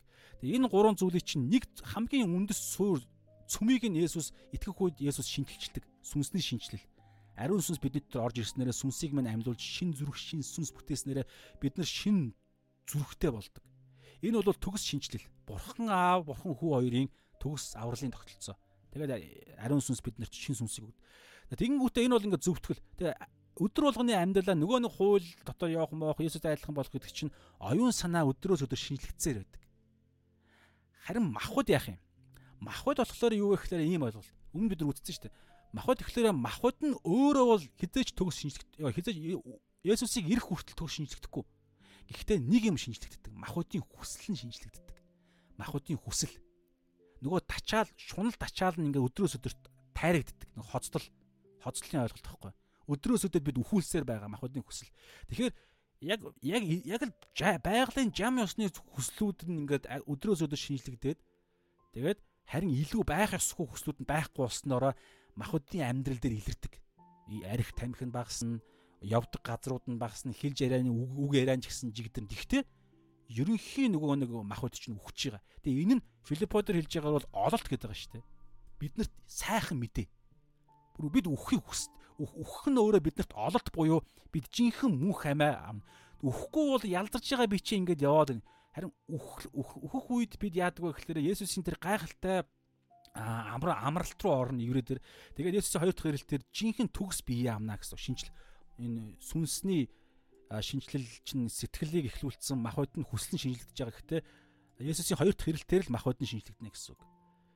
Тэгээ хамгийн сүүлд нь үйлчлдэг гэж ярихаар бурханд бид үйлчилж байгаа. Бурханд үйлчлэнэ гэдэг нь Христэд үйлчлэнэ гэсэн үг. Христийн одоо үг, Христийн ирсэн зориг загламай зориг. Христ гэдэг энэ үгчээ өөртөл өөрөө томилогдох гэдэг үг шүү дээ. Тэгэхээр Есүсийн Есүс юуны төлөө томилогдсон Филипп 2 дээр байгаа. Загалмай зорилгын төлөө. Тэгэхээр бид ч гэсэн Есүсийн зорилгдсон энэ төлөө үйлчилдэг. Тэгэхээр юу гэсэн үг вэ гэхээр Есүсийн хууль буюу ёс суртахуун Есүсийн үг тушаалд нь үйлчлэнэ гэсэн үг. Шинэ гэрээний хууль үйлчлэнэ гэсэн үг. Шинэ гэрээний хууль. Тэгээ ингэж яхад ганцхан хүчээр л боломжтой. Есүс энэ хүчээр л 33 жил төгс байсан. Энэ хүчээр л Есүс үхлээс амьдсан. Бид ч гэсэн энэ хүчээр л мөнх энэ хүч нь өөрөө мөнх ам бидний өдөр болго энэ хүчээр л амьдардаг. Тэр нь ариун сүнс. Ариун сүнс нь ганцхан хэлээр ярьдаг. Тэр нь Библийн хэлээр. Өөр хэлээр юу ч ярьдаггүй. Библиэс илүү юм юусоо ярьдаггүй. Өөрийгөө юусоо алдаршуулдаггүй. Есүсийг л алдаршуулдаг. Тийм учраас ариун сүнстэй ариун сүнсний хүчээр 100% ариун сүнсний хүчээр амьдардаг итгэгч хүн ариун сүнс нь өөрөө өөрийгөө алдаршуулахгүй байхад гурван нэг шүү дээ. Гэтэл ариун сүнс нь өөрийгөө алдаршуулахгүй байхад итгэгч хүн өөрийгөө алдаршуулна гэдэг чинь маш том мэхлэл байна гэсэн үг. Эсвэл цаана маш том хорт хавдар байна гэсэн үг.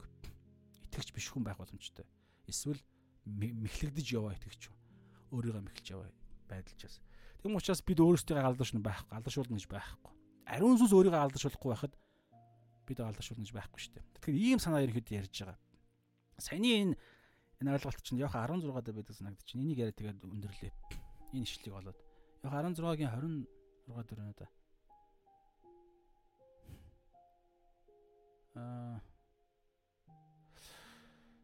За 20 яг 16 би нэг гоож байна. За энэ дэр байхгүй байна. Ямар ч гэсэн ингэж байгаа. Дараа нь Аа 23 дээр байна. За за байхгүй мань 15-ын 26 дээр чинь ямар ч ингэ байгаа тодорхой байгаа шүү. За ингээд ерөнхийдөө бол цөмөр өндөрлөе. Тэгэхээр өнөөдөр бацхын дүгнэлт бацх юм бол ерөөсөө л энэ Матай 5-ын 17-оос 20-ыг яриад байгаа байхгүй. Есүсийн ирсэн зорилго нь түрүү ярьсан хуулийн хоёр шаардлагыг биелүүлж байгаа. Нэгдүгээр бидний өмнөөс амьдарж байгаа нөгөөх нь бидний өмнөөс үхэж байгаа.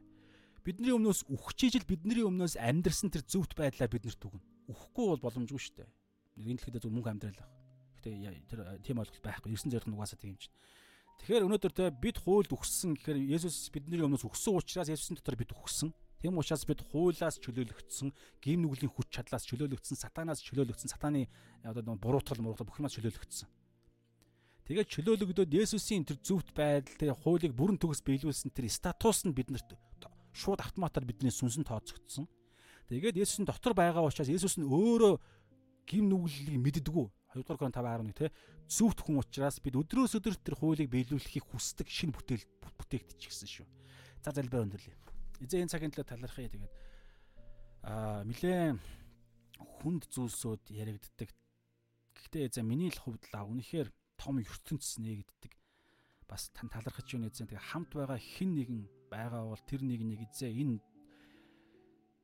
бэлтгэл энэ оюуны булчингаа чангалж байгаа энэ сургуулалт энэ таны таны махыг идэх буюу таны үгнээс идэх бас таныг хайрлах буюу таны тушаалыг сахин биелүүлэхийн төлөө зориулж байгаа энэ зориулалт бид үүний төлөө таны боол болсон. Таавал бид нар эзэн.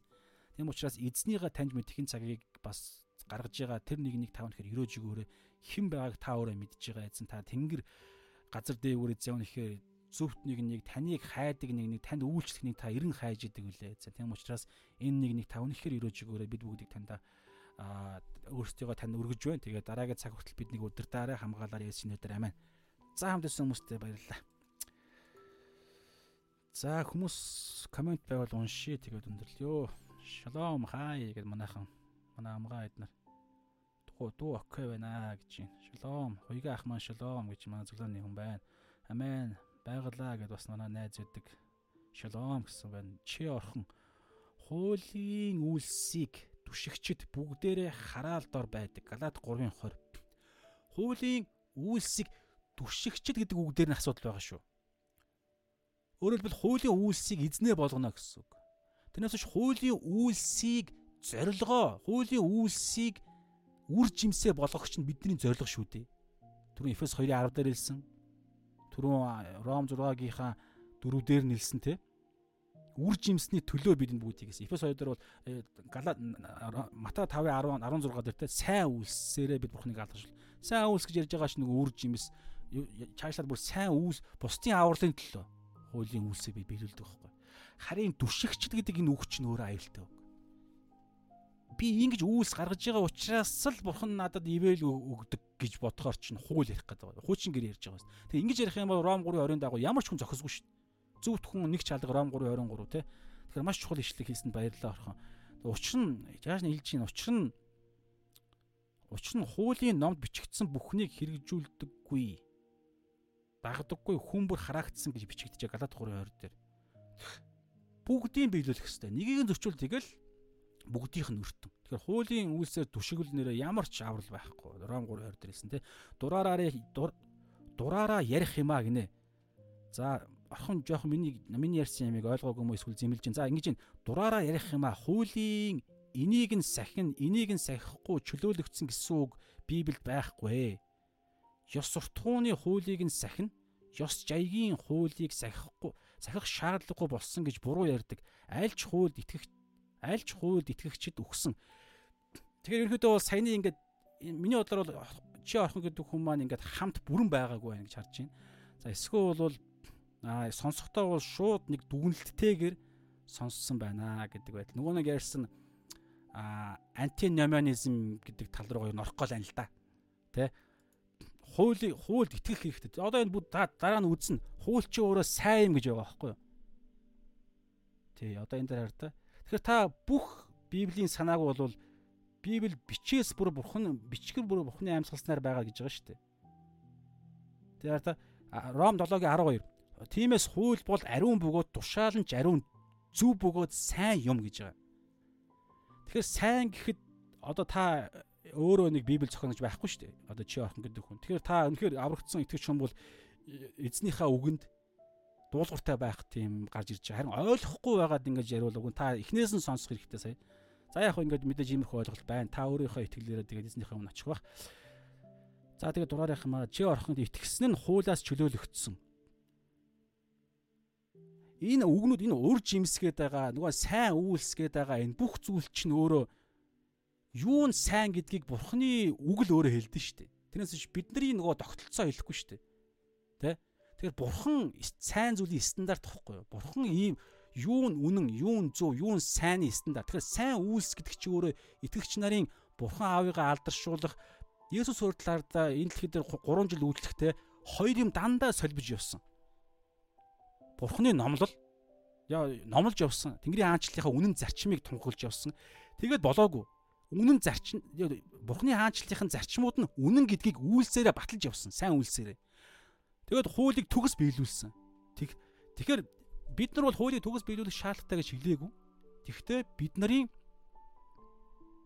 ял ялсан чөлөөлөгдсөн гэдгийг илэрлэн ариун сүнсний үр жимс гарч байгаагаар илэрж байгаа нь сайн үйлс байгаа байхгүй. Тэгэхээр сайн гэдэг юм чинь өөрөө Монгол улсын эсвэл нэг хүний ойлголт биш шүү дээ. Одоо жишээ нь альва улс үндэстэн бол те ижил хүүснийг ч гэсэн хайрлах нь сайн гэж хэлвэл тэгээ сайн гэх юм уу. Гэтэл Библиэлд биш ээ ижил хүүст нь ч гэсэн ижил хүүстний одоо те одоо ижил зааж байгаараа ижил хүүснэлтэйгээ нөхцөх энэ бол сайн юм а гэж хэллээ гэж бодъё. Тэгээ хүнийг нь бид нар хайрлаа. Тэгэхээр энэ нь бол сайн юм а. Яагаад гэхээр угаасаа байгалийн юм байгаа. Төрхөөсөө юм байсан байсан. Гэтэл Библи чи эн чи өөрөө бүр гаж явдал гэдэг байгаа шүү дээ. Бүр хамгийн аюултай. Тэгэхээр Библи чи бүх юмний стандарт болдог. Тэгэхээр сайн үйлс гэж ярихаар хууль яриад байгаа байхгүй хууль. За яг хөө тэгээ та өөрөө цааш нь хөргөлөөд судлана. За лавга ах нэг чинь талхыг эд цусыг уу гэдэг нь баптизм хүртэх биздээ. Бапти баптизм далахыг эд цусыг уу гэхээр эзний зоог дээр те далах гэдэг бол миний бие энэ бол цус буюу миний гэрээний цус гэж ярьж байгаа. Гэтэ баптизм чи өөрөө зүрхэндх сүнслэг тэр болдог процессын гаднах илэрлэн илэрлэн. Зүрхэнд болдог юм нь юу гэхээр түрүү ярьсан. Есүсийн үгээр амьдрах, хуулиар амьдрах гэсэн үг шүү дээ. Үг гэдэг чинь. Есүсийн хэлсэн үг, тушаал, хууль. Би та нарт шин тушаалыг өгж байна. Би та нарыг яаж хайрласнаа адил би биенээ хайрлах тун гэсэн шин тушаалыг өгж байна гэж Йох 13:34 дээр хэлсэн. Тушаал шүү дээ. Шин тушаал, хууль. Тэгээд агуу захирамж. Нэг газар тэгээ юу миний танарт тушаасан болгоныг тушаал чинь өөрөө хуулийн нэг адилхан үг нь шүү дээ. Тэгэхээр хууль гэдэг үгнээс бид юус айж болохгүй байхгүй да. Сая би лаггүй тайлбарлаа шүү дээ. Тэгэхээр хууль гэдэг юмнаас ингээд сонсох болгондоо ингээд жоохон ингээд итгэх юу гэдэг имээгээд байвал тэнд нэг юм бурхны хуулийн тэр цаана байгаа тэр нэг зориг итгэхгүй байна гэсэн үг байхгүй. Гэтэ яг энэ нэлээд хэцүү сэдв. Гэхдээ ерөнхийдөө бол гол юмаа хэрэгжүүлээ явж бол болно гэсэн. Тэр нь юу лээ? Библийнхаа үгээр Есүсийн сүнсээр. Тэгээ Библийн үг чинь өөрөө хайр л гэж байгаа тий. Тэгээ энэ хайр дотор э, Бурхан эзнээ бүх зүрх бүх оюухан бүх хүчлээр хайрлах хөршөө өөрийн айдал хайрлал тий. Тэгээ энэ дотор л ерөөсө бүх хууль захирагддаг. Тэгээ шин тушаал би та нарыг яаж хайрснаа адил би биенээ хайрл. Есүс биднийг яаж хайрлсан юм? Хөршөө өөрийн айдал хайрл гэдгээс бүр илүү хайрлаж байгаа байхгүй. Бүр хуулийг бүр хэцүү болгосон гэсэн үг. Үнэхээр шудраг ярих юм бол хөршөө өөрийн айдал хайрлах. Би өөрийгөө яаж хайрладаг? Яг тэрүүгээр л хөршөө хайрлахад болж байгаа байхгүй. Би өөрийгөө яаж хайрладаг? Дутуу хайрлаа шүү дээ. Тэр хөршөө өөрийнхөө хэмжээнд хайр. Гэтэл Есүс намайг яаж хайрлсан юм? Бүр төгс хайрлсан. Тэгэхээр хөршөөч гэсэн Есүс намайг яаж хайрлсан шиг би биний хайрл. Тэгээ ийм санаагаар ярьж байгаа. Мэдээж ах дүүсээр илүү төвлөрж ярьж байгаа. Ах дүү ах дүүсээр ярьж байгаа. Гэтэ итгэж биш хүмүүсүүд ч гэсэн ингэж хайрлна ихээр илэрлэл нь юу вэ гэхээр тэр хүнийг л аврал иргэдэн шүү дээ тий. За яг ингээд цаашаага цөмөрөө олон юм яриул ярина тэгээд өөр ишлэл байсангүй комент байсангүй сайхан амраарай. Тэгээд эзний үг бол бид нарын Библийн үг бол бидний эзэн. Тэрнээс хүмүүсийн ойлголт биш, хүмүүсийн яриа биш, таны бодолч биш, миний бодолч биш. Зөвхөн Есүсийн үг тэр үгийг хам сэдв дотор нь тайлбарлаж байгаа ариун сүнс. За шалом сайхан байна.